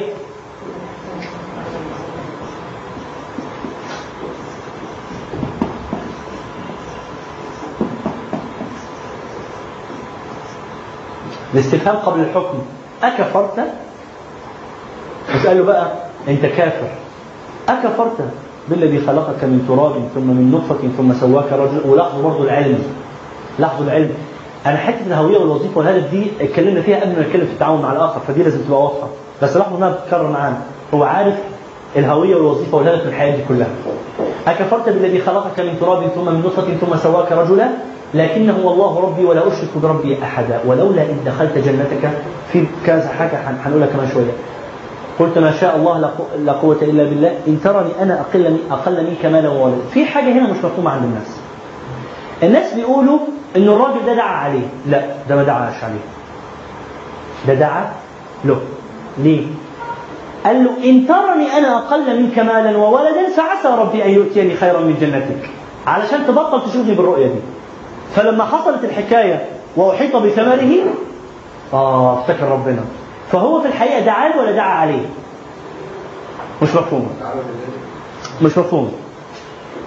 قال إن ترني أنا أقل إذا كنت عندك منهجية التفكير الغلط دي إن أنا أقل منك فأنا أتمنى إنه يجي لك السبب اللي ينسيك منهجية التفكير دي وترجع لمنهجية التفكير السليمة إن ترني أنا أقل منك مالا وولدا فعسى ربي أن يؤتيني خيرا من جنتك ويرسل عليها حسبانا من السماء فتصبح صعيدا زلقا أو يصبح ماؤها غورا فلن تستطيع له طلبا استجاب ربنا وأحيط بثمره فأصبح يقلب كفيه على ما أنفق فيها وهي خاوية على عروشها ويقول يا ليتني لم أشرك يبقى افتكر ولا ما افتكرش؟ يبقى وافتكر في الدنيا مش في الآخرة يبقى ساعده ولا ما ساعدوش؟ دي اللي هنتكلم عليها اللي هي بذرة الرحمة بس هنرجع لها في آخر حاجة. الشريحة اللي بعد كده. هنا بقى هنتكلم على التسويق لمن هو أدنى أول مثال لقمان وابنه أول حاجة عاوزين ناخدها من لقمان وابنه إذ قال لقمان لابنه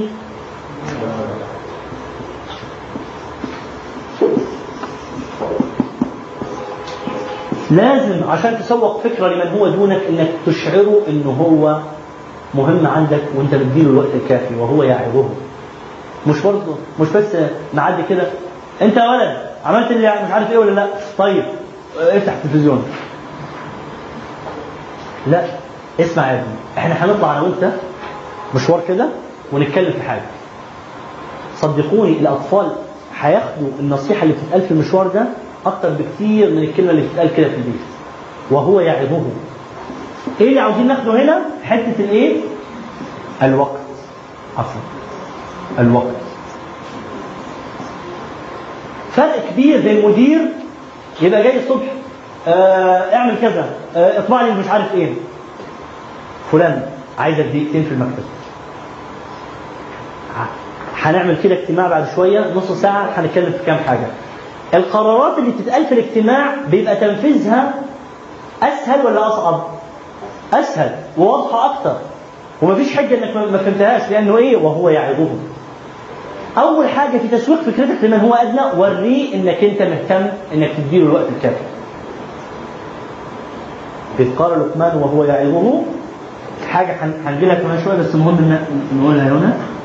يا بني اتفضلي هو أدنى دي بتعتمد برضه على مثلا لو حد يعني مثلا حد عارف إنه معاه حد شخصيته يعني أو منتشرة. ممكن آه، إحنا اسمها مش, الأدنى سنا بس.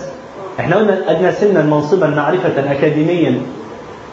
في اي حاجة لاحظوا يا بني النبي صلى الله عليه وسلم فاكرين لما قلنا يا أبا عمير؟ يا عائش؟ إلى آخره. المنادات باللفظ المحبب عند الطرف الآخر. ده بيخلي أصلك لما هو ليه ما ذكرتهاش في حتة للمثل أصلها لما بتيجي من الأكبر للأدنى تبقى أحلى. أحلى إنه عمال يناديني باسمي. ده فاكرني. ده أنا كنت فاكر إن هو مش عارفني. الشريحة اللي بعدها من المهم في تسويق الفكرة للمقابل فاكرين الحتة دي؟ يعقوب عليه السلام وأبنائه. قلنا علشان تسوق فكرة لمن هو أدنى منك جبنا حتة قبل كده اللي هي إيه؟ لازم إيه؟ الانصاف ما يجيش بقى المدير يقول هم ما بيسمعوش كلمتي وهو أصلا لا ينصت لهم أول حاجة عملها يعقوب عليه السلام مع أولاده إنه راح عامل إيه؟ أنصت ولما أنصت قلنا قرا الشفايف كويس وعرف وبعد كده الإيحاء من من الحاجات اللطيفة في تسويق فكرتك للمقابل إنك ما تقولهالوش صراحة تعمل له إيه؟ إيحاء الكلام ده عمله إزاي يعقوب عليه السلام؟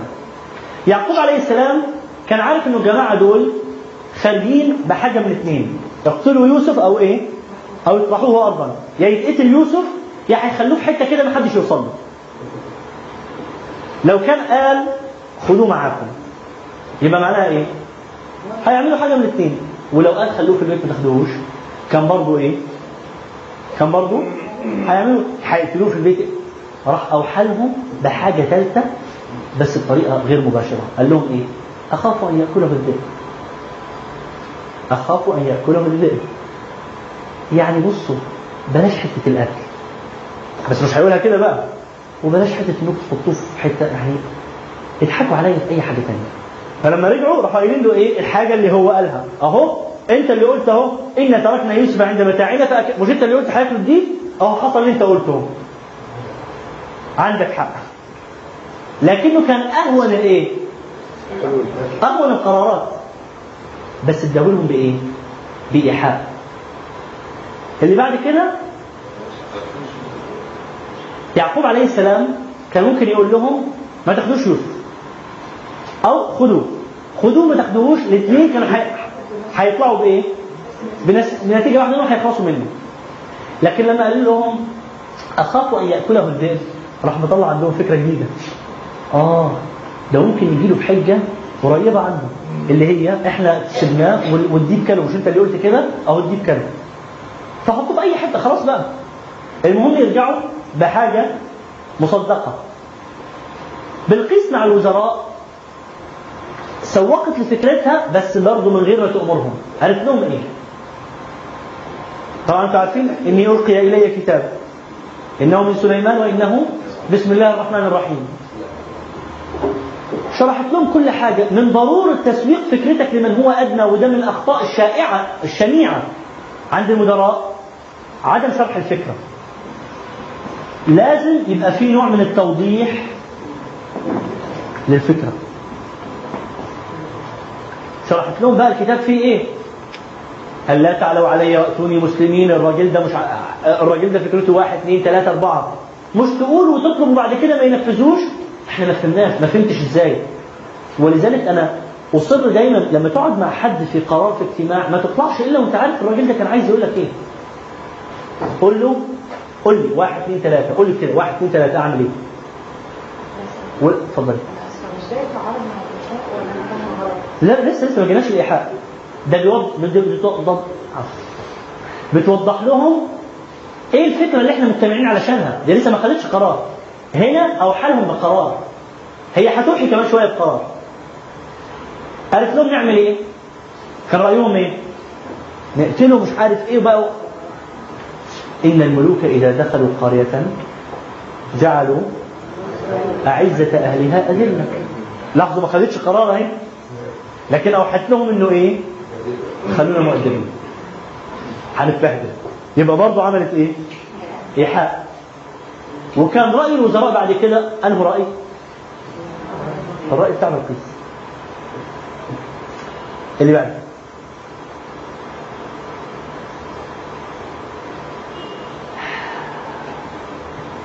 أنا كل ده عبارة عن مهارات لازم نحطها في دماغنا وإحنا بنسوق لفكرتنا.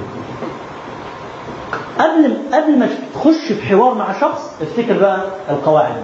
أول قاعدة فاكرينها أعوذ بالله من الشيطان الرجيم. إن كان للرحمن ولد فأنا اول التلقي والاستفهام. اثنين أنتم ملاحظين كمية الاستفهامات مع صاحب صاحب الجنتين. اكفرت بالذي خلقك من تراب؟ إبراهيم قبل ما يحكم عليهم ما هذه التماثيل التي أنتم لها عاكفون؟ يا أبت لم تعبد ما لا يسمع ولا لا يسمع ولا يبصر أمن هذا الذي هو جند لكم لو تلاحظوا معظم الحوارات بتبدأ بإيه؟ معظم حوارات الأنبياء بتبدأ بإيه؟ باستفهام عشان ما يحكمش قل لي أنا يمكن مش فاهم فهمني بعد كده بعد ما تبدأ باستفهام لازم تخلي في دماغك حاجة واحدة أنت بتحاول ليه؟ عشان تطلع صح علشان توريني هو غلطان إن أريد إلا الإصلاح ما استطعت. خلوا ده شعاركم في أي حوار في أي تغيير تسعوا له. بكلمة مين؟ صالح ولا شعيب؟ والله أعلم شعيب الشريحة اللي بعدها؟ مهم جدا إنك تتسلح قبل ما تحاور بان يبقى عندك منهج بحث سليم. منهج بحث سليم. يبقى واضح عندك حكاية السبب والنتيجة قصدي إيه السبب والنتيجة؟ عشان أسهل عليكم يا جماعة ويبقى حواراتكم دايما منهجية. دايما اعرف ده جه منين أصل الكلام اللي أنت بتقوله ده جه منين اللي أنت بتقوله ده هيؤدي لإيه؟ إحنا عاوزين نوصل لإيه؟ السبب والنتيجة. دايما يبقى عندك حكاية السبب والمسبب. اللي هو علم المنطق اللي بيسموه علم المنطق. لذلك تلاقوا كثير من الحوارات اللي قائمة. قل أروني. وريني الكلام ده اللي انت جبته جبته منين وهيؤدي لإيه. بعد كده الشريحة اللي بعدها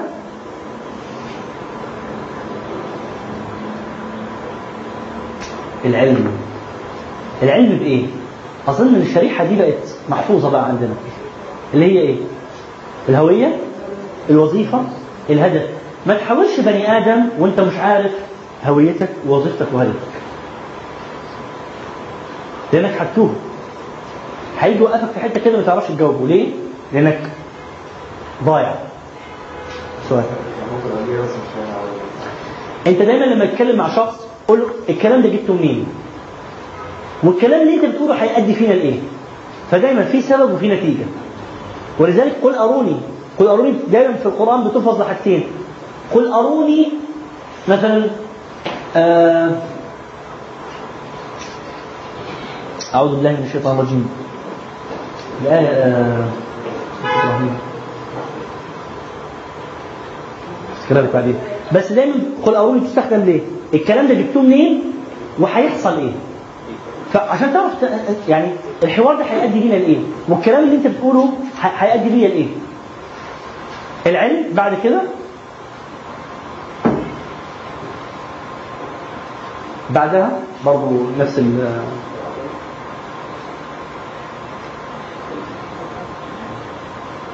شوفوا يوسف عليه إبراهيم عليه السلام أعوذ بالله من الشيطان ولقد أتينا إبراهيم رشده من قبل ده قبل ما يروح يدعو كان عنده إيه؟ الرشد الحكمة العلم. إني بريء مما تش- تشركون. الهوية واضحة؟ والوظيفة واضحة. وجدتها وقومها يسجدون للشمس من دون الله. فاكرينها؟ هوية واضحة. والهدف والوظيفة واضحين. شريح لي بعدها.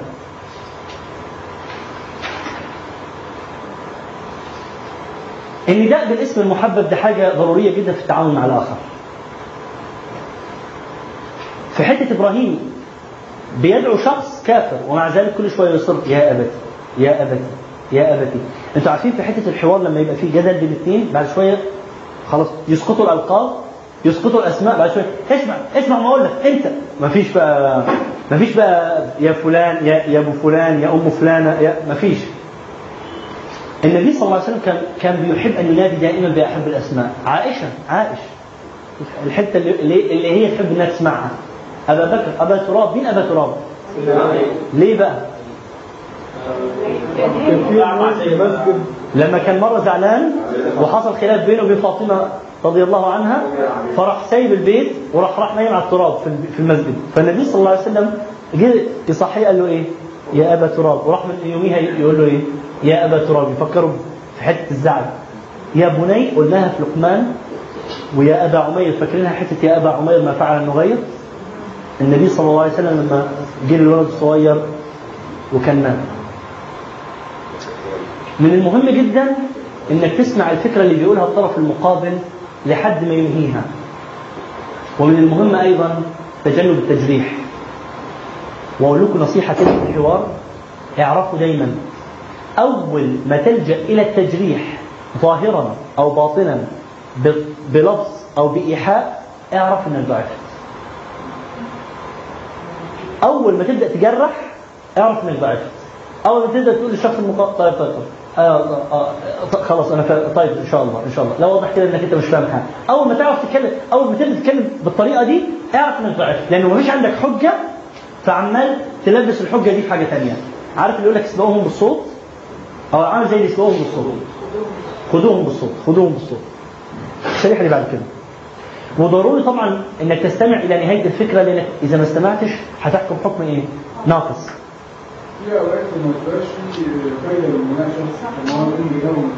يبقى الأولى إيه؟ آه بس ده مش تجريح آه يعني خلاص طبعا. طبعا ده, ده من الأول أنت تعرف من الأول أنت داخل ليه من المهم جدا يا جماعة إنك في بداية الحوار أن تنطلق مما يتفق عليه الطرفان فاكرين لما قلنا حتة الكندي الحوار مع الكندي؟ حتة اللي كان مش مؤمن بالوجود والإله؟ أول حاجة قلت له أنت بتتكلم من, من أنه منطلق. قال لي المنطق فقلت له تعالى نتكلم بالمنطق. ما يصحش. واحد يبقى قدامك مش مؤمن بالله وتقول له يا عم قال الله يا عم قال الله مين؟ أنا أقول لك مش ربنا. تقول لي قال الله. ما أنت مش واخد بالك أصل النبي صلى الله يا ابني بقول لك ما تقوليش النبي صلى الله عليه وسلم. أنا أنا مش مؤمن بالكلام ده كله. لازم تنطلق مع الطرف الآخر من نفس المنطلق. واختار بقى. يا إما تنطلق من فطره تتفقوا عليها أنتوا الاثنين يا إما تنطلق من من- من منطق أنت وهو متفقين عليه يا إما تستخدم المصطلحات اللي متعارف عليها بينك وبينه وتقول له تعالى مؤمن بكذا يعني إيه كذا؟ طيب ننطلق من هنا. عشان ما تتوهوش بعد كده الشريحه اللي بعدها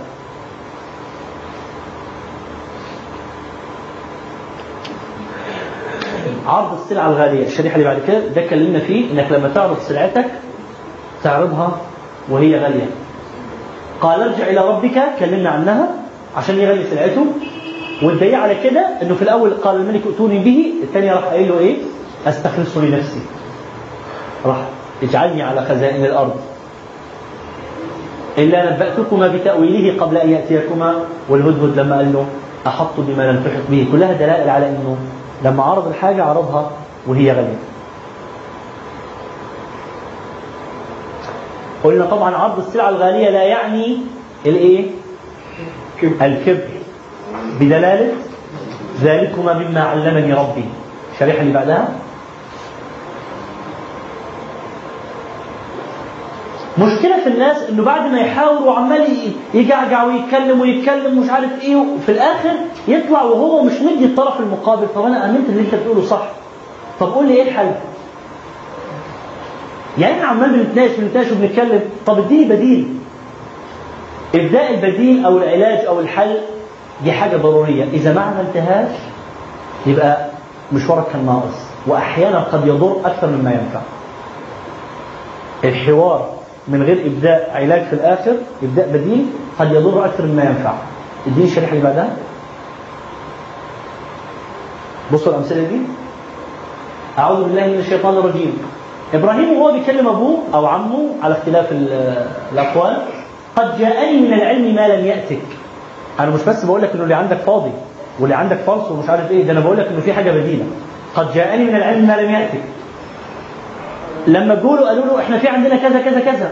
مش وقف لا أنا ما عنديش حل. أنا بس أقول لكم إن أنا عندي يعني عندي علم. إن أنا لا اداهم الحل فذروه في سنبله إلا قليلا مما تأكلون. يا جماعة أنا مش أنا مش بس بكفركم وبقول لكم أنتوا يعني لا أنا بقول له ارباب متفرقون خير أم الله الواحد القهار؟ دايما دايما في حتة الإيه؟ البديل. اما هذا الذي يرزقكم من امسكا أنا بقول لكم ربنا هو اللي بيرزق. أنت وريني عندك إيه؟ أنا بديك البديل اللي عندي. النبي صلى الله عليه وسلم كان يكثر من كلمة هلا. هلا فعلت كذا. هلا فعلت. هلا ذكرا هلا أتيته باكرا. هلا صنعت كذا هل دايما في حتة بديل؟ اللي هي إيه؟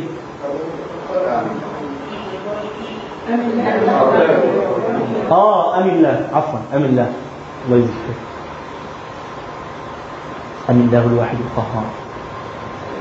خلصنا كده مهارات التسويق الشخصي. وفضل لنا ثلاث حاجات سريعة ننهي بيها.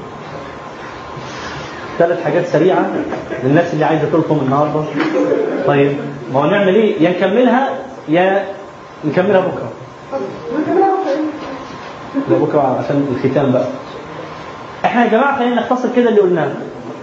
تقبلته تقبلا عاطفيا غير مشروط سلمت عليه ابتسمت له أو ابتسمت لها انصفت قرأت الشخصية احتويته كنت مرن غير متكبر دلوقتي بقى عرضت عليه اللي عندي حاورته تعلمت المهارات دي كلها في حتتين ثلاثة كده مهمة جدا في التعامل مع الآخر اللي هي إيه؟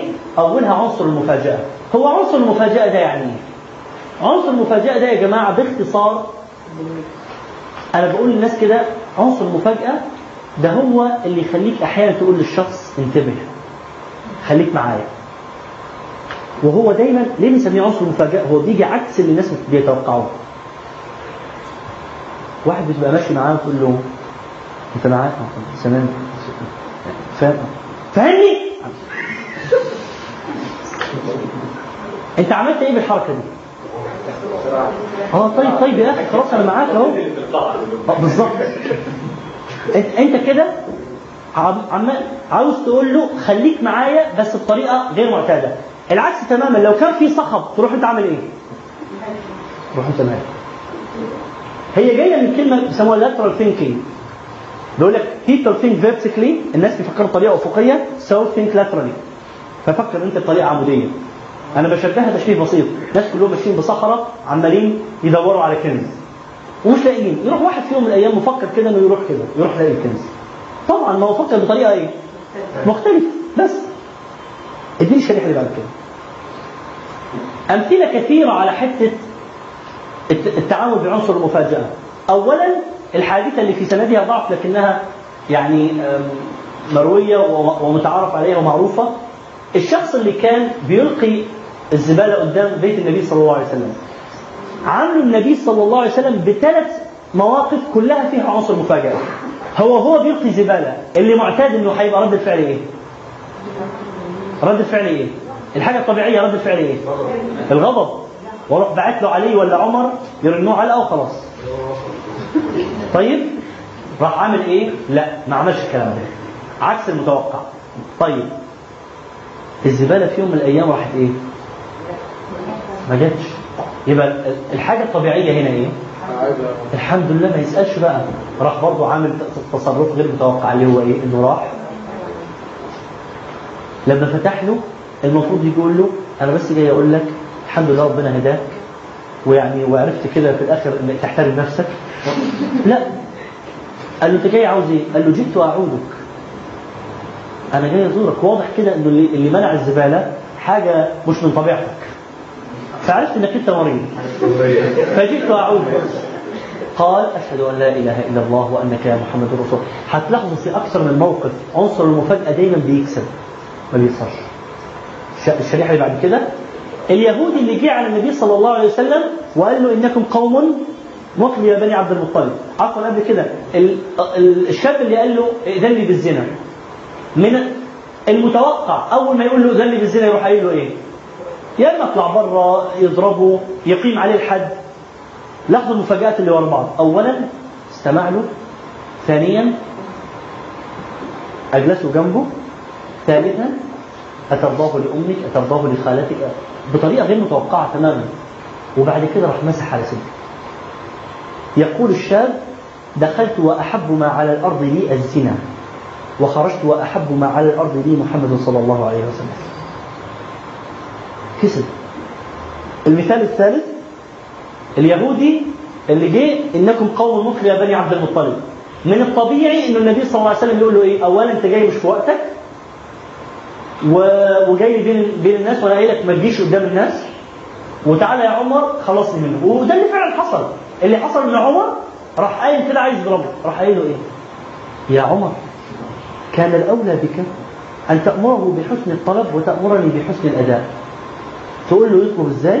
وتقول لي أديله إزاي. راح قايل له أنا جربت عليك كل حاجة إلا الحلم. وديني بجربه فيه أشهد أن لا إله إلا الله وانك محمد رسول الله. ممكن نقول الإحسان؟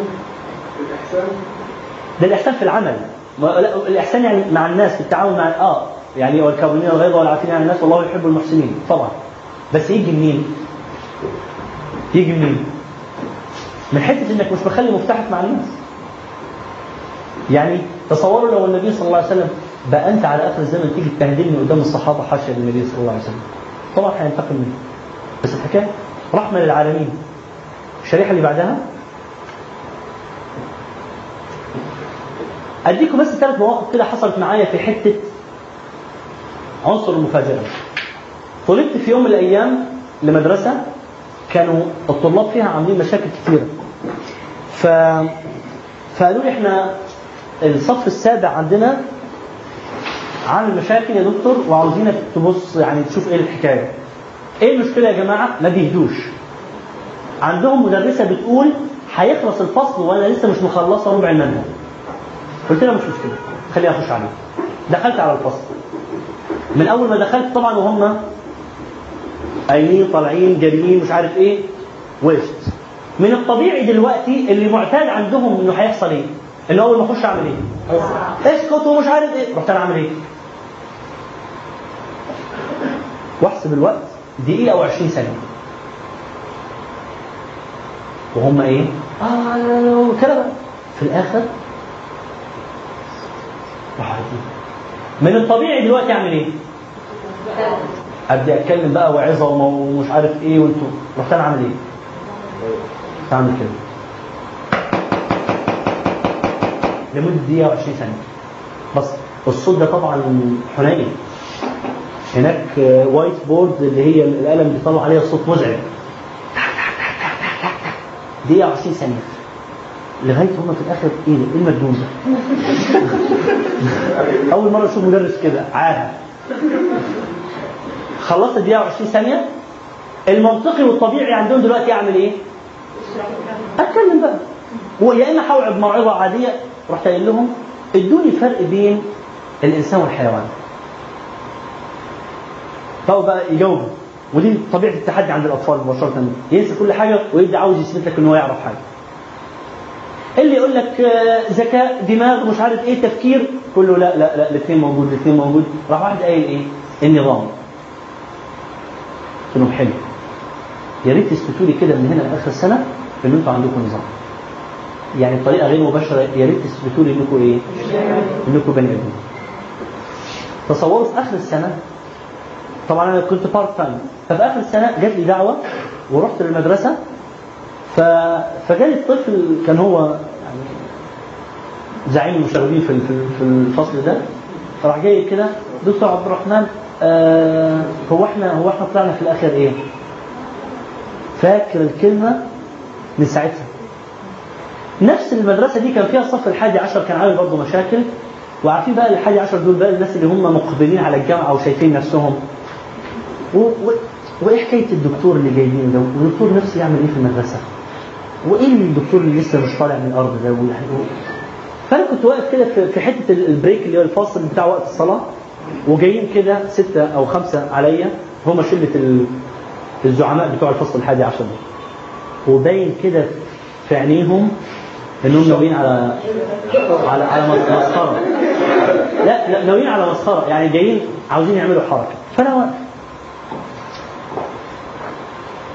السلام عليكم. وعليكم السلام ورحمة الله. فراح الزعيم بتاعهم كده. يا دكتور عبد الرحمن الحقيقة أنا عايز أكلمك في حاجة. اتفضل. قال لي أنا بحب. الاستجابة الطبيعية هتبقى إيه؟ حب إيه ومسخره إيه ومش عارف إيه روح صلي ومش والحق زملاء. صح؟ قال لي أنا بحب. قلت له أنا بحب. إيه المشكلة؟ طبعا أنا لو اصور لكم المشهد كنت هتلاحظوا الحكاية. بالظبط كده. عبد الرحمن أنا بحب. ومستعد بقى عاوز يضحك. على ردة الفعل اللي هتطلع اللي هو متوقعها فلما قلت له وأنا بحب. إيه المشكلة؟ راح. لا أنا لا دكتور أنا بتكلم بجد أنا بحب. له وأنا كمان بتكلم بجد أنا بحب. أمال مراتي هعمل فيها إيه؟ فراح كلهم طبعا. طبعا بالمناسبة إحنا دايما بنقول زي ما حصل في الموقف الأولاني. دايما كل موقف تربوي أتبعه أو أتبعيه بنصيحة تربوية. ما طلعوش كده وبس تضحك عليه وخلاص. قلت له بص هو في فرق بين حاجتين بين إنك تحب وإنك تبقى غبي. الحب الحقيقي إنك تحب حاجة تفضل معاك في الدنيا والآخرة. والغباء إنك تحب حاجة تتفاجئ ليه يوم الصباحية إنها مش هي اللي أنت حبيتها. أو ينتهي الحب ده في حفرة اسمها القبر شوف أنت بقى من انه نوع منهم. أنت بتحب الكد ولا راحوا اللي حواليك تعالى ضحكين عليه مش عارف إيه. مشي أنا بقى بستعد إني أمشي. راح واخدني على جنب. دكتور عبد الرحمن طب ممكن أكلمك بجد دلوقتي؟ قلت له بعد الصلاة. والشخص ده لحد دلوقتي علاقتي معاه الكلام ده من سنين من الموقف ده كان ممكن أخسره أو أكسبه نفس الشلة دي بعدها بكام يوم كده واقفين مع المدرس فبيقول لهم إيه السي دي اللي عندكم ده؟ فواحد بيقول له ده سي دي لبوب مارلي بيقول له مين بوب مارلي ده؟ طبعا أنا معدي فأنا عاوز أستغل الموقف فقلت له يا أستاذ معقولة ما تعرفش بوب مارلي؟ طبعا هم دلوقتي عمالين إيه؟ يعني آه هيتكلم أهو هيغلط قلت له معقولة ما تعرفش بوب مارلي؟ ده راجل كان بيحترم نفسه لدرجة إنه انتحر الكوكايين فواحد فيهم كده متغاظ قوي وأنت تعرف بوب مارلي منين؟ قلت له انت تعرف إبليس منين؟ أنتوا ملاحظين كلها عناصر مفاجأة وأنت تعرف إبليس منين؟ إيه اللي جاب إبليس على؟ قال لي أنا أعرف إبليس من القرآن قلت له وأنا أعرف بوب مارلي من المجلات بس الشبه بقى اللي بيني وبينك أنت عرفت إبليس من القرآن وما عملتش في اللي بالقران وأنا عرفت بوب مارلي من المجلات وما عملتش في اللي بالمجلات الشلة دي بعدها بتتخرج وتتصل دكتور إحنا طالعين أمريكا عاوزين نجتمع معاك. هما يجتمعوا ليه؟ هو عم- بالعكس ده المفروض يكرهني. المفروض إن أنا طلعته يسألني واحد من الشباب مرة بيقول لي أنا أبويا بيني وبينه مشكلة. اللي هي بقينا أنا وهو موظف وم- ومدير. مفيش العلاقة. بقيت بقيت عايز عايز القبض ده اللي أنا اقعد معاه مفيش قلت له خلاص في يوم من الأيام تكلمه قلت له بابا أنا جاي لك انزل من الشركة. قال لي مش هينزل. قلت له ليه؟ قال لي أي حاجة من غير شغل مش هينزل. قلت له قول له حاجة لها علاقة بالشغل وده مش كذب. أنت فعلا عايز العلاقة بينك وبينه تبقى كويسة علشان الشغل. قال لي طب وبعدين قلت له تنزل يقعد جنبك تمشي شوية وتروح راكن العربية ما تبصش في عينه لأنك مش هتقدر تعملها وتروح ماسك ايديه كده وتقول له انت ما اشتقتليش؟ قال لي انت فيلم هندي. اقعد ابوه قلت له يا فلان جربها. انت اللي هتعمله دلوقتي هتهزه هتوقفه من يعني زي اللي ماشي وعايز حد يوقفه. هو محتاج الحركة دي. قلت له صدقني وهتعملها وهيبقى ردة فعل مش هقولها لك كده لما تعملها. هو كان طبعا كان جاي من الأردن وراح راجع تاني. بعد ثلاث أربع أسابيع جه. ها عملت إيه؟ يا عم. قول لي حاجة ثانية قلت له هو ده اللي عملته؟ تقعد معاه وتفتح الملف ده معاه راح رجع تاني. ما بقدر. قلت له خلاص هو ده. ومنزعج طبعا. قال لي أنا أنا ما بشوفوش. ما بنطلعش مع بعض. بيجي ده حتى الويك إند بنجتمع الشغل ال- ال- الغدا كله شغل شغل شغل. قلت له هو ده اللي عندي. بتحب والدك بجد؟ ما تبقيش الحاجة السلبية جواك. طلعها. الحتة دي لمست شوية كلمني بعد فترة. مش مش بقى جه دبي. لا كلمني من عبد الرحمن أنا مش عارف إيه كلمت والدي. قلت له ها حصل إيه؟ قال لي أنا عاوز أعرف أنت كنت متوقع إيه؟ قلت له متوقع اللي حصل. قال لي وأنت متوقع إيه؟ قلت له عيط. قال لي آه. قال لي أول مرة من فترة طويلة. قال لي وأنا لقيت نفسي كده منكب عنده وبعيط على كتفه وبقالي كتير. قال لي الموقف ده فجأة كده راح معدي عليا كل شريط بقى حياتي وأنا صغير وبلع ما في الحاجات دي اختفت كان لازم حتة عنصر المفاجأة عشان يعملها طبعا حاجات كتيرة مش عاوز أطول بيها فاكرين إحنا قلنا هنتكلم على مفهوم الأجر الذاتي تلقيت واتكلمت ومش عارف إيه يبقى فاضل حاجة إن كل اللي أنا بعمله هتلقى الأجر في الآخر واستشعره فين؟ في نفسي. فاكرين حتة الم... المرايه اللي أنا أديها علشان تعكس عليا. يجب أن تعلم إنك أنت اللي بتعمله في الآخر هيجي فين؟ هيجي ليك. لأنك لو استنيت الكلام ده كله آه أنا بعمل كده علشان دكتور عبد الرحمن قال لنا اعمله كده علشان في الآخر الناس هيتبسطوا منك. غلط أنا عاوزك تعمل كده علشان تبقى مطمئن ومبسوط من نفسك وتدي حاجة لنفسك تلقائيا الناس هيجوا معاك. الشريحة اللي بعدها؟ من المهم جدا في التعامل مع الآخرين إنك زي ما سمحت لنفسك إنك تؤثر في الآخر إنك تسمح إنك إيه؟ إنك تتأثر به. حلو جدا إنك لما تيجي لشخص تقول له يا ريت تدور لي على الحتة دي وتديها لي أصل أنا ما أعرفهاش. يا على السعادة اللي هتديها له. وأنت لما اديت له السعادة اديتها لمين؟ اديتها لنفسك. قد إيه لطيفة إنك أنت تشعر الآخر إن أنا بديك المجال إنك تقول. دي الشريحة اللي بعدها. تصوروا إن النبي صلى الله عليه وسلم راجع من صلح الحديبية ما عندوش حل. الجماعة الصحابة مش راضيين يحلقوا مش راضيين ينحروا يروح داخل على أم سلمة. أعمل إيه يا أم سلمة؟ تصوروا الشعور جميل قد إيه إن أم سلمة هي اللي عملت التشريع بتاع اللحظة دي. تصوروا جميل قد إيه في مرونة النبي صلى الله عليه وسلم إنه يجي عند الحباب بن المنذر يقول له أو الحباب يجي له أهو منزل أنزلكه الله أم هي الحرب والخديعة؟ لا هي الحرب والخديعة يا حباب قول لي أنت عندك إيه؟ إني لا أرى ما ترى أرى أن ننزلهم أن نأخذ عين بدر فنمنعهم الماء خلاص وراح مغير القوات المسلحة كلها بناء على رأي شخص إيه؟ لا يتجاوز التاسعة عشر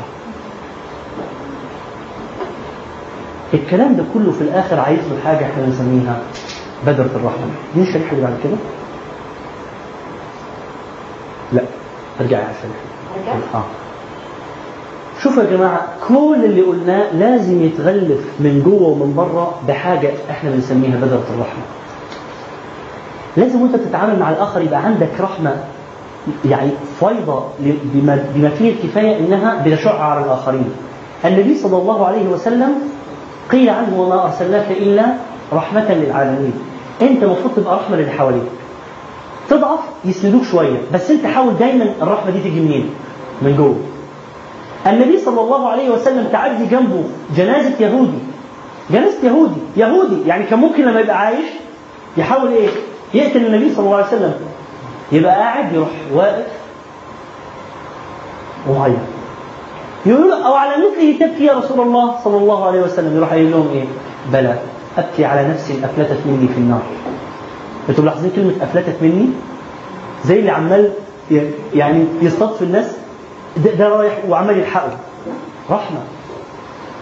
من قمم أمثلة الرحمة في القرآن الراجل اللي وجاء من أقصى المدينة رجل يسعى. المفروض يقول أنا ماليش دعوة. أصل بعثنا لهم اثنين فكذبوهما فعززنا بثالث. ومع ذلك حامل الراية وعنده مسؤولية وعنده رحمة مش قادر يقعد من غير ما يوصلها للناس. قال يا قوم اتبعوا المرسلين اتبعوا من لا يسألكم أجرا وهم مهتدين راحوا عاملين بيه إيه؟ قتلوه دخل الجنة. خلاص ربنا ربنا بقى ما يوريها لكم. مش أنا دخلت بقى, بقى قال يا ليت قومي يعلمون. حتى وأنت هناك؟ حتى وأنا هناك. يا ليت قومي يعلمون بما غفر لي ربي وجعلني من المكرمين. في الآخر كده نفكركم في التعامل مع الآخر في حتة مهمة جدا. في أي حتة تقف فيها في التعامل مع الآخر؟ شوف هل أنت واقف في حتة ولسه مزرجن عند نفس طريقة التفكير؟ لو كنت كده يبقى لازم تعمل إيه؟ تغير طريقة تفكيرك توصل للشريحة اللي بعد كده. غير طريقة تفكيرك تحصل على حلول أخرى. الشريحه الأخيرة؟ إزاي؟ أنا بكلم صاحبي كل يوم بنفس الطريقة. يا فلان أنت لازم تاخد بالك من نفسك. يعني حتة الصلاة دي أنت عارف ربنا يعني ده أول حاجة تسأل عنها يوم القيامة. وربنا يعني مش هي... ده حتى مش هيبص في وشك لو لو ما صليتش. الحتة دي مباشرة واضحة وبتتكلم قوي على حتة الترهيب. تعالى بقى الحته اللي إحنا اتكلمنا فيها. سوق لنفسك الأول. وما تتكلمش في الرسالة مباشرة. واتكلم في حاجات تانية. اتكلم على أثر الصلاة. اتكلم على الطمأنينة اللي انت تشعر بيها في الصلاة. اتكلم على وما تجيش ناحيته. ما تقولوش انت. آه، غير طريقة. وغيرها وغيرها. الأمثلة كثيرة. قال لي صاحبي أراك غريبا. دي خلاصة بقى الأنا والآخر. قال لي صاحبي أراك غريبا بين هذا الأنام دون خليلي. قلت كلا بل الأنام غريب. أنا في عالم وهذه سبيلي. اللي أظن الأخيرة. باختصار يا جماعة اللي أنا عاوز أقوله وأنت بتتعامل مع الآخر يا تتعامل بهويتك يا فجأة هتلاقي نفسك بتتبع آثار الناس ومشغول بيهم ومفتاحك عندهم وفي الآخر تقول غريبة. هم الناس ليه ما بيتأثروش؟ هو أنا ليه ضعيف في التأثير على الآخرين؟ هو أنا إيه المشكلة اللي يعني عندي في التعامل مع الآخرين؟ نتوقف هنا وغدا ننهي مع التخطيط والإدارة والتنفيذ مع أمثلة تختصر الدورة كلها ونديكم بقى الواجب بتاع الدورة والجدول اليومي اللي ننصح بأنكم تمشوا عليه عشان تبدأوا بداية كيف تولد من جديد سبحانك اللهم وبحمدك أشهد أن لا إله إلا أنت أستغفرك وأتوب إليك. سبحان ربك رب العزة عما يصفون وسلام على المرسلين والحمد لله رب العالمين. والعصر إن الإنسان لفي خسر إلا الذين آمنوا وعملوا الصالحات وتواصوا بالحق وتواصوا بالصبر.